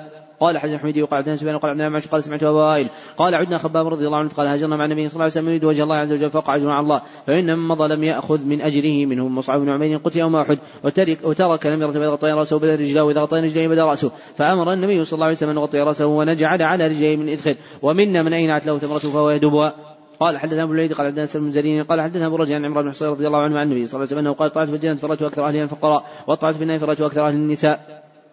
تابعه أيوب وعوف قال صخر محمد بن نجيح عن أبي رجاء بن عباس رضي الله عنهما قال حتى معمر قال حتى عبد الوارث قال عبد سعيد بن أبي عروبة عن قتادة رضي الله عنه قال لم يكن النبي صلى الله عليه وسلم على خوان حتى مات وما كان خبزا مرققا حتى مات صلى الله عليه وسلم. قال حتى عبد الله بن أبي شيبة قال عبد مسامة قال حدثنا هشام عن أبي عائشة رضي الله عنها قالت لقد توفي النبي صلى الله عليه وسلم ما في رف من شيء يأكل ذو كبد إلا شطر شعير في رف لي. فأكلت منه حتى طال عليه فكلته ففني. باب كيف كان عيش النبي صلى الله عليه وسلم وأصحابه يتخلي من الدنيا. قال حدثنا أبو نعيم بنحو من نصف هذا الحديث. قال حدثنا عمرو بن دري قال حدثنا مجاهد بن ابي رضي الله عنه كان يقول آه الله الذي لا إله إلا كنت لا أعتمد بكبدي على الأرض من الجوع إن كنت لا أشد الحجر على بطني من الجوع لقد قعدت يوما في على طريقهم الذي يخرجون منه فرب بكر رضي الله عنه عن من كتاب الله ما سألته إلا ليشبعني. فمر ولم يفعل. ثم ربيع عمر رضي الله عنه عن من كتاب الله ما سألته إلا ليشبعني. فمر فلم يفعل. ثم ربي أبو القاسم صلى الله عليه وسلم تمسح حراني وعرف ما في نفسي وما في وجهي. ثم قال أبا هر قلت لبك يا رسول الله. قال الحق ومضى. فتبعته فدخل أستاذا. فأذن لي فدخل فوجد لبن في قدح. فقال من أين هذا اللبن؟ قالوا أهداه لك فلان أو فلانا قال أبا هر قلت لبيك يا رسول الله قال الحق إلى أهل الصفة فادعهم لي. قال وأهل الصفة أضعاف الإسلام لا يؤون إلى أهل ولا مال ولا على أحد. إذا أتت صدقة بعث بها إليهم ولم تلاو منها شيئا. وإذا الودية أرسل إليهم وأصعب منها وأشركهم فيها فسألني ذلك. فقلت وما هذا اللبن في أهل الصفة كنت أحق أنا أن أصيب من هذا اللبن شرة أتقوى بها. فإذا جاء أمرني فكنت أنا أعطيهم وما عسى أن يبلغني من هذا اللبن. ولم يكن من طاعة الله وطاعة رسول الله صلى الله عليه وسلم. بد ولم يكن من طاعة الله وطاعة رسوله صلى الله عليه وسلم بد فأتيتهم فدعوتهم فأقبلوا فاستأذنوا فأذن لهم وأخذوا مجالسهم من البيت فقال يا أبا هر. قلت لبيك يا رسول الله قال خذ فأعطيهم قال فأخذت القدح. فجعلت أعطي الرجل فيشرب حتى يروى ثم يرد عليه القدح. فاعطيه الرجل فيشرب حتى يروى ثم يرد عليه القدح فيشرب حتى يروى ثم يرد عليه القدح حتى تأتي النبي صلى الله عليه وسلم وقد روي القوم كلهم. فأخذ القدح فوضعه على يده فنظر إليه فتبسم. فقال أبا هر قلت لبيك يا رسول الله. قال بقيت أنا وأنت؟ قلت صدقت يا رسول الله. قال اقعد فاشرب. فقعدت فشربت وقال اشرب. فشربت وما زال يقول اشرب. حتى قلت لا والذي بعث بالحق ما له مسلكا قال فأذني فأعطيته القدح فحمد الله وسماه وشرب الفضلة. قال حدثنا مسلم قال حدثنا عن إسماعيل قال حدثنا قيس قال سمعت سعد رضي الله عنه يقول إني لأول العرب رمى بسهم في سبيل الله ورأيتنا نغزو وما لنا طعام إلا ورق الحبلة وهذا السمر وإن أحدنا وإن أحدنا لا يضع كما تضع الشاة ما له خلط ثم أصبحت بنو الاسلام تعزرون عن الإسلام خبت إذا وضل سعي قال حدثني عثمان قال حدثني جرير عن منصور عن إبراهيم عن عن عائشة رضي الله عنها أنها قالت ما شبع آل محمد صلى الله عليه وسلم منذ قدم المدينة مطعم بري ثلاث ليال تباعا حتى قبض. قال حدثني إسحاق بن إبراهيم عن عبد الرحمن عن قال حدثني إسحاق بن ابن إبراهيم بن عبد الرحمن قال حدثني إسحاق الازرق عن مسعر بن كدام عن هلال عن عروة رضي عن عروة عن عائشة رضي الله عنها قالت ما أكل آل محمد صلى الله عليه وسلم أكلتين في يوم واحد في يوم إلا إحداهما تمر. قال حدثني أحمد بن رجاء قال حدثني النضر عن شام قال أخبرني أبي عن عائشة رضي الله عنها قالت كان فراش رسول الله صلى الله عليه وسلم من أدم وحشوه من ليف. قال حدثنا وجد بن خالد قال حدثنا بن قال حدثنا قتادة. قال حدثنا قتادة. قال كنا ناتي أنس بن مالك رضي الله عنه خبازه قائم. وقال كلوا فما أعلم النبي صلى الله عليه وسلم لا رغيف مرققة حتى لحق بالله عز وجل ولا رشاءة سميطا بعينه قط. قال حدثنا محمد بن قال حدثنا يحيى قال حدثنا هشام قال أخبرني أبي عن عائشة رضي الله عنها قالت كان كان يأتي علينا الشهر ما نوقد في نارا. إنما هو التمر والماء إلا أن نؤتى باللحيم. قال حدثنا عبد العزيز بن عبد. قال حدثنا عبد العزيز بن عبد الله الويسي وقال حدثنا أبي حاج عن عن زيد بن رومان عن عروة عن عائشة رضي الله عنها قالت لعروه ابن أختي إن كنا لننظر إلى الهلال ثلاثة أهلة في شهرين وما أوقدت في أبيات رسول الله صلى الله عليه وسلم نار فقلت ما كان يعيشكم؟ قالت الأسودان التمر والماء إلا انه قد كان لرسول الله صلى الله عليه وسلم جراب كان لهم منائح وكانوا يمنحون لرسول الله صلى الله عليه وكانوا يمنحون رسول الله صلى الله عليه وسلم ابيات فيسقيناه. قال حدثنا عبد الله بن محمد قال حدثنا محمد بن فضيل عن ابي عن عمارة عن أبي زرعة عن أبي رضي الله عنه قال قال رسول الله صلى الله عليه وسلم اللهم ارزق على محمد صلى الله عليه وسلم قوتا. باب القصد والمداومة على العمل. قال حدثنا عبد قال أخبرنا أبي عن شعبة عن عائشة أنه قال سمعت أبي قال سمعت مسروق قال سمعت عائشة رضي الله عنها أي العمل كان أحب النبي صلى الله عليه وسلم قالت الدائم. قال قلت فأي حين كان يقوم؟ قالت كان يقوم إذا سمع الصارخ. قال حدثنا قتلت عن مالك عن شام عروة عن أبي عائشة رضي الله عنها قالت كان أحب العمل إلى رسول الله صلى الله عليه وسلم الذي يدوم عليه صاحبه. قال حدثنا آدم قال حدثنا ابن أبي ذئب عن سعيد مقول عن أبي رضي الله عنه قال رسول الله صلى الله عليه وسلم نجي أحدا منكم عمله. قالوا لا أنت يا رسول الله. قالوا لا اني نتقبل الله عز وجل برحمة السجن وقالب وغدو وروح وشيء من الدلجة والقصد القصد تبلغ قال حدثنا عبد العزيز بن عبد الله قال سليمان عن موسى بن عقبة عن بن عبد الرحمن عن عائشة رضي الله عنها رسول الله صلى الله عليه وسلم قال سجن وقالب واعلموا أنه لن يدخل أحدكم عمله الجنة وأن أحب الأعمال يدومها إلى الله عز وجل من قل قال حدثني محمد بن عرارة قال عندنا شعبة عن سعد بن إبراهيم عن أبي سلمة عن عائشة رضي الله عنها قالت سئل النبي صلى الله عليه وسلم اي الاعمال يحب الله عز وجل؟ قال دوام من قل وقال اكلفوا من العمل ما تطلقون قال حدثني عثمان بن قال حدثنا جرير عن منصور عن إبراهيم عن قمة. عن علقمة أنه قال سألت أم المؤمنين عائشة رضي الله عنها قلت يا أم المؤمنين كيف كان عمل النبي صلى الله عليه وسلم؟ هل كان يخص شيئا من الأيام؟ قالت لا. كان عمله ديمة وأيكم يستطيع ما كان النبي صلى الله عليه وسلم يستطيع. قال حدثنا بن عبد الله قال حدثنا محمد بن الزبرقاني قال حدثنا موسى بن عقبة عن أبي سلمة بن عبد الرحمن عن عائشة عن النبي صلى الله عليه وسلم أنه قال سدوا وقاربوا وأبشروا فإنه لا يدخل أحدا الجنة عمله. قالوا ولا أنت يا رسول الله؟ قال ولا أنا إلا أتقبل الله عز وجل مغفرته ورحمة. قال أظن عن بالنظر عن سلمة عن عائشة. وقال عفان حدثنا وابن عن موسى بن عقبة قال سمعت أبا سلمة عن عائشة رضي الله عن النبي صلى الله عليه وسلم أنه قال سدوا وأبشروا. وقال مجاهد سدادا سديدا صدقا. قال حدثني إبراهيم بن قال حدثنا محمد فريح قال حدثني أبي عن ابن علي عن مالك رضي الله عنه قال سمعته يقول إن رسول الله صلى الله عليه وسلم صلى يوم الصلاة ثم رق المفرش بيده قبل قبل قبلة قبلة المسجد. فقال قد أنيت لا منذ صليت لكم صلاة الجنة والنار ممثلتين في قبر هذا الجدار فلم أرك اليوم في الخير والشر فلم أرك اليوم في الخير والشر. باب الرجاء مع الخوف. وقال سبحانه ما في القرآن آية أشد علي من لست من لست على شيء على شيء حتى تقيموا التوراة والإنجيل. وقال سفيان ما في القرآن آية أشد علي من لستم على شيء حتى تقيموا التوراة والإنجيل وما أنزل إليكم من ربكم. قال حتى بن سعيد قال يعقوب بن عبد الرحمن عن عمرو بن أبي عمرو عن سعيد بن أبي سعيد مقبول عن أبي رضي الله عنه. أنه قال سمعت رسول الله صلى الله عليه وسلم يقول إن الله عز وجل خلق الرحمة وخلق مئة رحمة فأمسك عنده تسعة وتسعين رحمة وأرسل في خلقه كل رحمة واحدة فليعلم الكافر بكل الذي عند الله من الرحمة. لم يسمى الجنة ولو يعلم المؤمن بكل الذي عند الله بكل الذي عند الله من العذاب لم يأمن من النار. باب باب الصبر عن محارم الله. إنما يوفى الصابرون أجرهم بغير حساب. وقال عمر رضي الله عنه وجدنا خير عيشنا بالصبر. قال حدثنا ابن قال أخبرنا شعب عن الزهري قال أخبرني عطاء بن يزيد أن سعيد رضي الله عنه أخبره أن الناس من أنصار سالوا رسول الله صلى الله عليه وسلم لم يسألوا أحد منهم العطاء حتى نفد ما عنده وقال لهم حين نفد وحين نفد كل شيء أنفق بيديه, بيديه ما يكون عندي من شيء من خير لا ادخروه عنكم. وانه يستعف يعفه الله ومن صبر يصبره الله ومن يستغني الله. ولن تعطوا عطاء خيرا وأوسع من الصبر. قال حدثنا خلاد بن حق عن مسعود قال عن زياد بن علاقة قال سمعت المغيرة بن شعبة رضي الله عنه يقول كان النبي صلى الله عليه وسلم يصلي حتى لما وقال تنتفي قدماه فيقول فيقال له فيقول أفلا أكون عبدا شكورا؟ باب ومن يتوكل على الله فهو حسبه. قال ربيع بن خثيم من, من كل ما ضاق على الناس. قال حدثني إسحاق وقال حدثنا روح بن عبادة قال حدثني شعبة قال سمعت حصين بن عبد الرحمن قال كنت قاعد عند سعيد بن جبير فقال عن عباس رضي الله عنه رسول الله صلى الله عليه وسلم قال أدخل الجنة من سبعون ألفا بغير حساب هم الذين يسقون الطيرون على ربهم يتوكلون. باب ما يكره من قيل وقال. قال حدثنا عن المسلمين قال عندنا شيء قال اخبر غير واحد منهم مغيرة وفلان ورجل ثالث أيضا عن شعبية ورد كتب مغيرة بن شعبان معاويه كتب إلى المغيرة. أن يكتب اليه بحديث سمعته من رسول الله صلى الله عليه وسلم قال كتب اليه المغيرة. إني سمعته يقول عن الصلاة لا اله الا الله وحده شيء ملك الحمد لله كل شيء قدر ثلاث مرات. قال وكان ينهى عقيده وقال كثرة سؤال وضاعة المال ومنع وهات وعقوق ومنع وهات وعقوق الأمهات وهدي البنات وعن شيء قال أخبرنا عبد الملك بن عمر قال سمعته ورد يحدث هذا الحديث. عن المغيرة رضي الله عن النبي صلى الله عليه وسلم. باب حفظ الإنسان ومن كان يؤمن بالله واليوم الآخر فليقل خيرا ليصمت. وقوله تعالى ما يلفظ من قول إلا لديه رقيب عتيد. قال حدثنا محمد بن أبي بكر المقدمي قال حدثنا عمر بن علي انه سمع ابا حازم عن سعد رضي الله عنه عن رسول الله صلى الله عليه وسلم أنه قال من يضمن لما بين لحييه وما بين رجليه أضمن له الجنة. قال حدثني عبد العزيز بن عبد الله قال حدثني إبراهيم بن بن شاب عن سلمة عن أبي رضي الله عنه أنه قال قال رسول الله صلى الله عليه وسلم من كان يؤمن بالله واليوم الآخر فليقل خيرا وليصمت ومن كان يؤمن بالله واليوم الآخر فليؤذي ومن كان يؤمن بالله واليوم الآخر فليكرم ضيفه. قال حدثنا أبو قال حدثنا ليث قال حدثنا سعيد المقبري عن أبي شريح الخزاعي. قال سمع أذني وعاء قلب النبي صلى الله عليه وسلم يقول الضياف ثلاثة أيام جائزته قيل ما جائزته؟ قال يوم وليلة. ومن كان يؤمن بالله واليوم الآخر فليكرم ضيفه ومن كان يؤمن بالله واليوم الآخر فليقل خيرا أو ليسكت.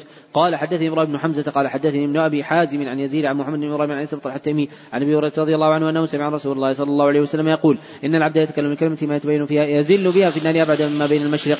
قال حدثني عبد الله بن ابن منير أنه سمع بالنضر قال حدث عبد الرحمن بن عبد الله يعني ابن دينار عن أبي بن صالح عن أبي رضي الله عن النبي صلى الله عليه وسلم قال العبد يتكلم بكلمة من رضوان الله عز وجل لا يلقي بالا يرفع الله عز وجل بها درجات وإن العبد يتكلم بكلمة من سخط الله عز وجل لا يلقي بالا يهوي بها في جهنم. باب البكاء من خشية الله.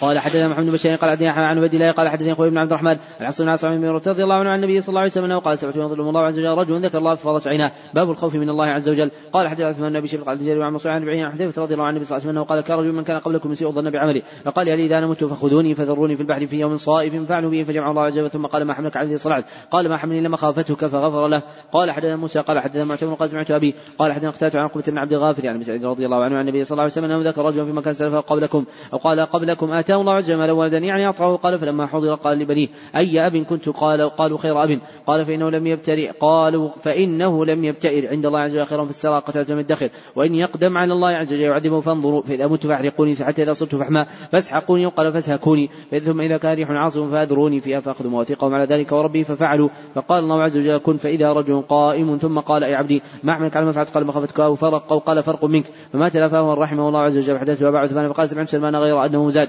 فأذروني في البحر أو كما حدث. وقال معاذ حدثنا شعبة قال عن قتادة أنه قال سمعت عقبة قال سمعت أبا سعيد رضي الله عنه عن النبي صلى الله عليه وسلم. باب الانتهاء عن المعاصي. قال حدثنا محمد بن علاء قال حدثنا مسامة عن مراد بن عبد الله ابن أبي بردة عن أبي بردة عن موسى رضي الله عنه أنه قال قال رسول الله صلى الله عليه وسلم يوم ما بعثني الله عز وجل فمات رجل أتى قوما فقال رأيت الجيش بعيني رأيت الجيش بعيني وإني أنا النذير العريان فالنجاء النجاة فاطاعت طائفتهم فادلجوا على مهلهم فنجوا وكذبت طائفتهم فصبحهم الجيش فاجتاحهم. قال حدثنا اليماني قال اخبرنا شعيب قال حدثنا أبو الزناد عن عبد الرحمن حدث أنه سمع أبا هريرة رضي الله عنه سمع رسول الله صلى الله عليه وسلم يقول إنما مثلي ومثل الناس كمثل رجل سوق النار فلما أضاءت ما حوله جعل الفراش هذه الدواب التي تقع في النار يقعن فيها فجعل ينزعهن ويغلبن فيقتحمن فيها فأنا آخذ فأنا آخذ بحجزكم عن النار وهم يقتحمون فيها. قال حدثنا ابن عمين قال حدثنا زكريا عن عمرو قال سمعت عبد الله بن عمرو رضي الله عنه يقول قال النبي صلى الله عليه وسلم المسلم من سلم المسلم من لسانه وديه والمهاجر من هجر ما نهى الله عنه. باب قول النبي صلى الله عليه وسلم تعلمون ما علم ضحكتم قليلا وبكيتم كثيرا. قال حدثنا احمد كريم قال عبد عن قال عن شاب عن سعيد المسيب عن أبي هريرة رضي الله عنه كان يقول قال رسول الله صلى الله عليه وسلم تعلمون ما علم ضحكتم قليلا وبكيتم كثيرا. قال حدثنا سليم بن حرب قال عن شعبة عن موسى بن أنس انس رضي الله عنه قال قال النبي صلى الله عليه وسلم تعلمون ما علم ضحكتم قليلا وبكيتم كثيرا. باب حجبت النار بالشهوات. قال حدثنا إسماعيل وقال حدثني مالك عن أبي عن أبي رضي الله عنه رسول الله صلى الله عليه وسلم قال حجبت النار بالشهوات وحجبت الجنة بالمكاره. باب الجنة أقرب لاحدكم من شراك علي والنار مثل ذلك. قال حدثني موسى بن مسعود قال حدثني عن مصر عن الأعمش عن أبي وعن عبد الله رضي الله عنه قال قال النبي صلى الله عليه وسلم الجنة أقرب لاحدكم من شراك علي والنار مثل ذلك. قال حدثني محمد بن قال حدثنا غندر قال حدثني شعبة عن ابن عن أبي سلمة عن أبي رضي الله عنه عن النبي صلى الله عليه وسلم أنه قال أصدق بيت قاله الشاعر ألا كل شيء ما خلا الله باطل باب لينظر إلى من هو أسفل منه ولا ينظر إلى من هو فوقه. قال حدثنا اسماعيل قال عبد الملك وعن زيد عن رجع النبي رضي الله عنه رسول الله صلى الله عليه وسلم أنه قال إذا نظر أحدكم إلى من فضل عليه في المال والخلق فلينظر إلى من هو أسفل منه. باب من هم بحسنة أو بسيئة. قال حدثنا معمر قال حدثنا عبد الواحد قال حدثنا جابر بن أبو عثمان قال حدثنا رجاء عن خالد وعن عباس رضي الله عنه عن النبي صلى الله عليه وسلم فيما روي عن ربي عز وجل أنه قال قال الله عز وجل إن قال إن الله عز وجل كتب الحسنات والسيئات بين ذلك. فمن هم بحسنة فلم يعملها كتب الله عز وجل له عنده حسنة كامله هو هم بها فعملها كتب الله عز وجل له عنده عشر حسنات إلى سبعمائة ضعف إلى سبعمائة ضعف إلى أضعاف كثيرة ومن هم سيئة فلم يعملها كتب الله عز وجل له عنده حسنة كاملة فإن هو هم بها فعملها كتب الله عز وجل له سيئة واحدة باب ما يتقى من محقرات الذنوب. قال حدثنا أبو ليث قال حدثنا مهدي عن غيلان عن رضي الله عنه أنه قال إنكم تعملوا أعمالا هي أدق في أعينكم من الشعر إن كنا نعد على عهد النبي صلى الله عليه وسلم الموبقات إن كنا نعد على عهد النبي صلى الله عليه وسلم الموبقات قال أبو عبد الله يعني بذلك المهلكات. باب الأعمال بالخواتيم وما يخاف منها. قال حدثني ابن عياش قال حدثنا أبو غسان قال حدثني أبو حازم عن سالم سعد السعدي رضي الله عنه أنه قال نظر النبي صلى الله عليه وسلم رجل يقاتل المشركين وكان من أعظم وكان من أعظم المسلمين غناء. وكان من أعظم المسلمين غناء عنهم. فقال من احب ان ينظر إلى رجل من أهل النار فينظر إلى هذا فتبع رجل فلم يزع ذلك حتى جرح فاستعجل الموت فقال بذباب سيفه وضعه بين الثديين فتحمل عليه حتى أخرج من بين كتفيه. فقال النبي صلى الله عليه وسلم إن العبد يعمل فيما يرى الناس عمل أهل الجنة وإنه لمن أهل النار ويعمل فيما يرى الناس عمل أهل النار وهو من أهل الجنة وإنما الأعمال بخواتيمها. باب العزلة راحة من خلاط السوء. قال حدثنا ابن اليماني قال أخبرنا شعبان الزهري قال حدثني عطاء بن يزيد أن أبا سعيد أن أبا سعيد حدثه قال قل يا رسول الله. وقال محمد يوسف حدثه زعيم. قال حدثنا الزهري وقال عطاء بن يزيد الليثي عن أبي سعيد رضي الله عنه أنه قال جاء رجل النبي صلى الله عليه وسلم قال يا رسول الله أي الناس خير؟ قال رجل جاد بنفسه وماله ورجل في شعب من الشعب يعبد ربه ويدعو الناس من شره. تابعه الزبيدي وسليمان كثير ونعمان عن الزهري وقال معمر عن الزهري عن عطاء وقال عبيد الله عن أبي سعيد عن النبي صلى الله عليه وسلم. وقال يوسف بن مسافر بن سعيد عن شاب عن عطاء عن بعض أصحاب النبي صلى الله عليه وسلم. عن النبي صلى الله عليه وسلم. قال حدثنا ابن عمين قال عبد الماجشون عن عبد الرحمن الله عليه وسلم عن أبي سعيد رضي الله عنه سمعه يقول سمعت النبي صلى الله عليه وسلم يقول يأتي الناس زمن خير ما لرجل مسلم الغنم يتبع بها شعف الجبال ومواقع القطر يفر, بدين يفر بدينهم الفتن. باب رفع الأمانة. قال حدثنا محمد سنان قال حدثنا فريع بن سليمان قال حدثنا ابن علي طيب بن سلام رضي الله عنه أنه قال قال رسول الله صلى الله عليه وسلم إذا ضيعت الأمانة فانتظر الساعة. قال كيف اضاعته يا رسول الله؟ قال اسلم الامر إلى غير أهله فانتظر الساعة. قال حدثنا محمد كثير قال أخبرنا سفيان قال حدثنا عن زيد بن قال حدثنا حذيفة رضي الله عنه أنه قال حدثنا رسول الله صلى الله عليه وسلم حديثين رأيت أحدهما ننتظر الآخر. حدثنا أن الامانه نزلت في جذر قلوب الرجال ثم علم من القرآن ثم علم من السنة وحدثنا عن رفعها. قال ينام الرجل نومه فتقبض الأمانة من قلبه فظل اثر مثل أثر الوقت. ثم ينام النومه فتقبض فيبقى فتقبض فيبقى اثر مثل المجل كجنين دحرج على الجك فنفض. فتراه منتبرا وليس فيه شيء فيصبح الناس يتبايعون فلا يكاد أحد يؤدي الامانه فيقال إن في بني فلان رجلا امينا ويقال لرجل ما عقله مظرف ومجلده وما في قلبه مثقال حبة خردل من الايمان وقد تعالي زمن وما بلي أيكم ايكم بايعت. ان كان مسلما رده الإسلام وإن كان نصرانيا رده علي ساعي فمن اليوم ما كنت بايع إلا فلان فلانا قال حدثنا ابن اليماني قال أخبرنا شعيب بن الزني قال أخبرنا بن عبد الله بن عبد الله بن عمر رضي الله عنه قال سمعت رسول الله صلى الله عليه وسلم يقول من الناس كالإبل المئة لا تكاد تجد فيها راحلة. باب الرياء والسمعه قال حدثنا مسلم قال حدثنا عن سفيان قال حدثنا سفيان كهيل قال حدثنا ابن عمي قال سفيان عن قال سمعت جندب رضي الله عنه يقول قال النبي صلى الله عليه وسلم الأول ما سمع احدا يقول قال النبي صلى الله عليه وسلم غيره. فدنوت منه فسمعته يقول قال النبي صلى الله عليه وسلم من سمع سمع الله به ومن يرائي يرائي الله به. باب من جاهد نفسه في طاعة الله عز وجل. قال حدثنا بن خالد قال حدثنا قال حدثنا قتادة قال حدثنا انس مالك رضي الله عنه معاذ جبل رضي الله عنه قال بينما ردف النبي صلى الله عليه وسلم بيني وبينه إلا اخرة راحل فقال يا معاذ قلت لبيك يا رسول الله يسعديك. ثم سار سعدا ثم قال يا معاذ قلت لبيك رسول, رسول الله يسعديك. ثم سار سعدا قلت يا معاذ ثم قال يا معاذ يا معاذ بن جبل قلت لبيك رسول الله يسعديك. قال هل تدري ما حق الله على عبادي؟ قلت الله ورسوله قال حق الله على عبادي يعبدوا ولا يشركوا به شيئا. ثم سار سعدا ثم قال يا معاذ بن جبل قلت لبيك رسول الله يسعديك. قال هل تدري ما حق العباد على الله اذا فعلوا قلت الله ورسوله أعلم. قال حق العباد على الله ألا يعذبهم باب التواضع. قال حدثنا مالك بن سمعان قال زهير قال حدثنا احمد بن رضي الله عنه قال كان النبي صلى الله عليه وسلم ناقة. قال وحدثني محمد قال أخبرنا فزاري وأبو خالد احمر عن أحمد طويل عن رضي الله عنه قال كان ناقة لرسول الله صلى الله عليه وسلم عضباء وكانت لا تسبق وجاء اعرابي على قعود له فسبقه فاستدرك عن المسلمين وقالوا سبقت العضباء. فقال رسول الله صلى الله عليه وسلم حقا على الله ألا يرفع شيئا من الدنيا إلا وضعه. قال حدثني محمد بن عثمان قال حدثنا خالد مخرني قال حدثنا سليمان بن بلال قال حدثني شريك بن عبد الله بن أبي نبي عطاء عن أبي هريرة رضي الله عنه أنه قال قال رسول الله صلى الله عليه وسلم إن الله عز وجل قال من عاد لي وليا فقد اذنته بحرمة قلب لعبدي بشيء أحب الي مما افترضت عليه وما زرع عبدي يتقرب الي بالنوافل حتى أحبه. فإذا أحببته كنت سمعه الذي يسمع به وبصره الذي يبصر به ودوله التي يبطش بها ورجله التي يمشي بها وانسانا إلا أعطيناه ونسعد إلا اعدناه وما ترددت عن شيء فعله تردد يا نفس المؤمن يكره الموت وأنا أكره مساءته. باب قول النبي صلى الله عليه وسلم وعدت أنا والساعة كاتين وما أمر الساعة إلا كلمح البصير وأقرب. إن الله على كل شيء قدير. قال حدثنا سعيد بن مريم قال حدثنا أبو غسان قال حدثنا أبو حازم عن سير رضي الله عنه أنه قال قال رسول الله صلى الله عليه وسلم وعدت أنا والساعة والساعة هكذا أشير بإصبعيه فيمد بهما. قال حدثني عبد الله بن محمد يوم الجعفي وقال حدثنا ابن جرير قال شعبة عن قتادة وبنتي حنس رضي الله عنه عن النبي صلى الله عليه وسلم أنه قال بعثت والساعة كاتين. قال حدثني أحمد بن يوسف قال أخبرنا أبو بكر عن أبي حصين صحيح النبي رضي الله عن النبي صلى الله عليه وسلم أنه قال بعثت أنا والساعة كاتين يعني إصبعين. تابعوا إسرائيل عن أبي حصين. باب قال حدثنا أبو قال أخبرنا شعيب قال حدثنا أبو عن عبد الرحمن عن أبي رضي الله عنه أن رسول الله صلى الله عليه وسلم قال لا تقوم الساعة حتى تطلع الشمس من مغربها فإذا طلعت فراى الناس آمنوا أجمعين آمنوا أجمعون. فذلك حين لا ينفع نفسا ايمان ولم تكن آمنت من قبل وكسبت في من خيرا وتقومن الساعة وقد نشر الرجلان ثوبهما بينهما فلا يتبايعانه ولا يطويانه وتقومن الساعة وقد انصرف الرجل إلى بني لقحته فلا يطعمه وتقومن الساعة ويليط حوضه فلا يسقي وتقومن الساعة وقد رفع أكلته إلى فيه فلا يطعمها. باب من أحب لقاء الله عز وجل أحب الله لقاءه. قال حدثنا حجاج قال حدثنا همام قال حدثنا قتادة عن رضي الله عنه عباده رضي الله عن النبي صلى الله عليه وسلم قال من أحب لقاء الله أحب الله لقاءه ومن كره لقاء الله كره الله لقاءه. قالت عائشة رضي الله عنها وبعض ازواجه إن نكره الموت قال ليس ذاك ولكن الموت إذا حضره الم... إذا المؤمن إذا حضره الموت بشر برضوان الله وكرامته فليس شيء احب اليه مما أمامه فاحب لقاء الله واحب الله عز وجل لقاءه. الكفر إذا حضر بشر بعذاب الله وعقوبته فليس شيء أكره مما أمامه. كره لقاء الله وكره الله لقاءه. اختصر أبو داود وعمر عن شعبة وقال سعيد عن قتاده عن زرعه عن سعد عن رضي الله عنه عن النبي صلى الله عليه وسلم.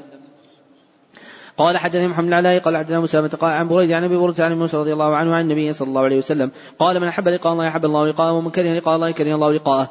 قال حدثني أحمد كين قال حدثني عنه قال نعم شامي قال اخبرني سعد بن سيبع عروة بن زبير في رجال من أهل العلم عشر زوج النبي صلى الله عليه وسلم قال كان رسول الله صلى الله عليه وسلم يقول صحيح إنه لم يقض نبي قط حتى يرى مقعده من الجنة ثم يخير فلما نزل به رأسه على فخذه غش عليه ساعة ثم فاق فأشخص بصره إلى السقف ثم قال اللهم رفيق على قلت إذا لا يختارنا وعرفت أنه الحديث الذي كان يحدثنا به قلت وكانت تلك آخر كلمة تكلم بها النبي صلى الله عليه وسلم قول اللهم رفيق الأعلى باب سكرات الموت قال حدثني محمد بن عبيد بن ميمون قال حدثني عيسى بن يسعد عن عمر بن سعيد قال أخبرني ابن أبي ملك ان ابا عمرو دكوان مولى عائشة أخبره أن عائشة رضي الله عنها كانت تقول إن رسول الله صلى الله عليه وسلم كان بيده ركوة أو قال علبة في أمام يشك عمر فجعل يدخل يديه في الماء فيمسح بهما وجهه ويقول لا إله إلا الله للموت سكرات فإن للموت سكرات ثم نصب يده فجعل يقول في الرفيق الأعلى حتى قبض ومالت يده صلى الله عليه وسلم. قال حديث صدقت قال أخبر عبد الله بن عن عائشة رضي الله عنها قد كان رجال من الأعراب جفاة يأتون النبي صلى الله عليه وسلم يسألون متى الساعة فكان ينظر إلى صالحهم فيقول إني أعيش هذا لا يدرك الهرم حتى تقوم عليكم ساعتكم قال هشام يعني موتهم. قال حدثني إسماعيل وقال حدثني مالك عن محمد بن عمرو بن حلحلة عن معبد بن كعب بن مالك عن أبي قتادة بن الأنصاري أنه كان يحدث عن رسول الله صلى الله عليه وسلم مر عليه بجلسه فقال مستريح مستراح منه. قال يا رسول الله ما المستريح المستراح منه؟ قال عبد المؤمن يستريح من نصب الدنيا وأذى إلى رحمة الله عز وجل. عبد الفجر يستريح منه العباد والبلاد والشر والدواب. قال حدثنا مسدد قال حدثني عن عبد ربه بن سعيد عن محمد بن عمرو بن حلحلة. قال حدثني ابن كعب بن أبي قتادة رضي الله عن النبي صلى الله عليه وسلم أنه قال مستريح ومستراح منه. المؤمن يستريح. قال حدثني الحميدي قال حدثنا سفيان قال حدثنا عبد الله بن أبي بكر بن عمرو بن حزم أنه سمع عن مالك رضي الله عنه يقول قال رسول الله صلى الله عليه وسلم يتبع الميت ثلاثة فيرجع اثنان ويبقى معه واحد يتبعه أهله وماله وعمله فيرجع اهله وماله ويبقى عمله. قال حدثنا ابن عمر قال حدثنا حماد بن زيد عن نافع بن عمر رضي الله عنه أنه قال قال رسول الله صلى الله عليه وسلم إذا مات أحدكم عرض عليه مقعده غدوة عشية وإما النار وإما الجنة فيقال هذا مقعدك حتى تبعث. قال حدثنا عن ابن جعدي قال أخبرنا شعبت عن عمش جعد عن عائشة رضي الله عنها قال قال النبي صلى الله عليه وسلم لا تسبوا الأموات فإنهم قد أفضوا إلى ما قدموا. باب نفخ الصور قال مجاهد الصور كآية البوق. زجرة صحيحة قال ابن عباس رضي الله عنه نقول الصور راجفة النفخة الأولى والرادفة النفخة الثانية. قال حدثني عبد العزيز بن عبد الله قال حدثني إبراهيم بن سعد بن شهاب بن عبد الرحمن وعبد الرحمن الأعرج أنهما حدثا وأن أبا رضي الله عنه قال سبر رجلين رجل من المسلمين رجل من اليهود فقال المسلم والذي صلى محمد صلى الله عليه وسلم على العالمين فقال يهودي والذي صلى موسى على العالمين. قال فقد موسى عند ذلك فاطمة وجه اليهودي فذهب اليهودي إلى رسول الله صلى الله عليه وسلم فأخبره ما كان من أمره. وأمر المسلم قال رسول الله صلى الله عليه وسلم تخيرون على موسى الناس يصعقون يوم القيامة. في أول من يفيق فإذا موسى باطل من العرش موسى في من صعق قبلي فافاق قبلي وكان من استثنى الله عز وجل. قال أحد لمن قال ابن شعيب قال أحد مزيان عرج عن ابي هريره رضي الله عنه. قال قال النبي صلى الله عليه وسلم يصعق الناس حين يصعقون فاكون أول من قام. فإذا موسى يأخذ بعشر ما كان في من صعق رواه سعيد عن النبي صلى الله عليه وسلم. باب يقضي الله عز وجل الأرض. رواه نافع بن عمر عن النبي صلى الله عليه وسلم. قال حدثنا محمد قال اخبر عبد الله قال اخبرنا يونس عن زهري قال حدثني سعيد بن المسيب. أن عن النبي رضي الله عنه عن النبي صلى الله عليه وسلم قال يقضي الله عز وجل الأرض ويطوي السماء بيمينه. ثم يقول الملك أين ملوك الأرض قال حدثنا أحمد بن قال عن خالد عن سعيد بن لا عن زيد بن أسلم عن طعام يسأل عن مسألة رضي الله عنه قال قال النبي صلى الله عليه وسلم تكون الأرض يوم القيامة خبزة. خبزة واحدة يتكفى الجبر بيده كما يكفى أحدكم خبزته في السبع نزلا لأهل الجنة فأتى رجل من اليهود فقال بارك الرحمن عليك أبا أبا القاسم أن أخبركم نزل أهل الجنة يوم القيامة. قال بلى قال تكون الأرض خبزة واحدة كما قال النبي صلى الله عليه وسلم نظر النبي صلى الله عليه وسلم ثم ضحك حتى بدنا نواجده ثم قال أخبرك بإدامهم قال إدامهم بالام ونون. قال إدام بلام ونون قالوا ما وما هذا؟ قال ثور ونون. يأكل من زائدة كبدهما سبعون ألفا. قال حدثنا سعيد بن مريم قال أخبرنا محمد بن قال حدثنا أبو حازم قال سمعت سعيد سعيد رضي الله عنه قال سمعت النبي صلى الله عليه وسلم يقول يحشر الناس يوم القيامة على أرض بيضاء عفراء كقرصة نقي. قال سال أو غيره ليس فيها معلم لأحد. باب كيف الحشر. قال حدثنا معلم بن قال عندما وإمام عن طاووس عن ابي عن أبي هريرة رضي الله عنه عن النبي صلى الله عليه وسلم أنه قال يحشر الناس على ثلاث طرائق راغبين راهبين واثنين على بعين وثلاثه على بعين وأربعة على بعين وعشرة على بعين ويحشر ويحشر بقيتهم النار. تقيل معهم حيث قالوا وتبيت معهم حيث باتوا. وتصبح معهم حيث أصبحوا وتمسي معهم حيث أمسوا. قال حدث عبد الله بن محمد قال عبد يوسف بن محمد البغدادي وقال عبد شبان وقتاته قال عبد سمانك رضي الله عنه رجلا قال يا نبي الله كيف يعشر الكبر على وجهه؟ قال انس الذي يمشي على وجهه في الدنيا قال على يمشيه على وجهه في يوم القيامة. قال قتالة بلى وعزه ربنا. قال حدثنا علي قال ابن سفيان قال عمرو سمعت سعيد بن جبير قال سمعت ابن عباس رضي الله عنهما يقول سمعت النبي صلى الله عليه وسلم يقول إنكم ملاقوا الله عز وجل حفاة عراة مشاة غرلا. قال سفيان هذا مما نعد ان ابن عباس رضي الله عنه سمعه من النبي صلى الله عليه وسلم. قال حدثنا قتيبة بن سعيد قال ابن سفيان عن عمرو عن سعيد عن ابن جبير عن ابن عباس رضي الله عنه أنه قال سمعت رسول الله صلى الله عليه وسلم يخبر عن يقول انكم ملاقوا الله حفاة عراة غرلا. قال حدثني محمد بشير قال عندنا غدا قال شعبة عن مغيرة بن عماد عن سعيد بن عباس رضي الله عنه أنه قال قام في النبي صلى الله عليه وسلم يخطب فقال إنكم محشورون حفاة عراة كعراة كما بدأنا وخلق نعيده. الآية وإنه الخلائق يكسى يوم القيامة إبراهيم وإنه سيجاوب رجال من أمتي فيأخذ من ذات شمالي فيقول يا ربي وصحابي فيقول إنك لا تدري ما أحدث بعدك. يقول كما قال عبد الصالح كنت عليهم شهيدا ما دمت فيهم إلى قول حكيم. قال فيقال إنهم لم يزالوا مقتدين على أعقابهم. قال حدثنا قيس بن حفص قال حدثنا خالد بن حاتم قال حدثنا حاتم بن أبي صغيرة عبد الله بن أبي مليكة قال حدثنا قاسم محمد بن أبي بكر عائشة رضي الله عنها. قالت قال رسول الله صلى الله عليه وسلم تحشرون حفاة عراة غلا قالت عائشة رضي الله عنها قلت يا رسول الله رجال ونساء ينظر بعضهم إلى بعض فقال أمر اشد من أن يهمهم ذلك. من أن يهمهم ذاك. قال حدثني محمد بن قال حدثنا غدار قال عندنا شعبة عن النبي إسحاق عن عمرو بن عبد الله رضي الله عنه قال كنا مع النبي صلى الله عليه وسلم في كنا مع النبي صلى الله عليه وسلم في قبة فقال ترضون أن تكونوا ربع أهل الجنة؟ قلنا نعم. قال ترضون أن تكونوا ثلث أهل الجنة؟ قلنا نعم. قال ترضون أن تكونوا شطر أهل الجنة؟ قلنا نعم. قال ولد نفسي محمد بيده إني لأرجو أن تكونوا نصف أهل الجنة وذلك أن الجنة لا يدخل النفس مسلمة وما أنتم بأهل الشرك لا كالشعرة البيضاء في جلد الثور الأسود. أو قال كالشعرة السوداء في جلد الثور الأحمر. قال حدثني إسماعيل وقال حدثني أخي عن سليمان عن ثور عن الغيث عن أبي هريرة رضي الله عنه النبي صلى الله عليه وسلم قال أول من يدعى يوم القيامة آدم فتراءى ذريته فيقال هذا أبوكم آدم. فيقول لبيك وسعديك. فيقول أخرج بعد جهنم من ذريتك. فيقول يا ربي كم اخرج فيقول أخرج من كل 199 فيقول يا فقالوا يا رسول الله إذا أخذ منا من كل 199 فماذا يبقى منا؟ قال ان امتي في الامم كالشعرة بيضاء في الثوب الأسود. باب قوله عز وجل إن زلزلة الساعة شيء عظيم. ازفت الازفه اقتربت الساعة. قال حدثني يوسف موسى قال حدثني جرير عن عمش عن صالح بن رضي الله عنه أنه قال قال رسول الله صلى الله عليه وسلم يقول الله عز وجل يا آدم فيقول لبيك وسعديك والخير في يديك. قال يقول أخرج بعث النار. قال وما بعث النار. قال من كل ألف تسعمائة وتسعة وتسعين. فذاك حين يشيب الصغير وتضع كل ذات حمل حملها وترى الناس سكرى وما هم بسكرى. ولكن عذاب الله شيء يفسد ذلك عليهم. فقالوا يا رسول الله أينا ذلك رجل قال أبشروا فإن من يأجوج ومأجوج ألف ومنكم رجل. ثم قال والذي نفسي بيده إن أطمع أن تكونوا ثلث أهل الجنة. قال فحمد الله وكبرنا. ثم قال والذي نفسي بيده إن أطمع أن تكونوا شطر أهل الجنة. إن مثلكم في الأمم. كمثل الشعرة البيضاء في جلد الثور الأسود. أو قال الرقمة في أو قال الرقمة في ذراع الحمار. باب قول الله تعالى ألا يظن أولئك أنهم مبعوثون يوم عظيم يوم يقوم الناس لرب العالمين. وقال ابن عباس رضي الله عنهما تقطعت بهم الأسباب وقال الوصولات في الدنيا. قال حدثني إسماعيل بن ابا قال حدثني عيسى بن يوسف قال حدثني ابن عون عن نافع بن عمر رضي الله عنه عن النبي صلى الله عليه وسلم أنه قال في قوله تعالى يوم يقوم الناس رب العالمين. قال يقوم احدهم في رشح إلى انصاف أذنيه. قال حدثني عبد العزيز بن عبد الله قال حدثني سليمان عن ثور بن زيد عن أبي عن أبي هريرة رضي الله عنه رسول الله صلى الله عليه وسلم قال يعرق الناس يوم القيامة حتى إذا عرقوهم في الأرض سبعين ذراعا ويلجم حتى يبلغ آذانهم. باب القصاص يوم القيامة الحاقة لأن فيها الثواب حاق الأمور الحقه والحاقة واحد والقارعه والغاشيه والصاخه والتغابن وغبن أهل الجنة أهل النار.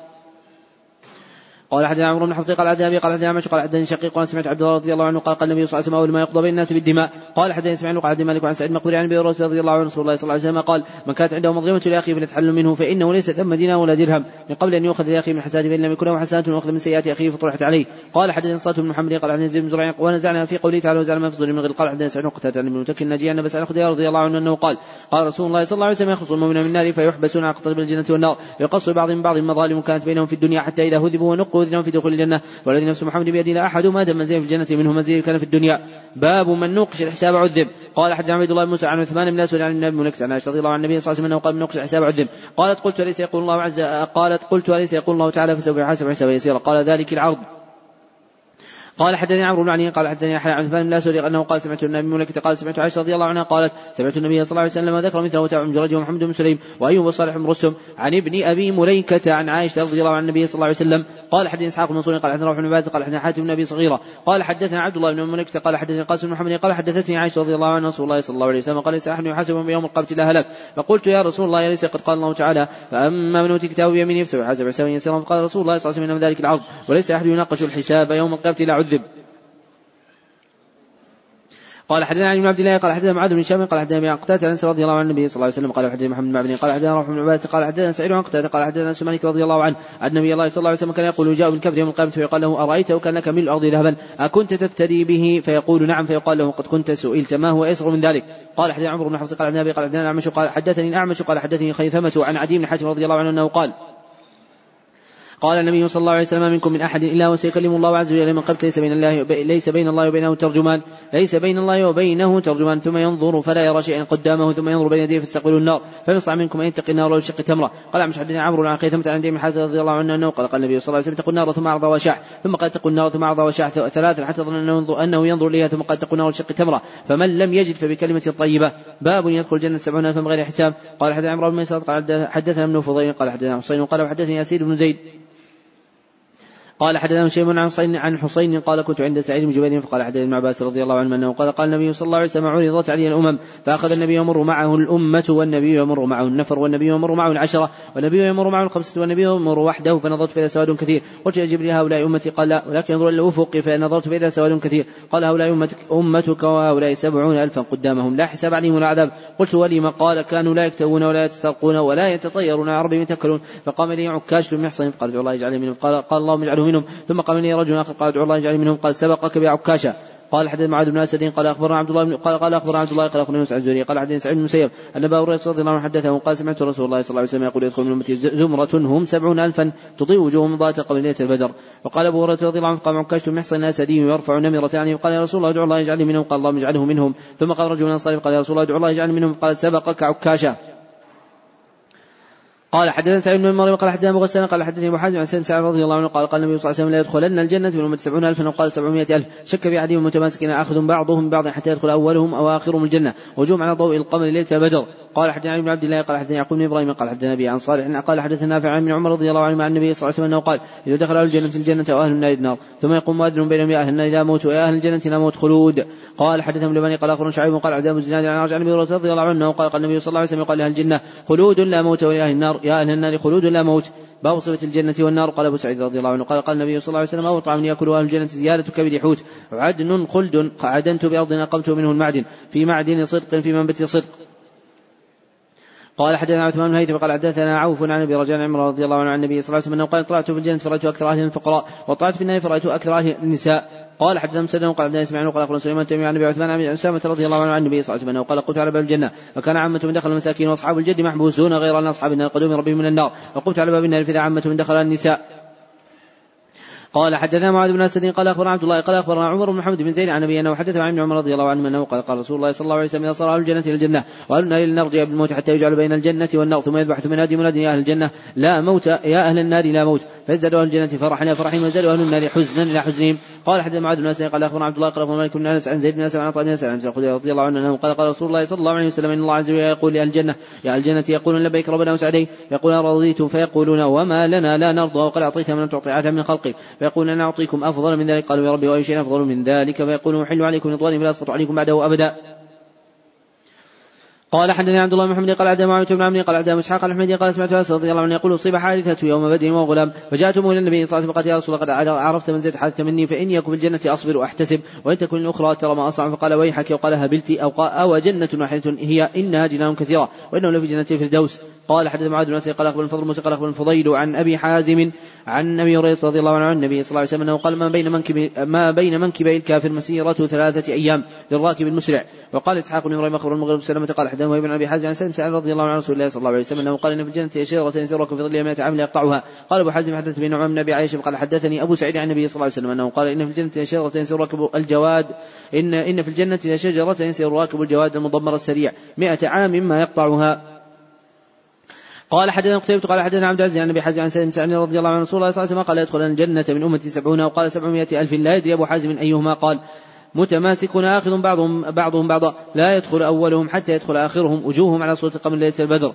قال حدث عبد الله بن سبت قال عبد العزيز عن أبيه عن سائر رضي الله عنه النبي صلى الله عليه وسلم قال إن الجنة يتراءون الغرف في الجنة كما تتراءون الكوكب في السماء. قال أبي فحدثت عن النبي عياش فقال أشهد وسمعت أبا سعيد يحدث ويزيد فيه كما تراءون الكوكب الغارب في الأفق الشرقي والغربي. قال حدثني محمد بن قال حدثنا غدا عن شفت عن أبي عمران قال سمعت عن سماك رضي الله عنه عن النبي صلى الله عليه وسلم قال يقول الله تعالى يا أهل النار عذاب يوم القيامة. أنك ما في الأرض من شيء أكنت تفتدي به فيقول نعم. يقول منك أهون من هذا في صلب آدم ألا تشرك به شيئا فأبيت إلا تشرك به. قال حدثنا من عمان قال محمد عن عمرو عن جابر رضي الله عنه النبي صلى الله عليه وسلم قال يخرج من النار بشفاعتك كأنهم الثعارير.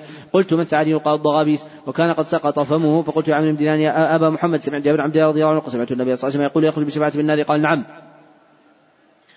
قال حدثنا هدى خالد قال حدثنا همام عن قتادة قال حدثنا أنس بن مالك رضي الله عنه النبي صلى الله عليه وسلم قال يخرج قوم من النار بعد ما مسهم منها سفع فيدخلون الجنة فيسميهم أهل الجنة الجهنميين. قال حدثنا موسى قال حدثنا وهيم قال حدثنا عمرو بن يحيى عن النبي عن ابي سعيد رضي الله عنه الخدري رضي الله عنه النبي صلى الله عليه وسلم قال إذا دخل أهل الجنة الجنة واهل النار النار يقول الله عز وجل من كان في قلبه مثقال حبة قدم الايمان فاخرجوه فيخرجون. وقد قد امتحشوا وعادوا حمما فيلقون في نهر الحياة فيموتوا كما تموت الحبة في حميل السيل وقال حمية السيل. وقال النبي صلى الله عليه وسلم أترون أنها تنبت صفراء ملتوية قال حدثنا محمد بن قال حدثنا غدا قال شبة قال سمعت أبي إسحاق قال سمعت نعمان رضي الله عنه يقول, يقول سمعت النبي صلى الله عليه وسلم يقول إن اهون أهل النار عذابا يوم القيامة. لرجل توضع في اخمص قدميه جمرة يغلي منها دماغه. قال حدثنا عبد الله بن بن رجاء قال حدثني إسرائيل عن أبي إسحاق عن نعمان بشير رضي الله عنه قال سمعت النبي صلى الله عليه وسلم يقول إن اهون أهل النار عذابا يوم القيامة. رجل على خمس قدميه جمرتان يغلي منها دماغه. يغلي منهما دماغه كما يغلي المرجل والقمقم. قال حدثنا سليمان بن قال حدثنا شعبة عن عمرو بن عن خيثمة عن عدي بن حاتم رضي الله عن النبي صلى الله عليه وسلم ذكر النار فشحب وجهه فتعوذ منها ثم ذكر النار فشحب وجهه فتعوذ منها ثم قال تقول نار شق تمرة. ونجد بكلمة طيبة. قال حدثنا إبراهيم بن حمزة قال حدثنا أبي حازم بن الدراوردي عن زيد عن عبد الله بن خباب عن سعيد الخدري رضي الله عنه سمع رسول الله صلى الله عليه وسلم ذكر عنده عمه أبو طالب فقال لعله تنفع شفاعته يوم القيامة. فيجعل في ضفاح من يبلغ كعبيه يغلي منه يغلي منه أم دماغه. قال حدثنا مسدد قال حدثنا أبو عوانة عن قتادة أنس رضي الله عنه أنه قال قال رسول الله صلى الله عليه وسلم الله الناس يوم القيامة فيقول استشفعنا على ربنا حتى يريح من مكان فيأتون آدم فيقول أنت الذي خلقك الله عز وجل بيده ونفخ ونفخ في فيك من روحي وأمر الملائكة ترسل لك فاشفعنا عند ربنا فيقول لست هناكم ويذكر خطيئته ويقول اتوا نوحا أول رسول بعثه الله عز وجل فيأتونه فيقول لست هناكم ويذكر خطيئته ائتوا إبراهيم الذي اتخذ الله عز وجل خليلا فيأتونه فيقول لست هناكم ويذكر خطيئته ائتوا موسى الذي كلم الله عز وجل فيأتونه فيقول لست هناكم ويذكر خطيئته ائتوا عيسى فيأتونه فيقول لست هناكم ائتوا محمدا صلى الله عليه وسلم فقد غفر قد فقد غفر له ما تقدم من ذنبه وتأخر فيأتوني واستأذن على ربي فإذا رأيته وقد سجد فيدعوني ما شاء الله عز وجل ثم يقال ارفع رأسك. سل تعطى وقل يسمع واشفع تشفع فأرفع رأسي واحمد ربي تحملني يعلمني ثم اشفع فيحد لي حدا ثم اخرج من النار وادخل من الجنة ثم أعود فأقع سجدا مثله في الثالثه أو في الرابعه حتى ما يقف فينا إلا من حبس القرآن وكان قتادته يقول عند هذا اي وجب عليه الخلود؟ قال حدثنا مسدد قال عن الحسن بن ذكوان قال حدثنا مراجع قال حدثنا عمران بن حسين رضي الله عنه عن النبي صلى الله عليه وسلم قال يخرج قوم من النار بشفاعة محمد صلى الله عليه وسلم يدخلون الجنة يسمون الجهنميين. قال حدثنا قتيبة قال حدثنا إسماعيل بن جعفر عن حميد عن رضي الله عنه محارثة رضي الله عنه رسول الله صلى الله عليه وسلم قد هلك حارث يوم بدر أصابه غرب سهم فقالت يا رسول الله قد علمت موقع حارث من قلبي فإن كان الجنة لم أبكي عليه وإلا سوف ترى ما أصنع. فقال لا هبلت أجنة واحدة هي إنها جنان كثيرة. وإنهم في الفردوس الأعلى. وقال غدوة في سبيل الله وراحة خير من الدنيا وما فيها ورقاب قوس أحدكم ومضع قدم من الجنة خير من الدنيا وما فيها ولو أن امرأة من نساء الجنة طلعت إلى الأرض. لأضاءت ما بينهما ولملأت ما بينهما ريحا ونصيفها يعني الخمار خير من الدنيا وما فيها. قال حدثنا ابو اليماني قال شعيب قال حدثنا أبو الزناد عن رجع عن أبي رضي الله عنه أنه قال قال النبي صلى الله عليه وسلم يدخل أحد الجنة إلا أري مقعده النار. لو أساء ليزداد شكرا أو لا ولا يدخل النار أحد إلا أري مقعده من الجنة. لو أحسن يكون عليه حسرة. قال حدثنا قتيبة بن سعيد قال حدثنا إسماعيل بن جعفر عن عمرو عن سعيد بن أبي سعيد المقبري عن أبي هريرة رضي الله عنه أنه قال قلت يا رسول الله من أسعد الناس بشفاعتك يوم القيامه فقال لقد ظننت يا أبا هريرة لا يسألني عن هذا الحديث أحد أول منك. لما رأيت من حصك على الحديث أسعد الناس بشفاعتي يوم القيامة؟ قال لا إله إلا الله خالصا من قبل نفسه. قال حدث عن بن ابي شيخ قال حدثنا جرير عن مصر عن إبراهيم عن عبيد عن عبد الله رضي الله عنه أنه قال قال النبي صلى الله عليه وسلم إني أعلم آخر أهل النار خروجا منها وآخر أهل الجنة دخولا. رجل يخرج من النار كبوا فيقول الله عز وجل إذهب فادخل الجنة فيأتيها فيخيل إليه أنها ملأ فيخيل إليه أنها ملأى فيرجع فيقول يا ربي وجدتها ملأى فيقول اذهب فادخل الجنة فيأتيها فيخيل إليه أنها ملأى فيرجع فيقول يا ربي وجدتها ملأى فيقول اذهب فادخل الجنة فإن لك مثل الدنيا عشرة أمثالها أو قال إن لك مثل عشرة أمثال الدنيا. فيقول تسخر مني أو قال تضحك مني وأنت الملك. فقال رأيت رسول الله صلى الله عليه وسلم يضحك حتى من نواجذه وكان يقال ذلك أدنى أهل الجنة منزلة. قال حتى مسلم قال ابو عوانة عبد الملك عبد الله بن حاتم نوفل. عن العباس رضي الله عنه أنه قال النبي صلى الله عليه وسلم هل نفعت أبا طالب من شيء؟ باب الصراط وجسر جهنم. قال حدثنا باب الصراط وجسر جهنم. قال حدثنا اليماني قال أخبرنا شعب بن الجني قال أخبرني سعيد وعطاء بن يزيد أن أبا هريرة رضي الله عنه اخبر مع النبي صلى الله عليه وسلم. قال وحدثني محمود قال حدثنا عبد الرزاق قال أخبرنا معمر عن زني عن عطاء بن يزيد التي عن أبي هريرة رضي الله عنه أنه قال قال الناس يا رسول الله هل نرى ربنا يوم القيامة؟ فقال ان تضارون في الشمس ليس دونها سحاب؟ قال يا رسول الله قال تضارون في القمر ليلة البدر ليس دونه سحاب. قالوا لا يا رسول الله قال فإنكم ترون يوم القيامة كذلك. يجمع الله عز وجل الناس فيقول من كان يعبد اليوم فليتبعه فيتبع من كان يعبد الشمس ويتبع من كان يعبد القمر ويتبع من كان يعبد الطواغيت ويتبقى هذه الأمة فيها منافقها فيأتيهم الله عز وجل بغير الصورة التي يعرفون فيقول أنا ربكم. فيقول نعوذ بالله منك هذا مكان حتى يأتينا ربنا فإذا أتانا ربنا عرفنا. فيأتيهم الله عز وجل بالصورة التي يعرفون فيقول ربكم فيقولون أنت ربنا فيتبعونه ويضرب جسر جهنم. قال رسول الله صلى الله عليه وسلم فيكون أول من يجيز؟ ودعاء الرسل يوم اللهم سلم سلم وبك مثل شوك السعدان. أما رأيت شوك السعدان قال يا رسول الله قال فإن مثل شوك السعدان غير أنها لا يعلم قدر عظمها إلا الله عز وجل فتخطب الناس بأعمالهم منهم الموبق بعملهم من المخدر ثم ينجو حتى إذا فرغ الله عز وجل من قضاء بين عباده وأراد أن يخرج من النار من أراد أن يخرج. ممن كان يشهد أن لا إله إلا الله وأمر الملائكة أن يخرجوهم فيعرفون بعلامات آثار السجود حرم الله عز وجل أن تكون من ابن آدم أثر السجود فيخرجونهم قد امتحشوا فيصب عليهم ماء يقال له ماء الحياة فينبتون نبات الحبة في حمل السيل. ويبقى رجل مقبل وجه النار فيقول يا رب قد قشبني ريحها وأحرقني ذكاؤها فاصرف وجه النار. فلا يزال يدعو الله عز وجل فيقول لعلك إن أعطيتك أن تسألني غيره. فيقول لا وزتك لا أسألك غيره فيصرف وجهه عن النار ثم يقول بعد ذلك يا رب قربني من الباب الجنة فيقول ليس قد زعمت أن تسألني غيره. ويلك من آدم أغدرك؟ فلا يزال يدعو فيقول لعلي إن أعطيتك ذلك أن تسألني, تسألني غيره. فيقول لا وعزتك لا أسألك غيره فيعطي الله عز وجل فيعطي الله عز وجل من عهوده ومواثيق لا يسأله غيره فيقربه إلى باب الجنة. فإذا رأى ما فيها سكت ما شاء الله أن يسكت ثم يقول ربي أدخلني الجنة. ثم يقول ليس قد زعمت ألا تسألني غيره وإلك ابن آدم ما أغدرك فيقول يا رب اجعلني أشقى خلقك فلا يزال يدعو حتى يضحك. فإذا ضحك منه أذن له بالدخول فيها فإذا دخل فيها قيل تمنى من كذا فيتمنى ثم يقال له تمنى من كذا فيتمنى حتى تنقطع به حتى تنقطع به الأماني. فيقول له هذا لك ومثله معه. قال أبو رضي الله عنه ذلك رجل آخر آخر أهل الجنة دخولا. قال أبو سعيد الخدري رضي الله قال وأبو سعيد الخدري رضي الله عنه جالس مع أبي رضي الله عنه غير عليه شيء من حديثه. حتى انتهى إلى قوله هذا لك ومثله معه. قال أبو سعيد. سمعت رسول الله صلى الله عليه وسلم يقول هذا لك وعشرة أمثاله قال أبو هريرة حفظت مثله معه. باب في الحوض وقول الله تعالى إنا أعطيناك الكوثر. وقال عبد الله بن زيد قال النبي صلى الله عليه وسلم يصبر حتى تلقوني عن الحوض. قال حدثني يحيى بن محمد قال حدثنا أبو عن سليمان عن شق عبد الله رضي الله عن النبي صلى الله عليه وسلم أنه قال أنا فرطكم عن الحوض. قال وحدثني عمرو بن علي قال حدثنا محمد جعفر قال حدثني شعبة عن المغيرة أنه قال سمعت أبا عبد الله رضي الله عنه عن النبي صلى الله عليه وسلم أنه قال أنا فرطكم عن الحوض ولا يرفع عنا رجال منكم ثم لا يقتل جند ثم لا يقتل جندوني ثم لا يختل دوني فأقول يا ربي فيقال إنك لا تدري ما أحدث بعدك. تابع عاصم عن أبي وائل وقال حسين عن أبي وائل حذيفة رضي الله عنه عن النبي صلى الله عليه وسلم. قال حدثنا مسدد قال حدثني أحمد بن قال حدثني نافع عن عمر رضي الله عنه عن النبي صلى الله عليه وسلم أنه قال قال أمامكم حوض كما بين الجرباء وأذرح. قال حدثني عمرو بن محمد قال حدثنا شيء قال أخبرنا أبو بشر وعطاء بن السائب عن سعيد بن جبير عن عباس رضي الله عنه أنه قال الكوثر الخير الكثير الذي أعطاه الله عز وجل إياه. قال بشر قلت سعيد إن الناس يزعمون النهر في الجنة. قال سعيد النهر الذي في الجنة من الخير الذي أعطاه الله عز وجل إياه.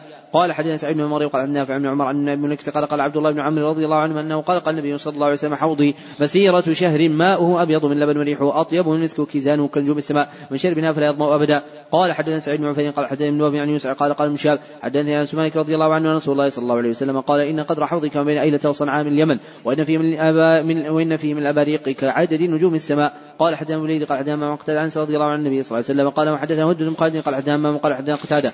قال حدثنا أنس مالك رضي الله عنه عن النبي صلى الله عليه وسلم أنه قال بينما ناسر الجنة اذا أنا بنهر حافه أو قباب الدر المجوف قلت ماذا يجب قال هذا الكوثر الذي أعطاك ربك. فإذا طينه أو قال طيبه مسك أذفر وشك هدبة. قال حدثنا مسلم بن إبراهيم قال حدثنا وهيب قال عبد العزيز عن أنس رضي الله عن النبي صلى الله عليه وسلم قال يردن علي ناس من أصحابي الحوض. حتى عرفت حتى عرفتهم اختلجوا اختلجوا دوني. فاقول أصحابي فيقال فيقول لا تدري ما احدث بعدك. قال حدثنا سعيد بن مريم قال حدثنا محمد طارق قال حدثني أبو حازم عن سالم سعيد رضي الله عنه قال قال النبي صلى الله عليه وسلم إني فرطكم عن حوض من مر علي شرب ومن شرب لم يظما أبدا ليجدن علي قوم أعرفهم يعرفني ثم يحال بيني وبينهم. قال أبو حازم فسمع النعمان بن ابي عاشر فقال هكذا. سمعت من سالم فقلت نعم. فقال أشهد أن لا رضي الله عنه سمعته ويزيد فيها فأقول انه مني. فيقال إنك لا تدري ما أحدث بعدك فأقول سحقا سحقا لمن غير بعدي. وقال ابن عباس سحقا بعده ويقال سحيق بعيد وأسحق وأبعده. وقال أحمد بن شبيب سعيد الحبطي وقال حدثنا أبي عن يوسف بن شبيب عن سعيد بن عن أبي هريرة رضي الله عنه كان يحدث رسول الله صلى الله عليه وسلم قال يرجع علي يوم القيامة رات من أصحابي. فيح يرد علي يوم القيامة رهط من أصحابي فيحلؤون عن الحوض فأقول يا رب أصحابي فيقول إنك لا علم إنك لا علم لك ما أحدث بعدك إنهم ارتدوا على أدبار مقهقرة قال حدثنا أحمد بن صالح قال حدثنا قال أخبرني يوسف عن شامل عن المسيب بأنه كان يحدث عن أصحاب النبي صلى الله عليه وسلم. النبي صلى الله عليه وسلم قال يرد علي الحوض رجال من أصحابي فيحلؤون عنه فأقول يا رب أصحابي فيقول إنك لا علم لك ما أحدث بعدك. إنهم ارتدوا على أدبار مقهقرة وقال شعيب بن كان رضي الله عنه حدث عن النبي صلى الله عليه وسلم فيجلون وقال عقيل فيحلؤون وقال زبير عن عن محمد بن علي عن عبد الله بن أبي رافع عن أبي رضي الله عنه عن النبي صلى الله عليه وسلم. قال حدثني إبراهيم المذيع قال حدثنا محمد بن فليح قال حدث أبي قال حدثني هلال بن عطاء بن يسار عن أبي رضي الله عنه عن النبي صلى الله عليه وسلم أنه قال بين أنا قائم اذا زمرة حتى إذا عرفتهم خرج رجل بيني وبينهم فقال لهم فقلت؟ أين؟ قال إلى النار. والله قلت قال إلى النار والله قلت وما شانهم قال إنهم ارتدوا بعدك على أدبار مقهقرة ثم زرت حتى, حتى إذا عرفتهم خرج رجل بيني وبينهم فقال هلم قلت؟ أين؟ قال إلى النار. والله قلت وما شانهم قال إنهم ارتدوا بعدك على أدبار مقهقرة فلا أراه يخلص منه إلا مثل همل النعم. قال حدثني إبراهيم بن المنذر قال حدثني ياسر بن عن عبيد الله عن خبيب بن حفص بن عاصم عن ابي رضي الله عنه رسول الله صلى الله عليه وسلم قال ما بين بيتي ومنبري روضة من رياض الجنة ومنبري على حوضي. قال حدثنا عبد قال أخبرني أبي عن شعبة عن الملك قال سمعت جندب رضي الله عنه قال سمعت النبي صلى الله عليه وسلم يقول أنا فرطكم عن الحوض. قال حدثنا عمرو بن خالد قال حدثنا عن يزيد عن أبي خير عن عقبة رضي الله عنه النبي صلى الله عليه وسلم قد صلى على أهل أحد صلاة على الميت. ثم انصرف عن المنبر فقال إني فرط لكم أنا اشهد عليكم اني والله لا أنظر إلى حوض الآن وإني أعطيت مفاتيح خزائن الأرض أو قال مفاتيح الأرض وإني والله ما أخاف عليكم شرك بعدي ولكن أخاف عليكم أن تنافسوا فيها. قال حدثنا بن عبد الله قال حدثنا حرمي بن عمارة قال حدثنا شعبة عن معبد بن خالد أنه سمع حاتم يقول سمعت النبي صلى الله عليه وسلم وذكر حوضه فقال كما بين المدينة وصنعاء وزاد بن ابي عن شعبة عن معبد بن خالد حتى أنه سمع النبي صلى الله عليه وسلم قوله حوضه ما بين صنعاء والمدينة. فقال له المستورد ألم تسمعوا قال الأواني قال قال المستورد ترى فيه الآنية مثل الكواكب.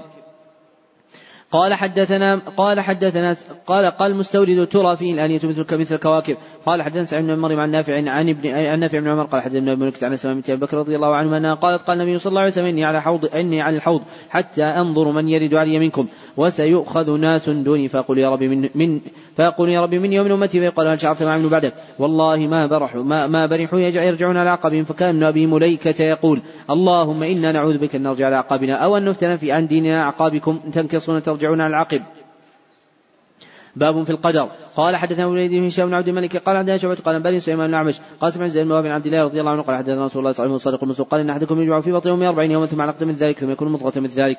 ثم يبعث الله عز وجل ملكا فيمر بأربع برزقه وأجله وشقي وسعيد فوالله إن أحدكم أو قال الرجل يعمل بعمل أهل النار حتى ما يكون بينه وبينه غير باع أو ذراع فيسبق على الكتاب فيعمل بعمل أهل الجنة فيدخلها وإن الرجل يعمل بعمل أهل الجنة حتى ما يكون بينه وبينها غير ذراع أو ذراع فيسبق على الكتاب فيعمل بعمل أهل النار فيدخلها. قال آدم إلا ذراع. قال حدثنا سليمان بن حرب قال حماد عن عبيد الله بن أبي بكر بن أنس عن أنس بن مالك رضي الله عنه عن النبي صلى الله عليه وسلم أنه قال وكل الله بالرحم ملكا فيقول أي ربي نطفة أي ربي علقه أي ربي مضغة. فإذا اراد الله عز وجل يقضي خلقه قال يا ربي ذكر منثى أشقي أم سعيد فمن رزقهم الاجر فيكتب فيكتب كذلك في بطن أمه. باب جف القلم على علم الله عز وجل وأضله الله على علم. وقال أبو هريرة رضي الله عنه قال النبي صلى الله عليه وسلم جف القلم من تلاقي. قال ابن عباس رضي الله عنه لها سابق سبقت لهم السعادة. قال أحد آدم قال عندنا شعبه قال عندنا يزيد رشك قال سمعت مطرف بن عبد الله بن الشخيري وحديث عن عمران رضي الله عنه قال قال رجل يا رسول الله أيعرف الجنة من النار؟ قال نعم. قال فلم يعمل عمل قال كل يعمل لما خلق له أو قال لما يسر له. باب الله أعلم ما كانوا عاملين. قال حدثنا محمد بشار قال حدثنا قدام قال حدثنا شعبة عن بشير عن سعيد بن جبير عن عباس رضي الله عنه أنه قال سئل النبي صلى الله عليه وسلم عن أولاد المشكين وقال الله أعلم ما كانوا عاملين قال حدثنا يحيى بن قال حدثنا عن سعيد بن قال أخبرني عطاء بن يزيد سمع رضي الله عنه يقول سئل رسول الله صلى الله عليه وسلم عن ذراري المشركين فقال الله أعلم ما كانوا عاملين قال حدثني إسحاق قال أخبرنا عبد الرزاق قال أخبرنا معمر عنهم من عن أبي رضي الله عنه قال قال رسول الله صلى الله عليه وسلم مولود لا يولد على الفطرة فأبواه يولدان والنصراني كما تنتجون البهيمة. هل تجدون فيها من جدعه حتى تكونوا أنتم تجدعونها؟ قالوا يا رسول الله فرأيت من يموت وهو صغير؟ قال الله أعلم ما كانوا عاملين باب وكان أمر الله قدرا مقدورا. قال حدثنا عبد الله بن يوسف قال أخبرنا مالك عن زياد عن ابي رضي الله عنه أنه قال قال رسول الله صلى الله عليه وسلم سئل المرأة طلاق أختي أن تستفرغ صحفتها ولن تنكح فإن لها ما قدر لها. قال حدثنا مالك بن إسماعيل قال حدثنا إسرائيل بن عاصم عن أبي عثمان عن أسامة رضي الله عنه قال كنت عند النبي صلى الله عليه وسلم جاء رسول إحدى بناته وعنده سعد وابي بن كعب ومعاذ رضي الله عنهم أن ابنها يجود بنفسه فبعث إليها لله ما أخذ وما أعطى كل بأجر فتصبر وتحتسب. قال حدثنا احباب بن موسى قال أخبرنا عبد الله قال أخبرنا يوسف عن زهري قال أخبرنا عبد الله بن حيريز الجمحي قال أن ابا سعيد الخدري رضي الله عنه اخبره أنه بينما بينما هو جالس عند النبي صلى الله عليه وسلم جاء جاء رجل من الأنصار فقال يا رسول الله إنا نصيب سببا نحب الملك وترى في العز فقال رسول الله صلى الله عليه وسلم آه وإنكم تفعلون ذلك لا عليكم ألا تفعلوا فإنه ليست نسبة كتب الله عز وجل أن تخرج إلا هي كائنة. قال حدثنا موسى بن سعوني قال حدثنا سفيان عن عبد بن حدثنا رضي الله عنه أنه قال لقد خطب لقد خطبنا النبي صلى الله عليه وسلم خطبة ما ترك فيها شيئا قم ساعتها ذكره وعلمه من علمه وجهله من جهله. إن كنت أجاهله من جهله. إن كنت لا أرى الشيء قد نسيت فأعرف ما يعرف الرجل إذا غاب عنه فرآه فعرفه. قال حتى عبد عن ابي حمزه عن عن سعد بن عبيد عن أبي عبد الرحمن السلمي عن علي رضي الله عنه قال كنا جلوسا مع النبي صلى الله عليه وسلم ومعه عود ينكت في الأرض. وقال ما منكم من أحد إلا قد كتم مقعده من النار ومن الجنة. قال رجل من القوم ألا تكلوا يا رسول الله؟ قال لا. اعملوا فكل ميسر ثم قرأ. فأما من أعطى واتقى الآية باب العمل بالخواتيم. قال حدثنا حبان موسى قال أخبرنا عبد الله قال أخبرنا معمر الزهري عن سعد بن سعيد رضي الله عنه أنه قال شهدنا مع رسول الله صلى الله عليه وسلم خيبر. فقال رسول الله صلى الله عليه وسلم رجل معه يدعي الاسلام هذا من أهل النار فلما حضر القتال وقتل رجل من شد القتال وكثرت به الجراح فأثبتته فجاء رجل من أصحاب النبي صلى الله عليه وسلم وقال يا رسول الله الذي تحدثت أنه من أهل النار؟ قد قاتل في سبيل الله من أشد القتال وكثرت به الجراح. فقال النبي صلى الله عليه وسلم ما إنه من أهل النار؟ وكان بعض المسلمين يرتاب بينما هو على ذلك؟ إذ وجد الرجل ألم الجراح فهو بيد لكن أنت تنتزع منها سما فانتحر بها فاشتد رجال من المسلمين رسول الله صلى الله عليه وسلم فقالوا يا رسول الله صدق الله حديثك قد انتحر فلان فقتل نفسه قال رسول الله صلى الله عليه وسلم يا بلال. قم فأذن لا يدخل الجنة إلا مؤمن وإن الله عز وجل لا يؤيد هذا الدين برجل فاجر. قال حدثنا سعيد بن مريم قال حدثنا أبو غسان قال حدثنا أبو حازم عن سائر رضي الله عنه رجل من أعظم المسلمين غناء عن المسلمين. في غزوة غزاها مع النبي صلى الله عليه وسلم النبي صلى الله عليه وسلم فقال من أحب ينظر إلى رجل من أهل النار فلينظر إلى هذا فاتبعه رجل من المقوم وهو على تلك الحال. من أشد الناس على المشركين حتى جرح فاستعجل الموت فجعل ذبابه السيف بين ثدييه حتى خرج من بين كتفيه فأقبل رجل النبي صلى الله عليه وسلم فقال أشهد أنك رسول الله. فقال وما ذاك؟ قال قلت لفلان من أحب ينظر إلى رجل من أهل النار فلينظر إليه. وكان من أعظمنا غناء عن المسلمين فعرفت أنه لا يموت على ذلك. فلما جاء استعجل الموت وقتل نفسه فقال النبي صلى الله عليه وسلم عند ذلك إن العبد لا يعمل عمل أهل النار وإنه من أهل الجنة ويعمل عمل أهل الجنة وإنه من أهل النار. وإنما الأعمال بالخواتيم. باب إلقاء النذر العبد إلى القدر.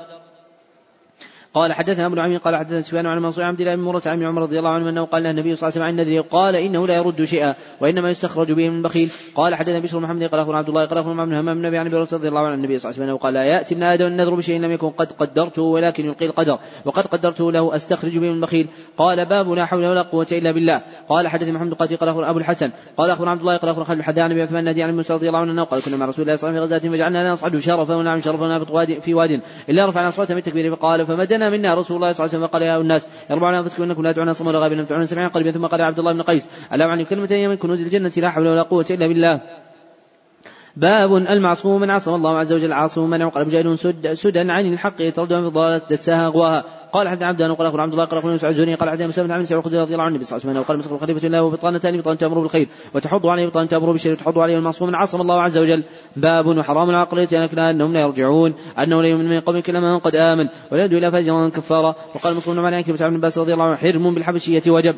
قال حدثني محمد غيلان قال حدثني عبد الرزاق قال أخبرنا معمر عن طاووس عن ابن عباس رضي الله عنه قال شيئا أشبه بالله من قال ابو رضي الله عن النبي صلى الله عليه وسلم أنه قال إن الله كتب ابن آدم حظه من الزنا أدرك ذلك لا محاله فزين العين النظر وزين اللسان المنطق والنفس تمنى الشيء والفرج يصدق ذلك ويكذبه. وقال شباب تحدثنا ورقاع من طاووس عن طاووس عن أبي رضي الله عنه عن النبي صلى الله عليه وسلم. باب وما جعلنا الرؤيا التي اريناك لافتة للناس. قال أحد أحمد وقال ابن سفيان وقال أحد عمرو عن كلمة ابن عباس رضي الله عنه أنه قال في قوله تعالى وما جعلنا الرؤيا التي اريناك لافتة للناس. قال هي رؤيا عين أريها رسول الله صلى الله عليه وسلم ليلة اسري به بيت المقدس. قال والشجرة الملعونة في القرآن؟ قال هي شجرة الزقوم. باب تحاج آدم وموسى عليهم الصلاة والسلام عند الله عز وجل. قال حدث عن عبد الله قال حدثنا سفيان قال حفظناه من عمرو بن عن طاووس قال سمعت أبا هريرة رضي الله عن النبي صلى الله عليه وسلم قال احتج آدم وموسى. فقال موسى يا آدم أنت أبونا. خيبتنا وخرجت من الجنة. فقال آدم يا موسى اصطفاك الله عز وجل كلام خط لك بيده أتلومون على أمر قدر الله عز وجل علي قبل أن يخلقني بأربعين سنة. فحج آدم موسى فحج آدم موسى قال ثلاثة. قال سفيان وحدث أبو زياد عن أبي رضي الله عن النبي صلى الله عليه وسلم ذكر مثله. باب لا مانع لما أعطى الله عز وجل. قال حدث محمد سنان قال حدث فريع قال حدث عبدة بن عن رادم المغيره شعبة قال كتب معاويه بن المغيره رضي الله عنه اكتب إليهم ما ما سمعت النبي ما سمعت النبي صلى الله عليه وسلم يقول خلف الصلاة. فأبنى علي المغيره قال سمعت النبي صلى الله عليه وسلم يقول خلف الصلاة لا إله إلا الله وحده لا شريك له والله لا من يعلم ما اعطيت ولا معطي ولا ولا ينفع الجد منك الجد. وقامت رجل أخبرني عبده أنه أراد أن أخبره بهذا ثم وفدت بعد إلى معاوية فسمعت يأمر الناس بذلك القول. باب من تعوذ بالله من درك الشقاء وسوء القضاء وقوله تعالى قل أعوذ برب الفلق من شر ما خلق. قال حدثنا مسلم قال حدثنا سفيان عن سفيان عن صالح النبي رضي الله عن النبي صلى الله عليه وسلم قال تعوذ بالله من جهل البلاء ودرك الشقاء وسوء القضاء وشماتة الأعداء. باب يحول بين المرء وقلبه. قال حدثنا محمد قاتل قال أبو الحسن قال اخبرنا عبد الله قال اخبرنا مسلم بن عقبة عن عبد الله رضي الله عنه أنه قال كثيرا مما كان النبي صلى الله عليه وسلم يحلف لا ومقلب القلوب. قال حدثنا ابن حفص ومسلم محمد قال اخبرنا عبد الله قال اخبرنا عن عن سالم بن عمر رضي الله عنه أنه قال قال النبي صلى الله عليه وسلم من صياد خبأت لك خبيا قال الدخ. قال أقسم تعالى وقدرك. قال عمر رضي الله عنه لي فاضرب عنقه قال دعوا إن يكن هو فلا تطيقه وإن لم يكن هو فلا خير في قتله. باب قل لم يصيبنا إلا ما كتب الله لنا. قضى قال مجاهد مفاتيح مضلين إلا ما كتب الله. أنه يصل الجحيم. قدر فهدى. قدر الشقاء والسعادة وهذا نعم لمراتعها. قال حدثني إسحاق بن بن الحنظلي. وقال أخبرنا النضر قال حدثنا داود بن الفراد. عن عبد الله بن بريت عن يحيى بن عمر أن عائشة رضي الله عنها أخبرت أن سالت رسول الله صلى الله عليه وسلم عن فقال كان عذاب يبعثه الله عز وجل من يشاء. وجعله الله عز وجل رحمة المؤمنين ما من عبد يكون في بلد يكون فيه ويمكث فيه لا يخرج من بلد صابر محتسبا يعلم أنه لا يصيب إلا ما كتب الله عز وجل. إلا كان مثل اجر شهيد. قال باب وما كنا نهتدي لولا ان هدى الله لو أن الله هداني يكون من المتقين قال حدث ابن قال اخبرنا جرير بن حازم عن إسحاق عن بن عز رضي الله عنه قال رأيت النبي صلى الله عليه وسلم الخندق يقول مع التراب ويقول والله لو الله ما اهتدينا ولا صمنا ولا صلينا فانزل سكينه علينا وثبت أقدام لاقينا والمشركون قد بغوا علينا إذا أرادوا إذا أرادوا فتنة أبينا. وهذا آخر هذا المجلس الحمد لله رب العالمين.